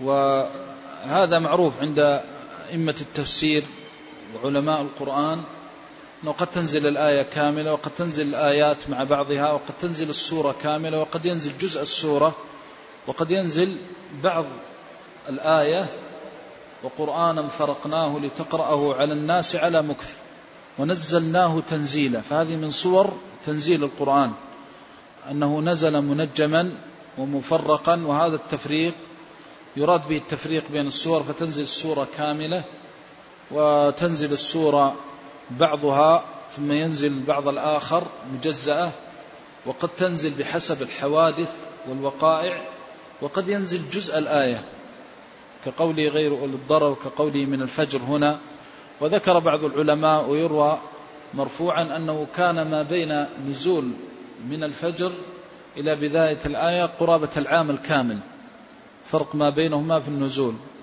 ولكن هذا أمر معروف عند العلماء أنه قد تنزل الآية كاملة وقد ينزل بعض الآية ولا يشترط نزول كل الآية أو السورة كاملة. نعم. فكان رجال إذا أرادوا الصوم ربط أحدهم في رجله الخيط الأبيض والخيط الأسود. هذا دل على أن الصحابة اجتهدوا في فهم هذه الآية وأن اجتهاداتهم منها ما هو مصيب ومنها ما هو مخطئ. ولذلك لا ينبغي العمل باجتهاد بين النبي صلى الله عليه وسلم خطأه لأنه لما حصر التبين بالفجر الصادق والكاذب لم يجوز الالتفات إلى غيره. وقد عتب عليه الصلاة والسلام يعني أعرض عليه الصلاة والسلام ولم يلتفت إلى اجتهاد الصحابة والمخطئ في تفسير هذه الآية الكريمة. نعم. ولم يزل يأكل حتى يتبين له رؤيتهما فأنزل الله بعد من الفجر. فعلموا أنه إنما يعني الليل والنهار. نعم هذا العذر بالجهل في زمان التشريع. العذر بالجهل في زمان التشريع. ووجه أن النبي صلى الله عليه وسلم لم يطالبهم بالقضاء وهذا ما يسميه العلماء بالتأويل. العذر بالتأويل. ويعذر فيه الصحابي في خاصة نفسه. ولذلك لو جاء رجل اليوم وقال ربا الفضل جائز لأن ابن عباس رضي الله عنه يفتي به ويجيزه. وجاء شخص وقال نكاح المتعة جائز فيحتج بتفسير بتفسير الصحابي وقول لأن الصحابي عبد الله بن عباس فسر آية وحرم الربا بأنها خاصة بربا النسيئة دون ربا الفضل. فجعل في ربا النسيئة دون الفضل فخصص عمومها. وهنا إذا فسر الآية بغير ظاهرها وحملها على غير الفجر لم يلتفت إلى تفسيره ولم يعتد به لأن البعض يقول هذا من تفسير الصحابي ولنا أن نعمل بتفسير الصحابي. قلنا شرط أن لا يرد تفسير مرفوع إلى النبي صلى الله عليه وسلم. فهذه المسألة مما فسرها النبي صلى الله عليه وسلم ولذلك يكرر ذكرها. وكان بعض مشايخنا لما نشأت وانتصر البعض لقول بعض الصحابة قل أن يمر له وهو يذكرها ويكررها يقول لأن مثل هذا الخلاف محسوم من النبي صلى الله عليه وسلم وليس من الخلاف الذي يسوق فيه الاجتهاد. ولذلك من الفقه أنه لا يقتصر الإنسان فقط على رواية الحديث أو الأخذ بالآثار دون ردها إلى الأصول وإلى كلام أهل العلم. فمثل هذه التفسيرات إذا ورد في السنة ما يدل على عدم صحتها نحن الحجة عندنا في الكتاب والسنة فإذا ورد تفسير من النبي صلى الله عليه وسلم للقرآن وجب الرجوع إليه. الأصل عند العلماء في تفسير القرآن أنه يفسر القرآن بالقرآن ثم يفسر بالسنة ثم يفسر بأقوال الصحابة ويفسر بلسان العرب ثم يفسر بالرأي بضوابطه. هذه خمسة أوجه للتفسير. فلا يجوز ترك تفسير القرآن لأن القرآن قال وكلوا واشربوا حتى يتبين لكم الخيط الأبيض من الخيط الأسود من الفجر ما قال من النهار. فهذا نص من القرآن. ثم جاءت السنة وأكدت فحينئذ يجب علينا العمل بهذا المرفوع إلى النبي صلى الله عليه وسلم وبين فيها من الفجر الصادق والفجر الكاذب فوجب العمل بهذا التفسير وعدم الالتفات إلى أي تفسير غيره. ووجه كوننا لا نلتفت لغير أسلوب الحصر والقصر إنما ذلك. فبين عليه الصلاة والسلام أن المراد به هذا الوجه من التفسير وهو تبين الفجر الصادق من الفجر الكاذب. نعم. باب قول باب قول النبي صلى الله عليه وسلم لا يمنعكم من سحوركم أذان بلال. قال رحمه الله حدثنا عبيد بن إسماعيل عن أبي أسامة عن عبيد الله عن نافع عن ابن عمر والقاسم بن محمد عن عائشة رضي الله عنها أن بلالا كان يؤذن بليل فقال رسول الله صلى الله عليه وسلم كلوا واشربوا حتى يؤذن ابن أم مكتوم فإنه لا يؤذن حتى يطلع الفجر قال القاسم ولم يكن بين أذانه أذانهما إلا أن يرقى إلا أن يرقى ذا وينزل ذا. هذا هذه الترجمة بلفظ الحديث قول النبي صلى الله عليه وسلم لا يمنعنكم من سحوركم أذان بلال. هذه من الترجمة التي تأدب بها في الوارد عن النبي صلى الله عليه وسلم. ويلاحظ أن هذا الباب تابع للباب الذي قبله لأنه يبين بداية الصوم وهو أن الأذان الأول لا يحرم الطعام والشراب والجماع. وإنما يحرمه الأذان الثاني وهو بمثابة تأكيد لتفسير الآية الكريمة. فأورد الآية الكريمة وأورد هذا الباب وهو بمثابة البيان لبداية الصوم. لا يمنعنكم من سحوركم.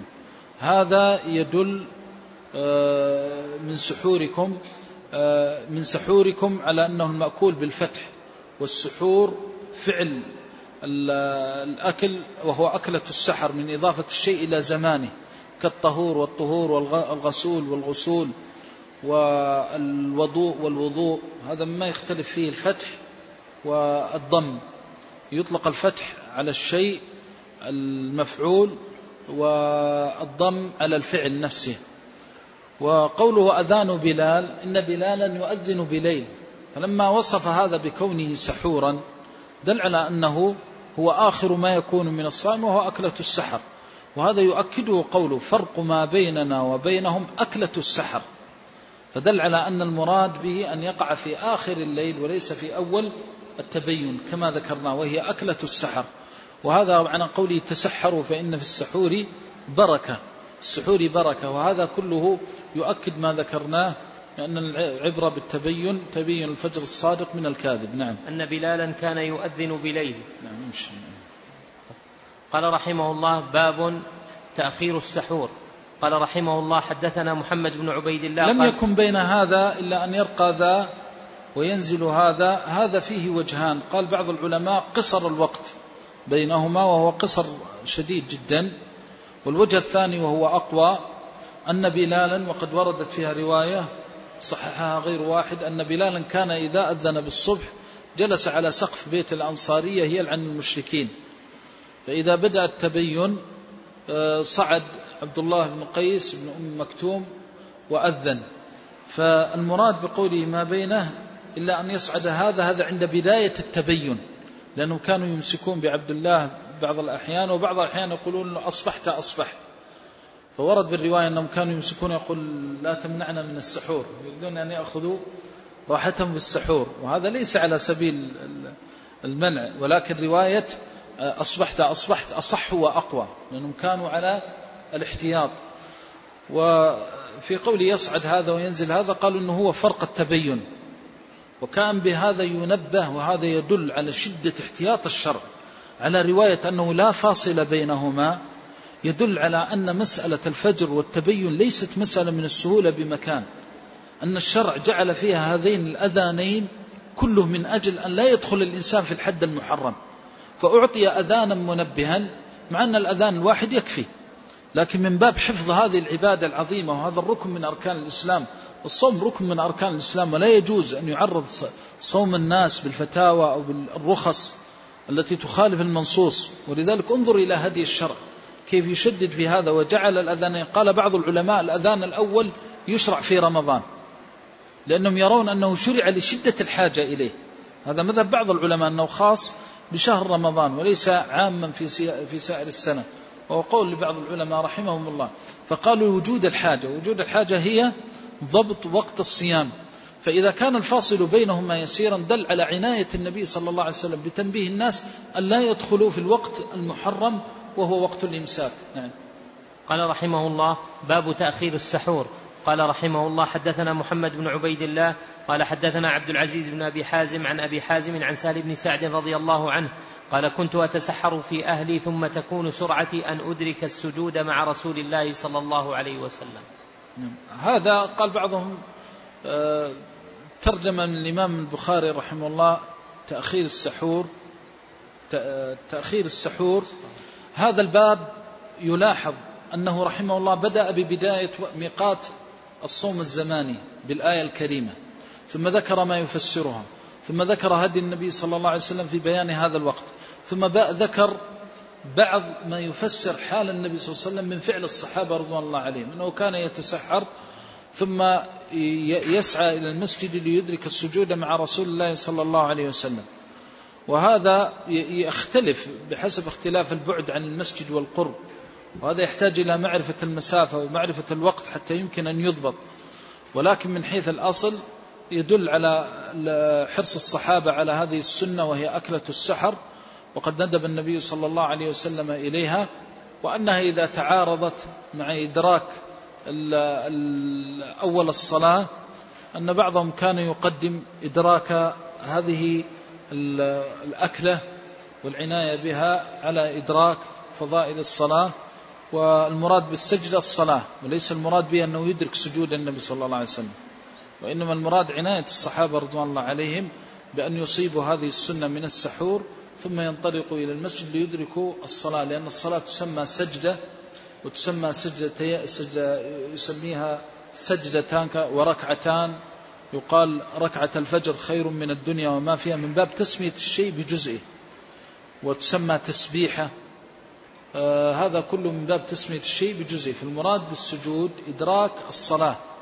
وكن من الساجدين أي كن من المصلين. على أحد الأقوال في تفسير الآية وليس المراد أن النبي صلى الله عليه وسلم يركع ثم يسجد أو أنه انتهت الصلاة حتى صارت السجدة الأخيرة ثم يدركها الصحابة ليس المراد هذا. إنما المراد أنه هم يحمل أن يدرك السجود أي يدرك الصلاة مع النبي صلى الله عليه وسلم حتى يحصل الفضيلتين. فضيلة الصلاة وفضيلة أكلة السحر. نعم.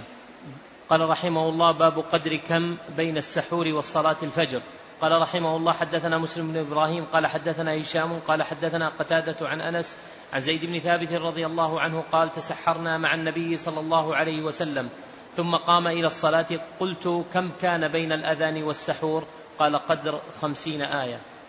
هذا يدل على تأخير السحور وفيه فضيلة أن الأفضل في السحور أن يؤخر وأن يكون تأخيره على وجه لا يوجب الوقوع في الريبة الأكل في الوقت المحظور أو حصول الشك إنما يحتاط الإنسان ولذلك قدر الخمسين آية وهذا لأنهم كانوا ليست عندهم ساعات وإنما كانوا يقدرون بالأعمال والأقوال. قدر الخمسين الآية هذا التقدير بالقول. وفواق الناقة وقدر الحلاب هذا التقدير بالفعل.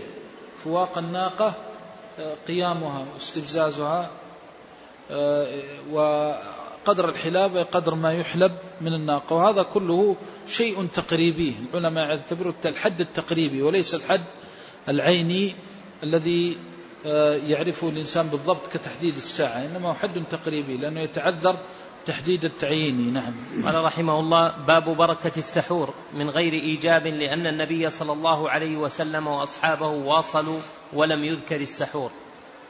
بركة زيادة الخير والنماء الشيء المبارك الذي كثر خيره والبركة لا يجوز لأحد أن يعتقدها في الشيء أو ينسبها إلى الشيء إلا بدليل. ولذلك لا يعتقد الإنسان بركة شيء من اجتهاده هو أو اعتقاده هو لأن البركة ينسب الإنسان فيها الأمر إلى الله عز وجل فلا يجوز أن يكذب على الله فيقول هذا الشيء مبارك. وذلك البعض يتساهل في وصف الأشخاص ويقول فلان مبارك وفلان بركة وهذا قول على الله بدون علم. ولا يجوز لأحد أن ينسب البركة إلى شيء إلا بنص.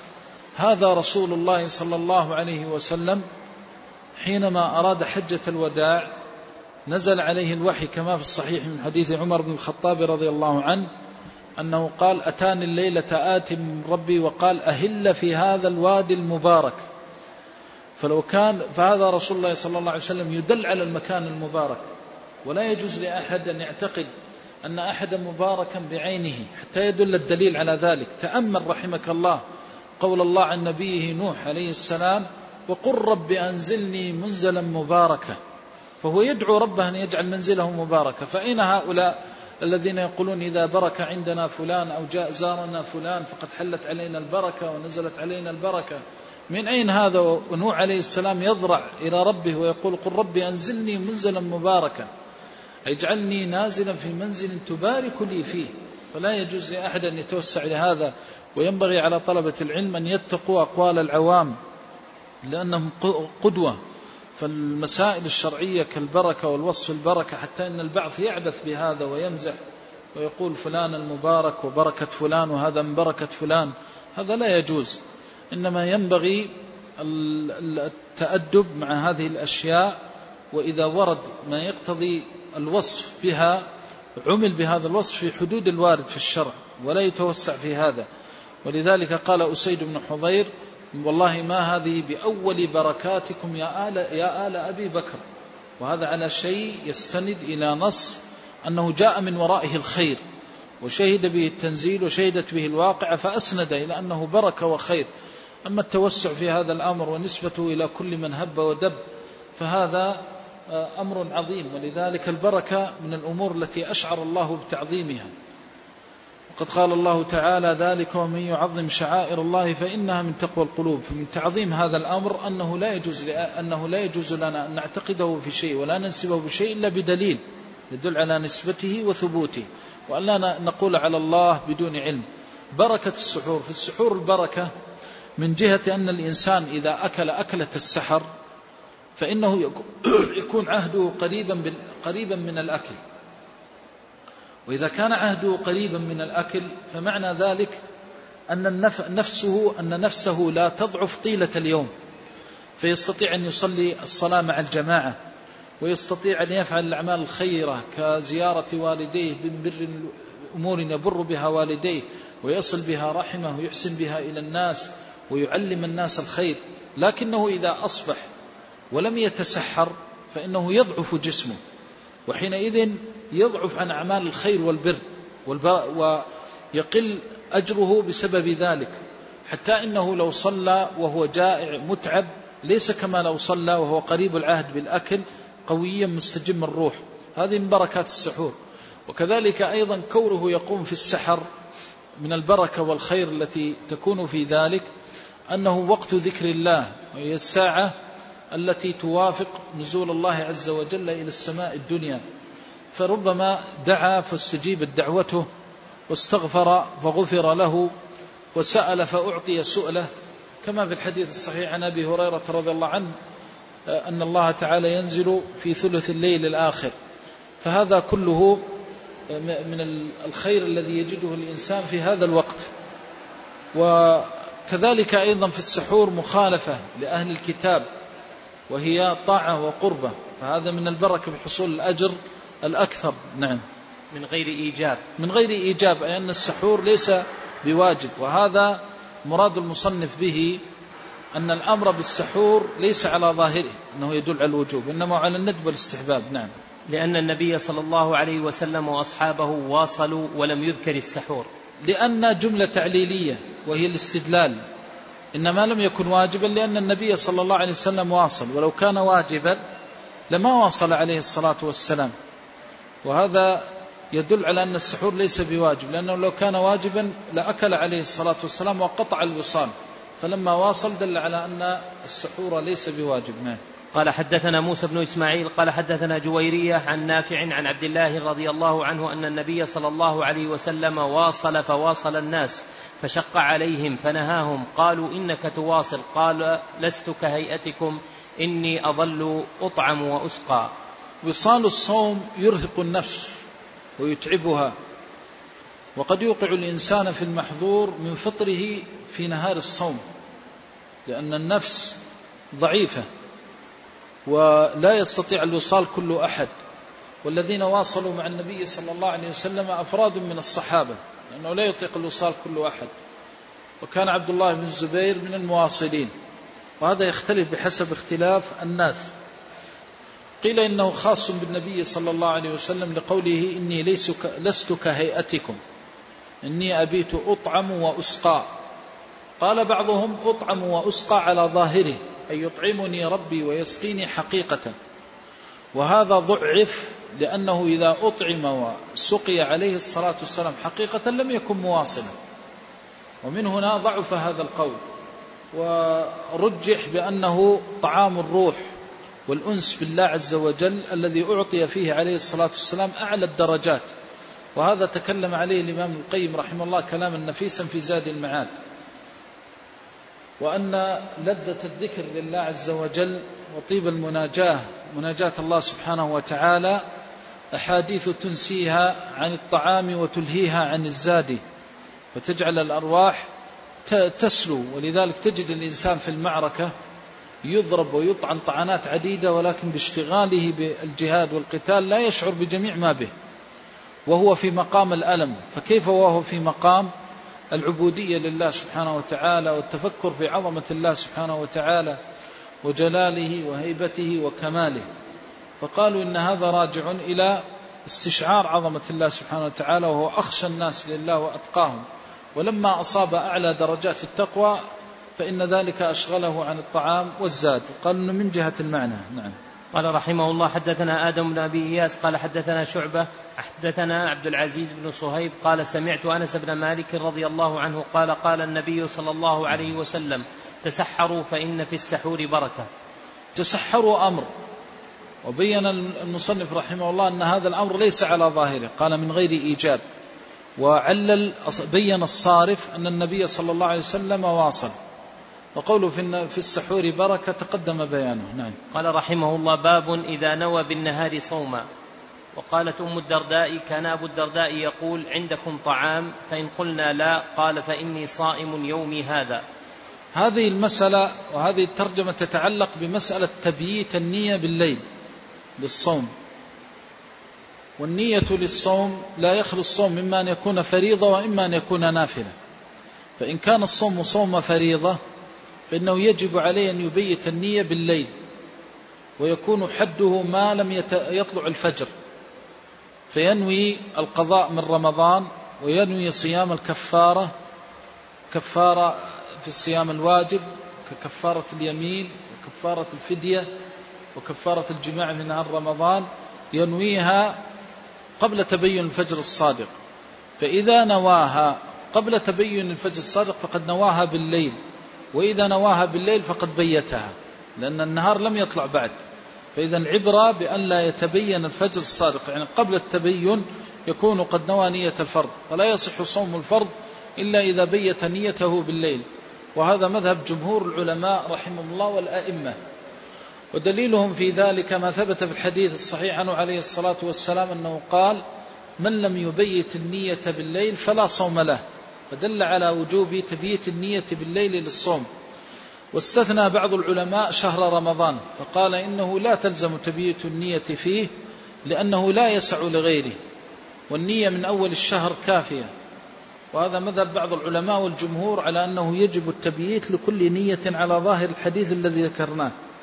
أما صيام النافلة فللعلماء فيه قولان قال بعض العلماء يجوز أن يصوم النافلة ما لم تزل الشمس معه إلى الزوال منتصف النهار لأنه أكثر النهار. فينشئ النية في أي وقت من هذه الأوقات ولا يشترط تبييت النية. وهذا هو مذهب الحنفية والشافعية والحنابلة وطائفة من أهل الحديث ومحكيه عن بعض أصحاب النبي صلى الله عليه وسلم. وبناء على هذا القول فإنه لو أصبح بعد صلاة الفجر ولم يأكل ولم يشرب ثم بدا له أن يصوم نافلة جاز له ذلك. ولو نسي يوم الاثنين أنه في الاثنين أو أنه في الخميس ولم يأكل ولم يشرب ثم تبين له ذلك في منتصف قبل منتصف النهار. كأن يكون مثلا بعد طلوع الشمس بساعة أو ساعتين أو قبل زوالها بساعة. فتذكر أن اليوم الاثنين والخميس فقال أتم صائما صح له ذلك على هذا المذهب. والقول الثاني إنه لا يجوز لا في النفل ولا في الفرض أن يصوم بدون تبييت وهذا هو مذهب المالكية والظاهرية. فلا بد عندهم من تبييت النية حتى في النافلة. واستدلوا بعموم قوله من لم يبيت النية بالليل فلا صوم له. والصحيح مذهب من قال بجواز النية النافلة قبل الزوال. لحديث أم المؤمنين عائشة هل عندكم شيء؟ قالت لا. قال إني إذا صائم. فدل على جواز إنشاء نية النافلة أثناء النهار وأنه لا بأس إذا أصبح ولم يأكل ولم يشرب أن يتم صومه. وقالت أم الدرداء كان أبو الدرداء يقول عندكم طعام فإن قلنا لا قال فإني صائم يومي هذا. هذا هو مذهب بعض الصحابة منهم أبو الدرداء رضي الله عنه في صيام النافلة. نعم. وفعله أبو طلحة وأبو هريرة وابن عباس وحذيفة رضي الله تعالى عنهم.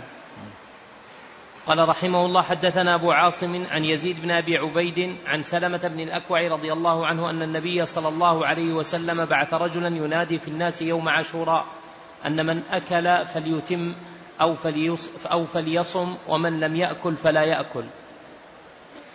هذا في صوم يوم عاشوراء ونزل به التشريع مستأنفا. ابتدأت التشريع أثناء اليوم. بوجوب صومه على أصح قول العلماء وقد تقدمت معنا المسألة. هل كان صوم يوم عرفة واجبا أو غير واجب؟ وبينا أن الصحيح أنه كان واجبا في أول الإسلام. فأول ما وجب في هذا حينما أمر النبي صلى الله عليه وسلم مناديا ينادي في الناس أن من أصبح صائما فليمسك بقية يومه وأن فليتم وأن من أصبح مفطرا فليمسك بقية اليوم. أخذوا من دليلا قال به بعض العلماء أن هذا يدل على أن الفرض أيضا يجوز لك أن تنشئ النية فيه أثناء النهار وهذا ضعيف لأن العذر في صوم يوم عرفة ليس في صوم يوم عاشوراء ليس على ظاهره لأنه ابتدأ التشريع وابتداء التشريع ليس كاستمراره وبناء على ذلك فإن حديث يوم عاشوراء لا يدل على أنه يجوز أن ينشئ نية الفرض أثناء اليوم. مثال المسألة لو أن شخصا عليه قضاء من رمضان عليه عشرة أيام قضاء من رمضان وجاء في شهر ربيع في يوم من الأيام أصبح ولم يأكل ولم يشرب ولم ينوي صوما بالليل. ثم عن له في الساعة العاشرة أو الحادية عشر أن يجعل هذا اليوم من قضاء رمضان. فعلى القول بأن النافلة والفرض يجوز أن ينشئ النية حتى قبل الزوال كما هو مذهب الإمام بحنيفة وطائفة يجوز وحينئذ يجزيه عن القضاء. وأما على القول بأنه لا بد من تبييت النية على ظاهر الحديث فلا إشكال. وعليه فإن حديث عاشوراء لا يعارض حديث من لم يبيت النية بالليل من وجوه أولا أن الأول عام والآخر خاص ولا تعارض بين عام وخاص. ثانيا أن الخصوص هنا قوي لأنه استئناف للتشريع. وحديث من لم يبيت النية جار على الأصل فلا يقوى على الاستثناء من كل وجه. إنما يقوى على الاستثناء لو أن صحابيا فعل هذا الفعل فسأل النبي صلى الله عليه وسلم فأجازه وصحح صومه حينئذ يكون مخصصا للعموم. لكن حينما يأتي باستئناف التشريع ويأتي التشريع بابتداء التشريع ويأتي في أثناء اليوم ويستأنف صومه فهذا من تعبد الله بما يستطيعه الإنسان. هكذا واختلف هل الذين أمسكوا بقية اليوم قضوا أو لم يقضوا؟ في بعض الروايات أنهم أمروا بالقضاء.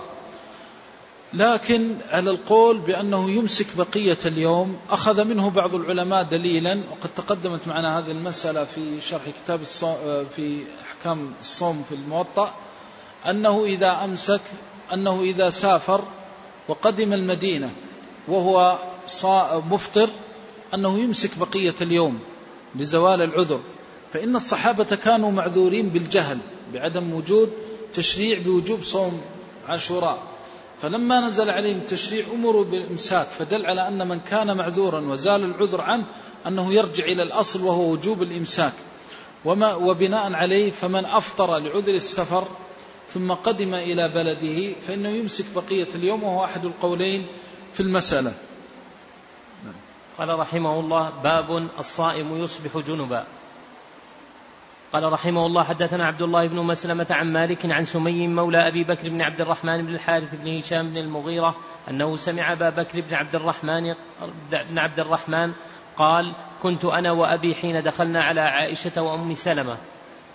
حاء قال وحدثنا أبو اليمان قال أخبرنا شعيب عن الزهري قال أخبرني أبو بكر بن عبد الرحمن بن الحارث بن هشام أن أباه عبد الرحمن أخبر مروان أن عائشة وأم سلمة أخبرتاه أن رسول الله صلى الله عليه وسلم كان يدركه الفجر وهو جنب من أهله ثم يغتسل ويصوم. وقال مروان لعبد الرحمن بن الحارث أقسم بالله لتقر بها لتق لتقر لتقر عنا لتقرأ عنا في بعضها لتقرأ عنا نعم. لتقرعن بها أبا هريرة ومروان يومئذ على المدينة. مروان. فقال أبو بكر فكره ذلك عبد الرحمن ثم قدر لنا أن نجتمع بذي الحليفة وكان لأبي هري وكانت لأبي هريرة هنالك أرض. فقال عبد الرحمن لأبي هريرة إني ذاكر لك أمرا ولولا مروان أقسم علي فيه لم أذكره لك. فذكر قول عائشة وأم سلمة فقال كذلك حدثني الفضل بن العباس وهو أعلم. ترجم الإمام المصنف الإمام البخاري رحمه الله برحمته الواسعة بهذه الترجمة التي تتعلق بكون الجنب يصبح آه، بكون الصائم يصبح جنبا.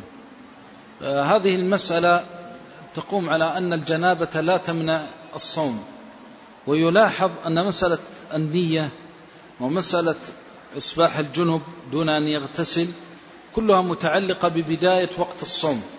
ولذلك ذكرها المصنف تبعا للباب الذي قدمناه في الآية الكريمة في بيان أول الصوم.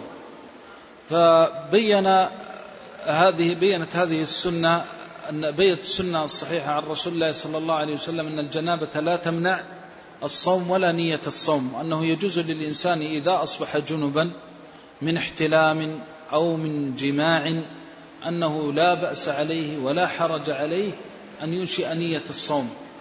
وكان الخلاف في هذه المسألة عن الصدر الأول من الصحابة كما ذكر عن أبي هريرة رضي الله عنه وقيل إنه رجع. وأما قول الأئمة وجماهير العلم من السلف والخلف وحكي الإجماع على أن الجنابة لا تؤثر وأن الصوم صحيح أنه ما دام أنه وقعت فيجوز للإنسان إذا أجنب ليلة رمضان أن يبقى على الجنابة وأن ينام على الجنابة ثم يغتسل بعد طلوع الفجر وهذا لا يؤثر في الصوم شيئا. وهو مذهب جماهير السلف والخلف ومنهم الأئمة الأربعة والظاهرية وأهل الحديث. والخلاف في هذا كما ذكرنا كان في الصدر الأول. وفي هذه القصة عن أبي هريرة مروان طلب أن يقرأ بها أبا هريرة رضي الله عنه وتأدب عبد الرحمن بكر المخزومي رضي الله عنه رحمه الله. وهذا تأدب عبد الرحمن أبي بكر بن الحارث بن هشام بن هشام المخزومي. وهذا من الأدب والحقيقة أن هناك فرقا ما بين مسلك مروان ومسلك عبد الرحمن رحمه الله. لأن مروان آه، أراد أن أن يبين لأبي هريرة أنه مخطئ. وعبد الرحمن من علمه وفقهه يعلم أن أبا هريرة لا يقول بهذا القول إلا وعنده حجة ودليل. فلما طلب من أن يعرض عليه القول كالتقريع لم يرضه عبد الرحمن. ولذلك قد يستشكل البعض أن عبد الرحمن قال لولا أن مروان أقسم لما ذكرته لك مع أنه عنده دليل. الجواب أنه يعلم أن أبا هريرة صحابي وأنه لا يقول بهذا القول إلا وعنده حجة وهذا ما يسمى بالعذر في الخلاف. العذر في الخلاف إذا كان عنده سنة ودليل. وكان الخلاف مما يسع في الأمر مما يسع فيه الاجتهاد والتأويل. فتأدب عبد الرحمن على حال السلف أنه لا إنكار في المختلف. وعرض على أبي هريرة رضي الله عنه فيه دليل ولا يعرف الفضل إلا أهله أنه ينبغي التأدب مع العلماء وأهل العلم وأنه لا ينبغي اتخاذ المسائل الخلافية وسيلة لإهانة أهل العلم. فإن أهل العلم اؤتمنوا على شرع الله. وإذا كانوا مؤتمنين على شرع الله فطوبى لمن حفظ حرمتهم في قيام بهذا الحق وويل لمن آذاهم وأضر بهم. فإن العالم إذا أوذي بأي أذية في تبليغه وتعليمه وما يعتقده من السنة والصواب هذا سيضيق عليه. وقد يحدث بينه وبين الناس نفرة. ومن يفعل ذلك يلقى أثامه وذلك من المعروف والمعهود ومن السنن المعروفة أنه لا يسلم أحد يؤذي أهل العلم بالتشويش عليهم فما دام أنهم عندهم حجة وعندهم دليل هو وقوله وينتصر لقوله بالأصول الشرعية المعتبرة. وبناء على ذلك لم يستطع عبد الرحمن أن يواجه أبا هريرة بمجرد أن أقسم عليه مروان وأخذ الأمر على الأصل. فلما اتقى الله جعل الله له فرجا ومخرجا. فاجتمع مع أبي هريرة وكانت له مزرعة في العقيق وجاء في رواية الموطن أنه اجتمع معه في مزرعته وكانت بالعقيق نعم. وقال ف... همام وابن عبد الله بن عمر عن أبي هريرة كان النبي صلى الله عليه وسلم يأمر فقال له إني فقال له إني عبد الرحمن. نعم. فقال عبد الرحمن لأبي هريرة إني ذاكر لك أمرا ولولا مروان هذا الأدب هذا الأدب إني ذاكر لك أمرا. ولذلك يقولون أن ذكر الأقوال المخالفة للعالم أمامه آه، نوع من التعريض به. والتعريض يتحمل الإنسان تبعته. فلما كان هذا في سوء أدب تأدب وتلطف وقال إني ذاكر لك هذا لأنه يعلم أن مذهبه على خلاف هذا الأمر. فلما يأتي ويذكر الحديث فمعناه أنت يا أبا هريرة تخالف السنة وهذا صنيع ضعفاء العقول سفهاء الأحلام الذين يأتون لأهل العلم ويحاولون في مجالس العلماء. بل من يأتي في مجلس كالعزائم والمجالس الولائم يأتي إذا سمع بشيخ يخالف في مسألة جاء بأحاديث وعرضها وقصد بذلك التشهير بأهل العلم. وهؤلاء لن, لن يزدادوا بهذا الطريق إلا سفالا. حتى ولو كان حقا فإنه يصنع الأمور التي تنفر من الحق. فهو مخالف للسنة في العذر والنبي صلى الله عليه وسلم أثبت العذر للصحابة حينما اختلفوا في سنة الصلاة في بني قريظة فهذا مخالف للسنة مخالف للسنة في الأدب لأن الأصل أن يتأدب مع أهل العلم وهذا هو هدي السلف الصالح. فمثل هذه الطريقة مخالفة للسنة لما فيها من التنفير والنبي صلى الله عليه وسلم يخاطب الصحابة وهم أفضل الأمة من بعده. يقول إن منكم منفرين. فإذا كان هذا يخاطب به الصحابة وخاطب به فقيها من فقهاء الصحابة في صلاته وهو معاذ. وقال أفتان أنت يا معاذ؟ فدل على أن الإنسان ينبغي أن يتعاطى كل الأسباب لقبول الحق. أنه لا ينبغي عليه أن يستهين بأهل العلم ويحتقرهم. تجد الرجل إذا قرأ حديثا أو حديثين فحصل كلام العلماء فيهما أقام الدنيا وأقعدها وكأن الدين في هذين الحديثين. ثم يستطيل على أهل العلم فلا يجلس في مجلس يرى شيخا يخالف هذه المسألة إلا ناقش طلابه وناقش الشيخ إذا رآه بأساليب مليئة بالاحتقار والازدراء. وهؤلاء ليكونوا على بينة ويكون كل من يسلك سبيلهم أنهم لن يزدادوا إلا سفالا. من أراد أن يهين أهل العلم أهانه الله. وهذه من السنن والله رأيناها وعشناها وحذرنا منها أهل العلم. هذا العلم له حرمة عظيمة. الإنسان إذا كان حافظا للعلم ووعاء من أوعية العلم كأبي هريرة وعبد الرحمن أبي بكر المخزومي آه، يعتبر من العلماء الأجلاء ومن فقهاء المدينة الأجلاء ومع ذلك ما أعطى لنفسه الحق أنه يأتي حتى وهو يريد أن يذكر الحديث المخالف لأبي هريرة إلا باستئذان وبأدب. ثم كيف مع أن مروان واليا على المدينة لم يعبه به ولم يفكر فيه فيه في هذا الأمر لأن حرمة العلم مخصوصة وأنه لا يعذر إذا تطاول على العالم في هذا الجانب. فينبغي حفظ هذه الحرمة. إذا خالف العالم أو خالف طالب العلم أو خالفك أخوك في مسألة فلا تعرض به ولا تأتي بالأحاديث بطريقة تجرحه بها أو تنفره من قبول الحق. بل ينبغي عليك أن تبذل كل الأسباب لقبول الحق. وصاحب السنة الذي هو صاحب سنة بحق هو الذي التزم بالسنة علما وعملا وتحبيبا للناس وتقريبا لهم لأنه هو هدي النبي صلى الله عليه وسلم. جعل الله وإياكم ذلك الرجل. نعم. فذكر قول عائشة وأم سلمة فقال كذلك حدثني الفضل بن عباس كذلك حدثني الفضل بن عباس. فأسند بين ما انتهى إليه علمه. أنه أخذ هذا من سنة النبي صلى الله عليه وسلم. نعم. وقال همام وابن عبد الله بن عمر عن أبي هريرة كان النبي صلى الله عليه وسلم يأمر بالفطر والأول أسند. كان النبي صلى الله عليه وسلم يأمر بالفطر يعني يأمر الجنب أن يفطر يومه وليس له صوم. والأول هو الأقوى والأرجح كما ذكرنا. نعم. قال رحمه الله باب المباشرة للصائم. وقالت عائشة رضي الله عنها يحرم عليه فرجها. المباشرة تطلق بمعنى بمعنى الجماع وتطلق بمعنى الاستمتاع بما دون الفرج. فمثال الأول وهو الجماع ما تقدم معنا ولا تباشروهن وأنتم عاكفون في المساجد. وقوله سبحانه كما تقدم في الآية فالآن باشروهن أي جامعوهن. وتطلق بمعنى الاستمتاع بما دون الفرج ومنه حديث من المؤمنين عائشة رضي الله عنها كما في الصحيح كان النبي صلى الله عليه وسلم يأمر إحدانا إذا كانت حائضا أن تتزر فيباشرها وقولها كان يباشرني كان يأمرني فأتزر ويباشرني وأنا حائض. وقالت يباشرني ومن المعلوم أنه كان لا يطأ في الفرج. وقولها يباشرني أن يستمتع بما دون الفرج. وهذا آه، فيه إجماع أنه يجوز أن يستمتع الإنسان بما دون الفرج من الحائط لكن اختلف بما قارب الفرجين وهذا محل كتاب الطهارة. المقصود أن المباشرة هنا المراد بها تطلق بمعنى الجماع وتطلق بمعنى الاستمتاع بما دون الفرج. فأما مباشرة الصائم بمعنى الجماع فهذا لا إشكال أنه يفسد الصوم ولا إشكال بأنه ممنوع لقوله تعالى فالآن باشرهن وابتغوا ما كتب الله لكم وقوله تعالى أحل لكم ليلة الصيام الرفث فدل على أن نهار الصيام ليس محلا للرفث وهو الجماع. فالجماع مجمع عليه أنه مفسد للصوم وموجب للكفارة كما سيأتي في حديث أبي هريرة رضي الله عنه في الذي جامع أهله وهو صائم.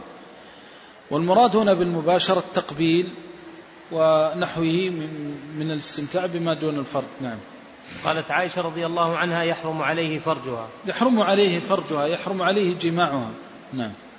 قال وحدثنا سليمان بن حرب قال عن عن شعبة عن الحكم عن إبراهيم عن وهذا الأسود التحريم في أعلى الدرجات. تحريم فرج المرأة في حال الصوم الواجب في أعلى درجات التحريم لأنه كبيرة من كبائر الذنوب. ووجه كونه كبيرة أنه رتبت عليه العقوبة بالكفارة المغلظة وهي صيام شهرين متتابعين. فإذا تاب توبة نصوحا فلا إشكال. ولذلك جاء الرجل يضرب صدره وينتف شعره ويقول هلكت. وأقره النبي صلى الله عليه وسلم على قوله هلكت لأنه أمر عظيم. لذلك استدل به على أن الشخص الذي يجرؤ لأن بعض الناس يكون عنده عذر آه، يكون عنده قدرة على التكفير بعتق الرقبة فيجامع ولا يبالي مثل الأغنياء. كما في القديم حينما كانت تتيسر الرقاب. فليست القضية أنه يطأ ويكفر القضية أنه أمر محرم في, غ... في أعلى درجات التحريم. ولذلك وردت العقوبة عليه بالكفارة المغلظة. نعم. عائشة رضي الله عنها قالت كان النبي صلى الله عليه وسلم يقبل ويباشر وهو صائم وكان أملككم لإربه. يقبل ويباشر وهو صائم جملة حالية. وكان أملككم لإربه يدل على أنه عليه الصلاة والسلام كان متحفظا من الفرج وأنه كان مالكا لنفسه. ومن هنا ذهب بعض العلماء إلى جواز التقبيل للإنسان إذا كان واثقا من نفسه وهذا هو الصحيح أنه لا بأس بتقبيل الرجل لامرأته وهو صائم وهو مذهب أم المؤمنين عائشة وكانت تأذن به وترخص به وتفتي به رضي الله عنها وأرضاها كما قالته لعبد الرحمن آه، كما قالته لابن أختي لابن أخيها عبد الرحمن أبي بكر الصديق كما في الموطأ وغيره. فالمقصود أنه يجوز التقبيل للشخص الواثق من نفسه. أما إذا كان غير واثق من نفسه كحديث العهد بالعرس وشديد الشهوة والشاب الجلد الذي يغلب عليه والمفتون بزوجته ونحوه فإنه يمنع ولا يقبل ولا يباشر لأن الوسائل تأخذ حكم مقاصدها. فلما كان الإذن له بالتقبيل مفض إلى الحرمة المغلظة وهي الجماع ولا يؤمن منها أن يجامع أهله فإنه يمنع من ذلك.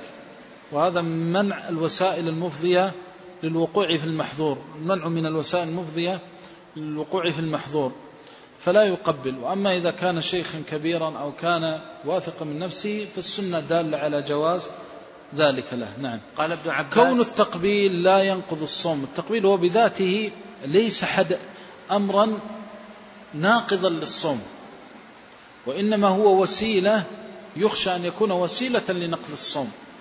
ووجه ذلك أن التقبيل ليس بجماع حقيقي وليس بإيلاج حقيقي ومن هنا كانت الشهوة فيه قاصرة. وهذا الذي جعل النبي صلى الله عليه وسلم يشبهه بالمضمضة. لماذا شبه القبلة بالمضمضة؟ المضمضة متعلقة بشهوة البطن لأن الماء من شهوة البطن. فإذا وضع الماء في فمه ثم طرحه فإن الماء من الممنوع ولم يصل إلى الجوف. وهكذا بالنسبة للقبلة آه، لم تصل إلى الجماع فصارت مثل المضمضة فهو يستمتع بتقبيلها لكنه لا يصل إلى المحظور من جماعها كما قالت أم المؤمنين عائشة أنه يحرم عليه فرجها. فما دام أنه واثق وأنه لا يقع في المحظور فحينئذ كأنه مضمض وهذا لا يؤثر ولا يضيره. نعم. وكان أملككم لإربه. قال ابن عباس مآرب حاجة. وقال طاووس أولي الإربة الأحمق لا حاجة له في النساء. قال رحمه الله باب القبلة للصائم. وقال جابر بن زيد إن نظر فأمنى يتم صومه. إن نظر فأمنى يتم صومه. هذا قول زيد بن أسلم جابر, بن زيد أبو الشعثاء. وقال جمهور العلماء أنه إذا نظر أو فكر أنزل فقد تعاطى السبب الموجب للوقوع في المحظور وحينئذ يتحمل التبعة. والسبب في ذلك أنه لو لم يتعاطى النظر ولو لم يتعاطى التقبيل لما حصل الإنزال وحينئذ يلزمه قضاء اليوم. وهذا مذهب الجمهور وهو الأقوى أنه إن نظر وتعاطى السبب أو آه، لمس أو قبل أو استمتع بما دون الفرج وحصل منه إنزال بطل صومه لأنه خرجت حصلت الشهوة. قال يدع طعامه وشرابه وشهوته. هذا لم يدع شهوته. فإنه استمتع حتى انتهى إلى اللذة الكبرى. وجه أنه استمتع حتى انتهى إلى اللذة الكبرى فلم يدع الشهوة كما أمره الله. والنظر هو لماذا ينظر ويسترسل بالنظر؟ معناه أنه تلذذ بالنظر. لكنه لما لو تلذذ بالنظر ولم يصل إلى إنزال لم يؤثر. لكنه لما تلذذ بالنظر ووصل به الأمر إلى الإنزال نلغي النظر وننظر إلى كونه قد أنزل فلم يدع شهوته. قلنا لم يدع لو قال قائل طيب هذا أنزل بدون نقول لم ينزل لا شعوريا إنما نزل بفعله. ومن هنا أسقط النظر وقيل إنه كمن أنزل مباشرة فيجب عليه القضاء. والإنزال آه، مخل بترك الشهوة سواء كان عن طريق الاستمناء أو النظر أو اللمس أو التفكر بالاسترسال مع التفكر إلا مما يهجم ولا يستطيع الإنسان دفعه. نعم. قال حدثنا محمد بن مثنى قال حدثنا يحيى عن هشام قال أخبرني أبي عن عائشة رضي الله عنها عن النبي صلى الله عليه وسلم حاء قال وحدثنا عبد الله بن مسلمة عن مالك عن هشام عن أبيه عن عائشة رضي الله عنها قالت إن كان رسول الله صلى الله عليه وسلم ليقبل بعض أزواجه وهو صائم ثم ضحكت. رضي الله عنها وأرضاها. وهذا ملاطفة أن العلم لا يمنع أن يكون فيه شيء من الأنس والمباسطة والضحك بعض الأحيان يكون أنها تخجل وقد يكون من خجلها أنها تضحك فلا تملك نفسها. وهذا فيه دليل على السماحة واليسر وأنهم كانوا يتعاطون مكارم الأخلاق ولا يمنعهم من ذلك من التساهل بعض الشيء الذي لا يخل بالأدب وإنما يدل على سماحة النفس وكرمها. لأنها لما ضحكت وكانت من, من, من أذكى خلق الله عائشة رضي الله عنها. ضحك بدل أن تقول لهم أنا الذي فعلت ضحكت رضي الله عنها. وهذا هو كمال حياء ومنها كمال حياء. لأن التعبير بالفعل هنا أكمل أدبا من القول لأن القول صعب وهو ليس بمحرم لكن صعب في مثل هذا في جنس هذا الأمر أن المباشرة به والقول صعب. لكن حينما تقول ثم تتبسم وتضحك رضي الله عنها وأرضاها تدل على أن هذا الأمر لا أرويه عن غيري وهذا تابع للعلم هذا من العلم لكنها جاءت به بأسلوب وكانت من أذكى خلق الله رضي الله عنها. قال صلى الله عليه وسلم مروا أبا بكر فليصلي بالناس. قالت يا رسول قالت إن أبا بكر رجل أسيف ولو وقف لغلب يعني يغلبه البكاء. فقال مروا أبا بكر فليصلي بالناس. قالت يا رسول الله إن أبا بكر رجل أسيف مروا عمر فليصلي بالناس. فقال إن كنا صويحبات يوسف. مروا أبا بكر فليصلي بالناس. هي رضي الله عنها آه، منعها أن أبا بكر يقوم مقام النبي صلى الله عليه وسلم لأن الشخص المحبوب والمرغوب والذي له مكانة من الناس أي شخص يأتي بعده سينظر له نظرة كأنه جاء على حساب غيره. ولم تشأ ذلك لأبيها أن أرادت النصح لأبيها. قالت مروا عمر رضي الله عنها وأرضاه. والنبي صلى الله عليه وسلم وهي فيها بر لأبيها رضي الله عنها وأرضاه. لكن آه، النبي صلى الله عليه وسلم كان يقصد الخلافة. والبيان منزلة أبي بكر رضي الله عنه. وقال إن كنا صويحبات يوسف لأن إشارة إلى أنها قالت كلاما وأرادت هذا يدل على ما كانت عليه من الذكاء وهذا يدل على طهارة فراش النبي صلى الله عليه وسلم وأن الله اختار له حصان رزان ما تزن بريبة وتصبح غرثا من لحوم الغوافل. هذه آه، زوجة أكرم الخلق صلوات الله وسلامه عليه فهذه كلها إشارة إلى أنه فراش. انظر كيف ينظر أهل السنة والجماعة إلى أصحاب رسول الله صلى الله عليه وسلم وكيف ينظرون لهم وكيف ينزلون من منازلهم. ألا شاهت وجوه من من يتبرأ منهم ومن يلعنهم؟ انظر كيف أهل السنة والجماعة حينما يقول الذي حمل لنا الدين بهذه المنزلة. وهذا هو الأصل. لأن كل عاقل حكيم يعلم أنه لن يكون الدين بهذه العظمة وبهذا الخير وهذه البركة التي نشرها الله عز وجل في مشارق الأرض ومغربها والذين هم أقرب الناس للنبي صلى الله عليه وسلم حاشاهم كفار. لعن الله من يقول ذلك لعنة تدخل معه إلى قبره إن لم يتب. هذا شيء عظيم. يعني الذي هم الذين نقلوا الدين. فإذا كانوا كلهم كفارا إلا فلان وعلم ماذا بقي للأمة؟ لكن أهل السنة والجماعة ينظرون. فهذه أم المؤمنين عائشة رضي الله عنها كانت من أذكى الناس. فقال إن كنا صويحبات يوسف لأن صويحبات يوسف قالوا كلاما لم يريدون الظاهر. فإنهن قالوا امرأة العزيز تراود فتاها قد شغفها حبا. فهذا نوع من الملامة يعني أنت تنزلي أنت امرأة العزيز تنزلي إلى خادم إلى مملوك من المماليك وتراودي عن نفسه. هم ما يريدون معاتبتها وملامتها إنما أرادوا أن ينظروا من هذا الخادم. لأن لأنه ما معقول أنها هي في جمالها ومنصبها نزلت. لا إذا لابد أن يكون له حظ من الجمال. فأرادوا أن يكتشفوا هذا الشيء. فجاءوا بشيء وقصدوا شيئا آخر. فلما سمعت بمكرهن انظر كيف تعبير القرآن. ما قال فلما سمعت قولهن لما سمعت عتابهن قال فلما سمعت بمكرهن. فمعناه أن الكلام ليس على ظاهره. فقال صلى الله عليه وسلم إن كنا صويحبات يوسف. لأنك تقولين كلاما أنا أفهم ما تقوليه وأعي ما تقوليه صلوات الله وسلامه. ويمكن كثير من يخفى لو أنك تسمع الحديث ما تستطيع أن تفهم المراسلة الخفية بين النبي صلى الله عليه وسلم وعائشة رضي الله عنها. ما لم تفسر وتوضح صحيح أن كثير من الناس يخفى عليه المعنى الموجود وهذا يدل على على ذكاء أم المؤمنين رضي الله عنها وفطنتها وما كانت عليه من الحصافة والفهم. ولذلك تعتبر من فقهاء الصحابة رضي الله عنها لأنها كانت فاهمة وفقيهة مع صغر سنها لكنها كانت كبيرة القدر رضي الله عنها وأرضاها. نعم.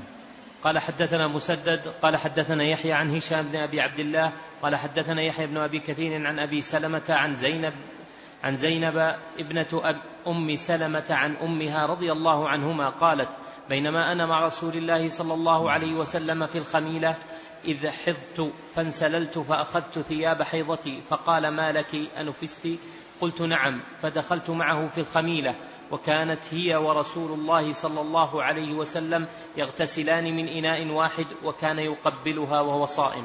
هذا موضع الشاهد وكان يقبلها وهو صائم.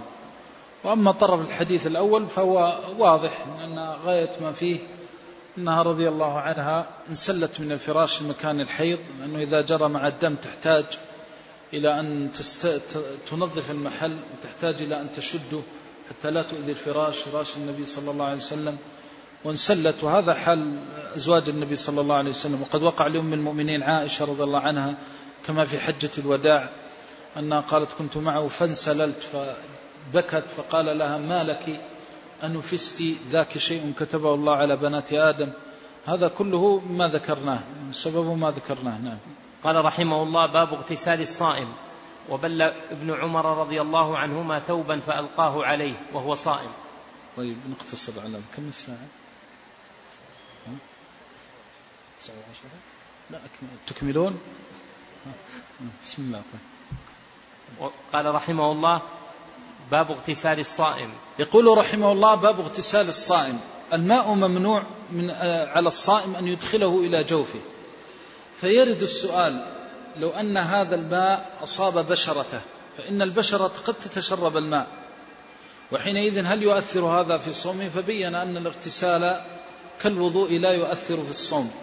ومن هنا فرق بين ما هو منفذ إلى البدن وما ليس بمنفذ إلى البدن. أن ينفذ فرق في الماء والمحظور على الصائم من مأكل ونحوه بين أن ينفذ إلى البدن أو لا ينفذ إلى البدن.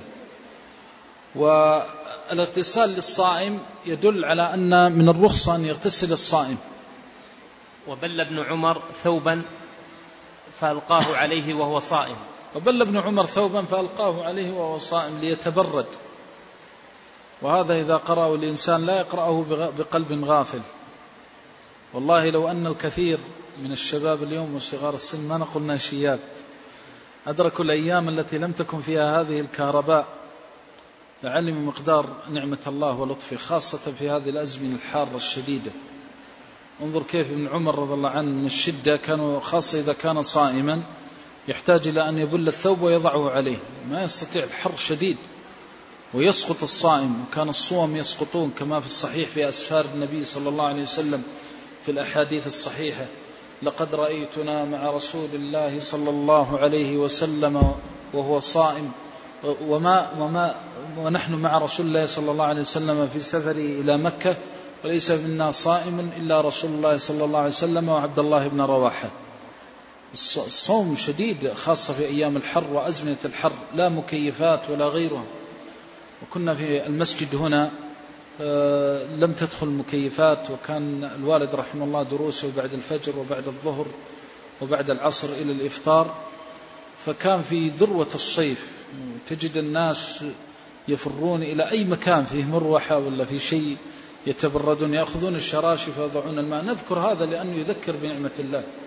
واليوم الإنسان يخرج إن جلس في المسجد فهو في المكيف. وإن خرج إلى السيارة فهو في المكيف وإن ذهب إلى عمله فهو في المكيف وإن حيثما ذهب حتى في السوق والمتجر صارت الأسواق والمتاجر تكيف.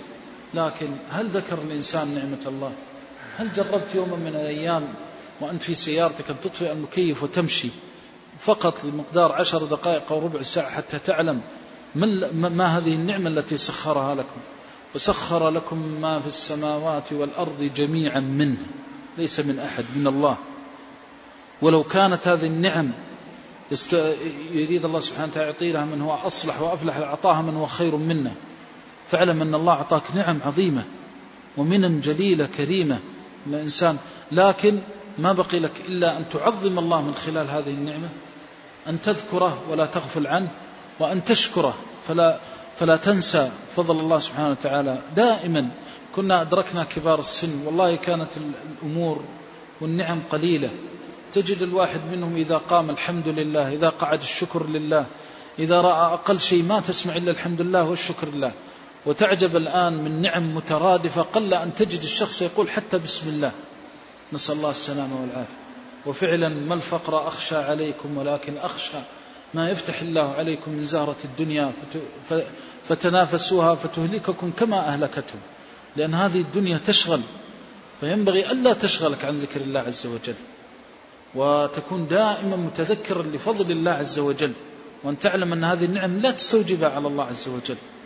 انظر غيرك والله تخرج في عزة الظهيرة فتنظر إلى العامل وهو يكدح يبحث عن لقمة العيش في شدة الحر يكنس وينظف.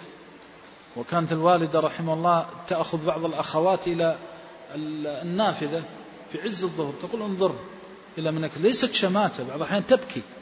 تقول انظروا انظروا حتى تحمدوا الله وتشكروه. ينبغي أن يتربى الإنسان على الشكر وأن يربي أولاده على هذه النعم. انظروا هذا الصحابي الجليل. يأخذ الثوب ويبله ويضعه عليه من شدة ما هو فيه. وأنت لا تأخذ ثوبا ولا تبل. إنما فقط بلمسة بأقل حاجة تشعل لك هذا المكيف. لأن الله كتب وحكم من فوق سبع سماوات.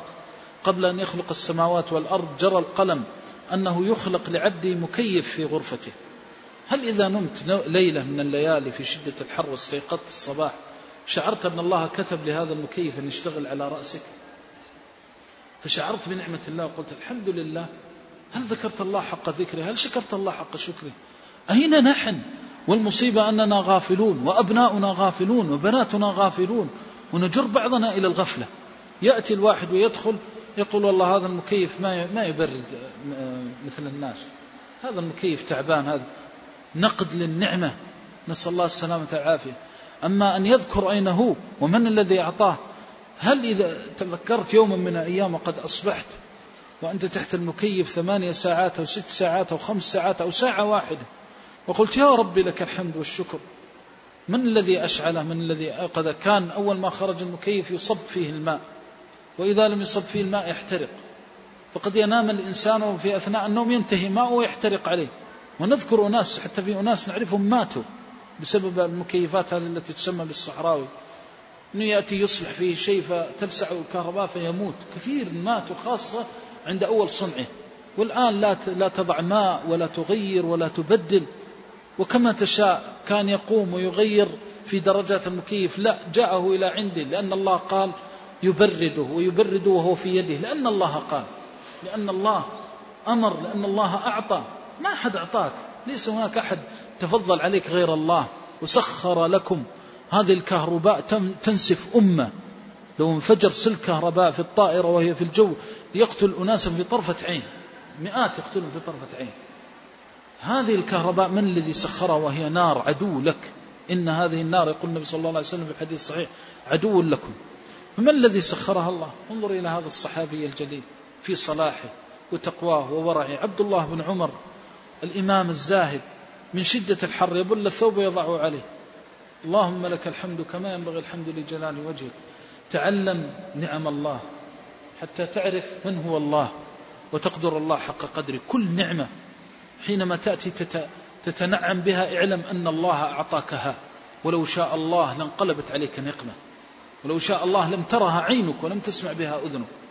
فكل شيء حتى القلم في يدك كتب الله أمره الله أن يكتب وهو في يدك.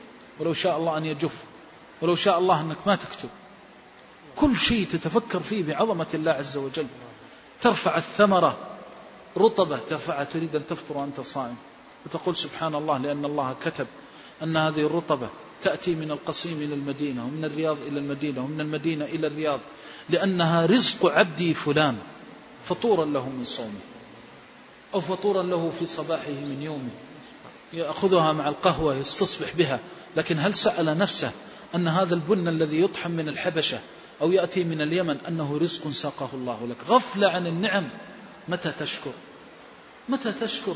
لا يشكر الله إلا من أحب الله. ولذلك قال إني أحبك.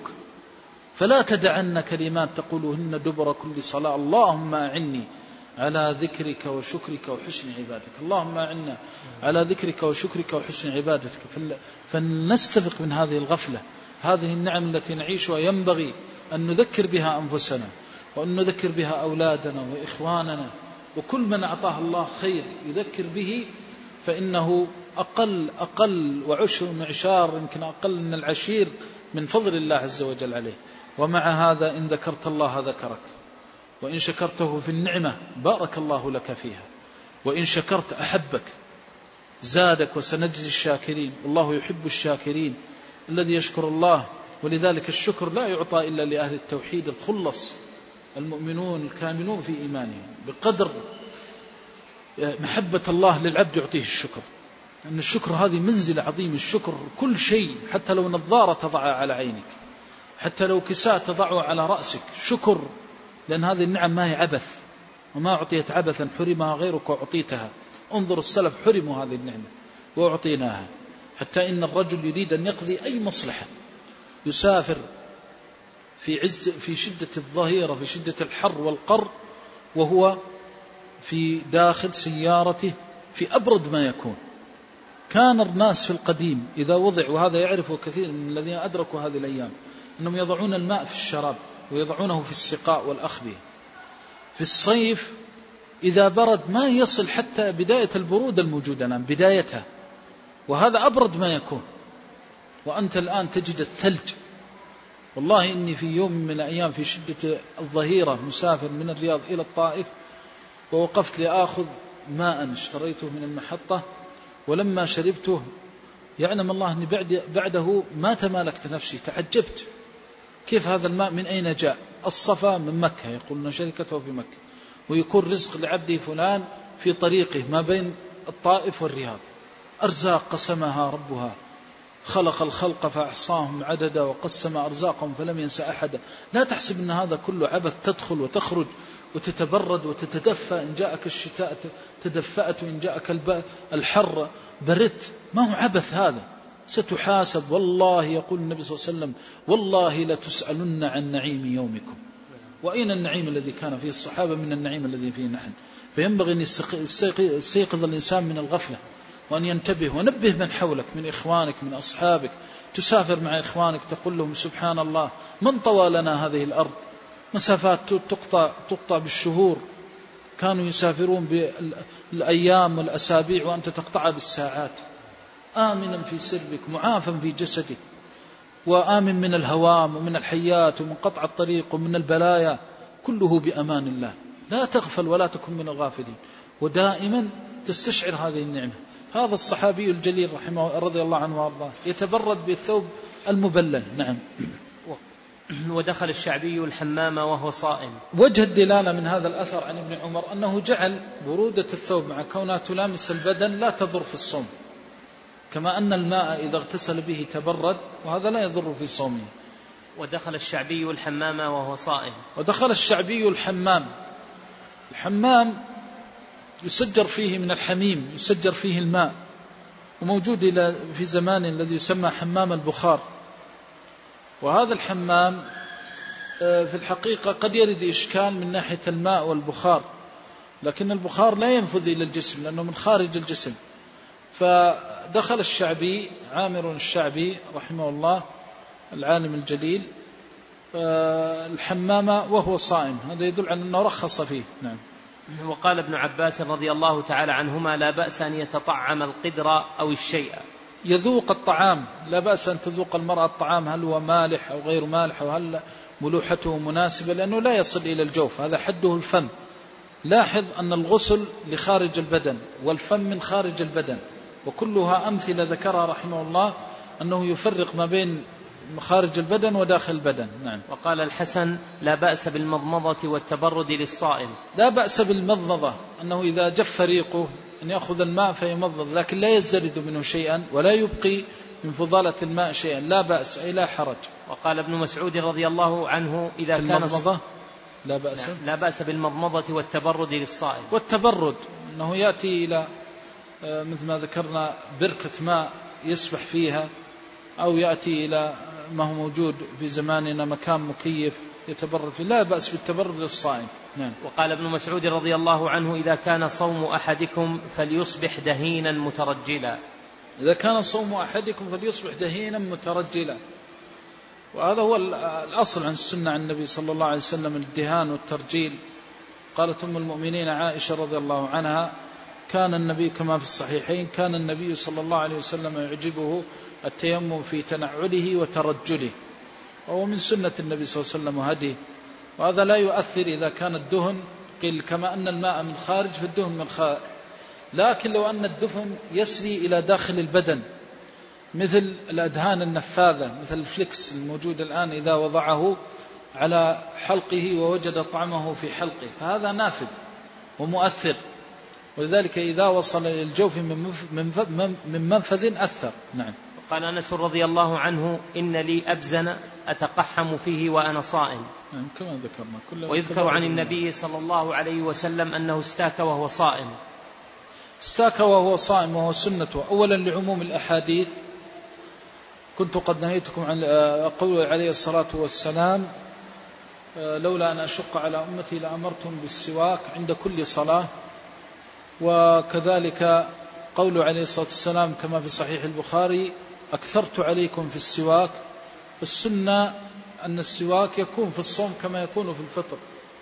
وشدد بعض العلماء كالشافعية كالحنابلة في الاستياك بعد الزوال.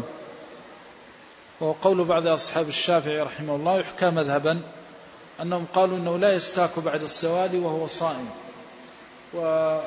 والصحيح أن لأن قالوا لأنه بعد الزوال يؤثر في الخلوف ويذهب أثر الصيام وأثر العبادة. والصحيح مذهب من قال إن السواك بعد الزوال كالسواك قبل الزوال والخلوف لا يؤثر فيه السواك لأن الخلوف ناشئ من المعدة وليس ناشئا من وسخ الفم أو الوسخ الموجود في الفم ولذلك لا يؤثر فيه. وأما بالنسبة للدليل على جواز السياك عموم الأحاديث وقد قال عاصم رضي الله عنه رأيت ما لا أحصي رسول الله صلى الله عليه وسلم يستاك وهو صائم. فدل على أنه لا حرج ولا بأس الصائم أن يستاك سواء قبل الزوال أو بعد الزوال. قال ابن عمر يستاك أول النهار وآخره. يستاك أول النهار وآخره. وهذا مذهب عبد الله بن عمر رضي الله عنه. ولا يبلع ريقه. ولا يبلع ريقه لأنه إذا كان السواك رطبا فإن الريق أجنبي. وأما إذا كان وأصلا السواك فضلة السواك ما تبلع. البعض اليوم يستاك ويبلع الفضلة. لذلك تجد بعضهم عند قيامه إلى الصلاة يبلع. المفروض أن يخرج فضلة السواك في المنديل أو نحوه. أما أن يبلعه فهذه مشكلة هذه. هذا السواك مراد به الطهارة. هذا لا يزيد نفسه إلا قدرا. يأخذ وسخ أسنانه ثم يبلعه في جوفه. هذا ما يصنعه عاقل. السواك يلقى. ولذلك يبصقه الإنسان ويخرج. القلح ووسخ الأسنان ووسخ الفم ولا يبلعه. وبناء على ذلك هذا هو الأصل وهذا معنى أن يستاك الصائم لأن الأصل فيه ألا يزدرد آه، فضلة السواك. نعم. وقال عطاء إن ازدرد ريقه لا أقول يفطر. إن ازدرد ريقه تورع عن حكم بفطره لأن السواك يختلف. ولذلك من العلماء من فرق بين السواك الرطب والسواك اليابس. فقال إنه إذا كان يابسا لم يضر وإذا كان رطبا رطبا واستعمله مباشرة وبلع ما فيه كأنه يبلع الماء والفم من خارج وليس من داخل. فشددوا في هذا إذا بلعه. نعم. آه، وقال ابن سيرين لا بأس بالسواك الرطب. قيل له طعم قال والماء له طعم وأنت تمضمض به. نعم هذا المراد به ألا يزدرد وهذا ينبغي أن ينتبه له. المسألة إذا لم يزدرد أما إذا ازدرت فهذا هو محل الإشكال. والذين يقولون إن السواك مؤثر إذا كان رطبا ينظرون إلى الغالب. أن الغالب لا يأمن من أن مادة السواك مثل المعجون أجنبية. وهذه المادة قد تختلط باللعاب فيصعب تمييزها فيزدري فأعطوا الحكم للغالب. وأما حكم ابن سيرين فهو على الأصل. أن الأصل أنه لم يزدرد لكن هذا كله مقرون بحال السلف أنه لا يبلع فضلة السواك. أما إذا بلع فهذا مشكل. ولذلك تكلموا على ريق المستاك. أن الريق لا يبلعه خشية أن يكون مزدردا لرطوبة السواك. وإذا ازدرد رطوبة السواك أو أي رطوبة أفطر. ولذلك المعجون لا بأس به إذا كان لا يزدرد منه شيئا ويأمن. وأما إذا كان لا يأمن أن يزدرد منه شيئا فلا. لأنه لا فرق لا بين السواك ولا غيره. المهم أن لا يدخل الأجنبي إلى الجوف. وهذا هو فقه المسألة. أن من وسع فيه بنى على أنه سيحترز ومن ضيق فيه بنى على أنه لا يأمن وأنه قد يقع في المحظور من ازدراد رطوبة السواك. نعم. ولم ير أنس والحسن وإبراهيم بالكحل للصائم بأسا. في؟ بالكحل. الكحل. للصائم بأسا. الكحل له حالتان. الحالة الأولى أن يجد طعمه في حلقه أن يضعه وهو صائم ثم يجد طعمه في حلقه. فهذا يفطر. على ظاهر حديث آه، لقيط بن صبرة رضي الله عنه عند الترمذي بسند صحيح أن النبي صلى الله عليه وسلم قال وبالغ في الاستنشاق إلا أن تكون صائما. فمنعه من المبالغة في الاستنشاق إذا كان صائما لأنه لا يأمن أن ينزل الماء إلى جوفه. يلاحظ أن الأنف ليس فما وإنما هو منفذ إلى الجوف. فأصبح عندنا ما هو منفذ أصلي وهو الفم وما هو قائم مقام المنفذ الأصلي بدلالة السنة. ودل على أن الفطر لا يختص بالمنفذ الأصلي. هذا وجه كون جمهور العلماء رحمهم الله لا يفرقون بين الاستعاض وبين الوجور وبين أن يضع بعضهم يقول أنه إذا وضع الكحل ونزل إلى جوفه أثناء صومه في حال الصوم فلا إشكال أنه قد أفطر لأنه نزل إلى الجوف وحينئذ يحكم بفطره. ولاحظ أنه لما منعه من الاستنشاق أن الذي سينزل إلى الحلق إنما هو شيء يسير من القطرة ومع ذلك عده مؤثرا في الصوم لما نهاه. قال إلا أن تكون صائما. خشية أن يعرض صومه إلى الفطر لأنه لا معنى إذا قال بالغ في الاستنشاق إلا أن تكون صائما يقول هذا تنبيه من الشرع. أي منعتك من المبالغة من أجل الصوم. وليس في الصوم شيء يحضر إلا كونه مفطرا. ولا يفطر إلا إذا آه، طالت القطرة داخل الحلق.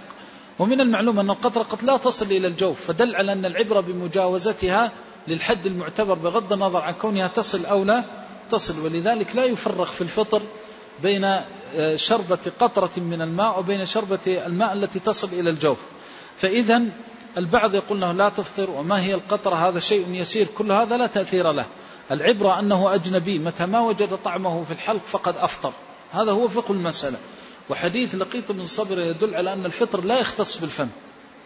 وعليه فلو وضع الكحل أو وضع القطرة في أنفه أو وضع القطرة في عينه في أثناء الصوم ووجد طعمها فقد أفطر. أما لو وضع الكحل وهو صائم قبل فطره بساعة ثم وجد طعمه بعد مغيب الشمس لم يؤثر لأن وصوله كان بعد انتهاء الوقت المعتبر. أو وضعه وهو صائم ولم يجد له طعما فلا يؤثر. لأن لا نشك هل وصل أو لم يصل إلى الحد المعتبر والأصل أنه صائم فلا يرفع اليقين بالشك ونقول صومه صحيح. إذا فقه المسألة أن يضعه في حال الصوم وأن يجد طعمه. أما لو وضعه بالليل ووجد طعمه بالنهار فقالوا لا يؤثر. وهذا مسألة الاستصحاب. نعم.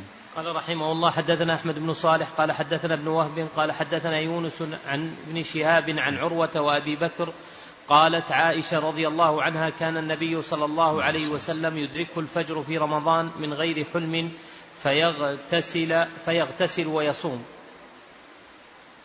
تقدم معنا. قال حدثنا إسماعيل قال حدثني مالك يدركه الفجر وهو حلم آه، وهو جنب من غير حلم. هذا يدل على أنه جامع أهله. والمجامعة قبل الفجر ينبغي أن يحتاط فيها وينتبه الإنسان. فإذا أذن عليه المؤذن وهو أثناء الجماع فلا يخلو من حالتين الحالة الأولى أن ينزع مباشرة. فهذه فيها خلاف بين أهل العلم. منهم من قال النزع كالإيلاج. بمعنى أنه يحكم بفطره ذلك اليوم ويجب عليه القضاء. والصحيح أنه ليس كالإيلاج إن نزع مباشرة. وأما القول الحالة الثانية فهي أن يستمر بعد الأذان ولو بلحظة فحينئذ حكم حكم المجامع يفسد صومه وتلزمه الكفارة إذا استمر بالجماع. وهذا على أصح القولين بأن الاستدامة كالإنشاء أن استدامة الجماع كإنشائه. وأما من قال أن الاستدامة ليست كالإنشاء فحينئذ يقولون إنه يحكم بفساد الصوم ولا تلزمه الكفارة. نعم. فيغتسل ويصوم. فيغتسل ويصوم. كما ذكرنا أن كونه يصبح جنبا لا يؤثر. من غير احتلام الحلم من الشيطان. والمراد بالاحتلام أن ينزل وهو نائم. أن ينزل وهو إذا كان في نومه ثم رأى ما يثير شهوته ثم آه، فثارت شهوته وأنزل وجب عليه الغسل. وسواء إذا وجد المني سواء تذكر النوم أن تذكر المنام أو لم يتذكر فما دام أنه وجد المني فإنه يجب عليه الاغتسال ولا يؤثر في صومه. الاحتلام يوجب الاغتسال ولا يشترط فيه أن, أن يذكره.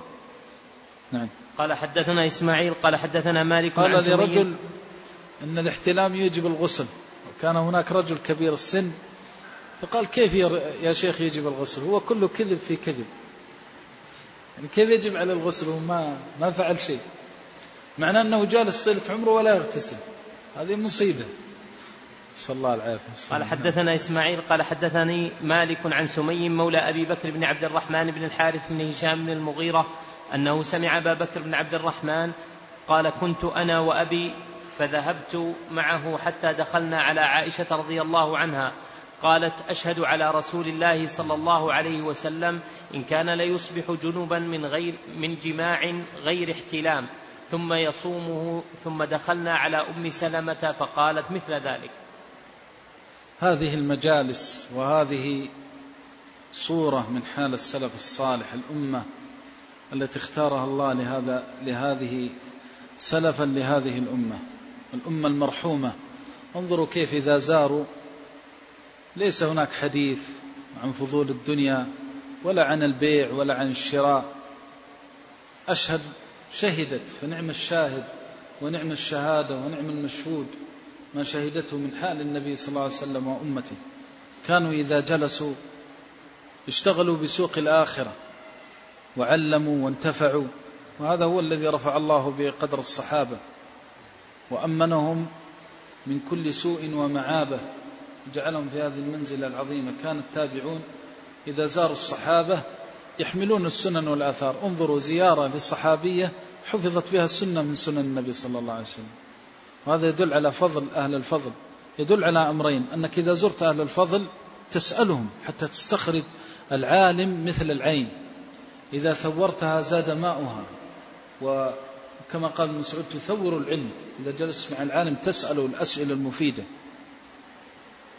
يقول أبو المنهال كما في الصحيحين دخلت أنا وأبي سيار بن سلامة. أبو المنهال سيار بن سلامة أبوه سلامة رحمه الله. قال دخلت أنا وأبي على أبي برزة الأسلمي صاحب رسول الله صلى الله عليه وسلم نضلة بن عبيد.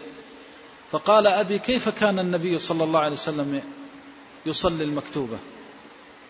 كيف كان النبي دخل هذا التابعي على هذا الصحابي لما قدم عليهم في البصرة؟ ولما دخل عليه رضي الله دخل عليه رضي الله عنه وأرضاه سأله كيف كان النبي صلى الله عليه وسلم يصلي الصلاة؟ ما قال له والله كيف وصلت؟ وصلت بالطيارة. متى ما شاء الله كان وصولكم؟ ها ما شاء الله كيف تأخرت الرحلة ولا ذهبت ولا جاءت؟ وما شأن أبقاركم وغنمكم وسياراتكم شيء من الفضول. لسان لو رأيت من أصابته الجلطة. أعاذنا الله وإياكم. كيف أهله يلهثون ينتظرون أن يقول كلمة وحرفا مرض بعض قرابتنا فلما رأينا شيء تهال العقول لكن النفوس المستيقظة. الجلطة تصيب الإنسان ما يعرف كيف يتكلم. أدرك لسانك قبل أن يحال بينك وبين الكلام. أدركه بشيء يرضي الله أدركه بشيء يثقل به ميزانك. أدركه بشيء ينار به قبرك لما تخلف للأمة سنة تدخل على العلماء تسألهم تستفيد منهم تذاكرهم. وإذا كنت من طلبة العلم لا ترضى لأحد يضيع عليك وقتك. لا ترضى لهذا. ولذلك ما ضاعت الأمة إلا إذا ضاع علماؤها ولا يضيع العلماء إلا إذا ضاع طلبة العلم. ولا يضيع طلبة العلم إلا إذا أصبحوا كالعوام. فضلك الله وشرفك إذا انتبهت لنفسك وأنت تطلب العلم. لا يشترط أنك تجلس طالب العلم من أخمص قدمك إلى شعرة راسك متى ما صحبت أهل العلم متى ما أحببتهم ولزمتهم فينبغي أن تسمو بنفسك. تضيق إذا جلست مجلس ما فيه شيء من ذكر الله عز وجل. تضيق إذا جلست مجلسا ما حملت فيه شيئا من تجارة الآخرة. ألا ترون إلى الرجل التاجر؟ انظروا إلى أصحاب المال. ورأينا بعضهم. وذكر لي بعض من يرافقهم سألته من أجل العظة والاعتبار قلت له كيف؟ فلان قال هذا فلان ما يجد وقتا. ونحن والله ما نفتخر بالدنيا. يقول ما يجد وقتا يجلس مع أحد لأنه يمكن هذا الوقت الربع ساعة تذهب عليه مليون أو مليونان أو ثلاثة ملايين. قلت سبحان الله ما عنده وقت إلا المليون والمليونين والثلاثة الملايين؟ قال نعم. يا سبحان الله هذه سوق الدنيا كيف يتلاهثون عليها وكيف يجلونها؟ فهؤلاء كل من حوله أشعره بأهمية هذه التجارة. ما يستطيع أن يدخل عليه أحد. ولا يستطيع أن يزوره بل حتى السماعة ما يستطيع أن يرفعها. ليس هذا صحيحا؟ كيف يضيع وقته هذا وقته بعبارة بعض بالملايين؟ أين الذي وقته بملايين الحسنات؟ إذا اعتزوا بالدنيا اعتز بالآخرة. ولذلك أذكر الوالد رحمه الله وهذا فقط نذكر لأشياء رأيناها وعشناها لا نتحدث. لا أذكر أني دخلت عليه والله في حياتي. وهذا شيء يحاسبني عليه عليه الله عز وجل وما أكذب.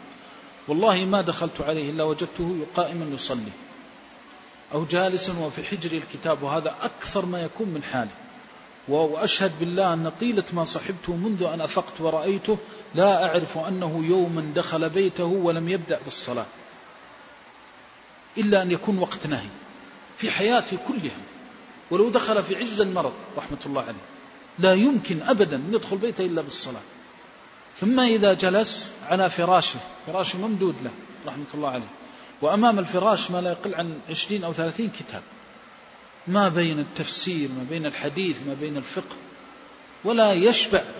ثم يجلس مباشرة على الكتاب. أو أدخل عليه وهو جالس يعقد تسبيح بيده. نزر قليل جدا إذا دخلت عليه أو أدخل عليه وهو يأكل أو هو نائم. هذا الذي أعرفه وأعرف منه. لا أكبر رجل ولا أصغر رجل يضيع عليه وقته. لا يسمح لأحد أن يضيع عليه وقته. يدخل في فضول الدنيا يتحدث يذهب يمينا وشمالا. هذا هذا أمر شبه مستحيل. إما أن يعلم أو يتعلم أو يشتغل بذكر الله عز وجل. أو يسمع قصة فيها عبرة أو عظة. يخرج إلى مع أبناء العم والقرابة وهذا يعرفه كلهم يعرفونه. لا يمكن أن يخرج يدعى إلى مناسبة إلا وكتابه معه. فإذا وجدهم جلسوا حلال الله وحرام الله وسوق الآخرة أقيمت وموازين أقيمت عاش معهم. مجرد أن يقولوا فلان وعلان وبدأ السخرية يخرج من بينهم. ويجلس تحت الشجرة ويقرأ كانوا يخرجون حتى يأتي وقت الغداء. فيتغدى ثم ينصرف. يقول الوقت رأس, رأس المال. رأس مال الوقت. ورأس مال كلنا. رأس المال من العمر كلها الوقت. وكان يقول لا أسمح لأحد يضيع علي وقتي. الوقت ما هو هدر. ولذلك ينبغي على الإنسان أن يحمل نعمة الله عز وجل. دخل هذا التابعي على أم المؤمنين. فما جلست تسأله كم تجارته كم وكم. كان رجل مبتلا بالمال. فدخل على الشيخ عبد العزيز رحمه الله برحمته الواسعة وأسكنه فسيح جناته وجلسوا من أصحاب الملايين. وقال والله بعنا العمارة الفلانية بمليون واشترينا الثانية بثلاثة وبعنا واحدة اشترينا واحدة بمليون وبعناها بأربعة ملايين. قال الشيخ رحمه الله حدثنا عن المشايخ قال كنت جالسا معه فقال له يا فلان بعتها بأربعة ملايين؟ قال نعم. قال ما رأيك هذه الأربعة ملايين؟ تعطينا منها مليون مليونا. عندنا مساكين وعندنا أيتام وعندنا أرامل فخرس الرجل. ولم يعد بعد ذلك. يقول لي أحد المشايخ قال ما عاد إذا دخل عند الشيخ يأتي بسيرة المال. هكذا يؤدب الناس. هذه سوق الآخرة لما دخلوا على أم آه، المؤمنين رضا انظروا خوفهم على الدنيا. هؤلاء يخافون على دنياهم. ألا نخاف على آخرتنا. ألا نحرص على ما يرضي الله عز وجل. والعجيب أنك يا طالب العلم ويا من تنتسب مراقب. في كل طرفة عين. مراقب في جلوسك مع الناس مراقب في اعتزازك بهذا الدين مراقب في سمتك. والله ما تعلم أين أنت. تراقبك ملائكة. وأنك إذا كثر كلامك في ذكر الله عز وجل وطبت وطاب ممشاك ولا تجلس مجلس إلا يبارك الله لك هذا المجلس. قال وجعلني مباركا أينما كنت وأوصاني بالصلاة والزكاة. علم أن هذه الأمور ما هي عبث ولا يسخري هذه حقيقة.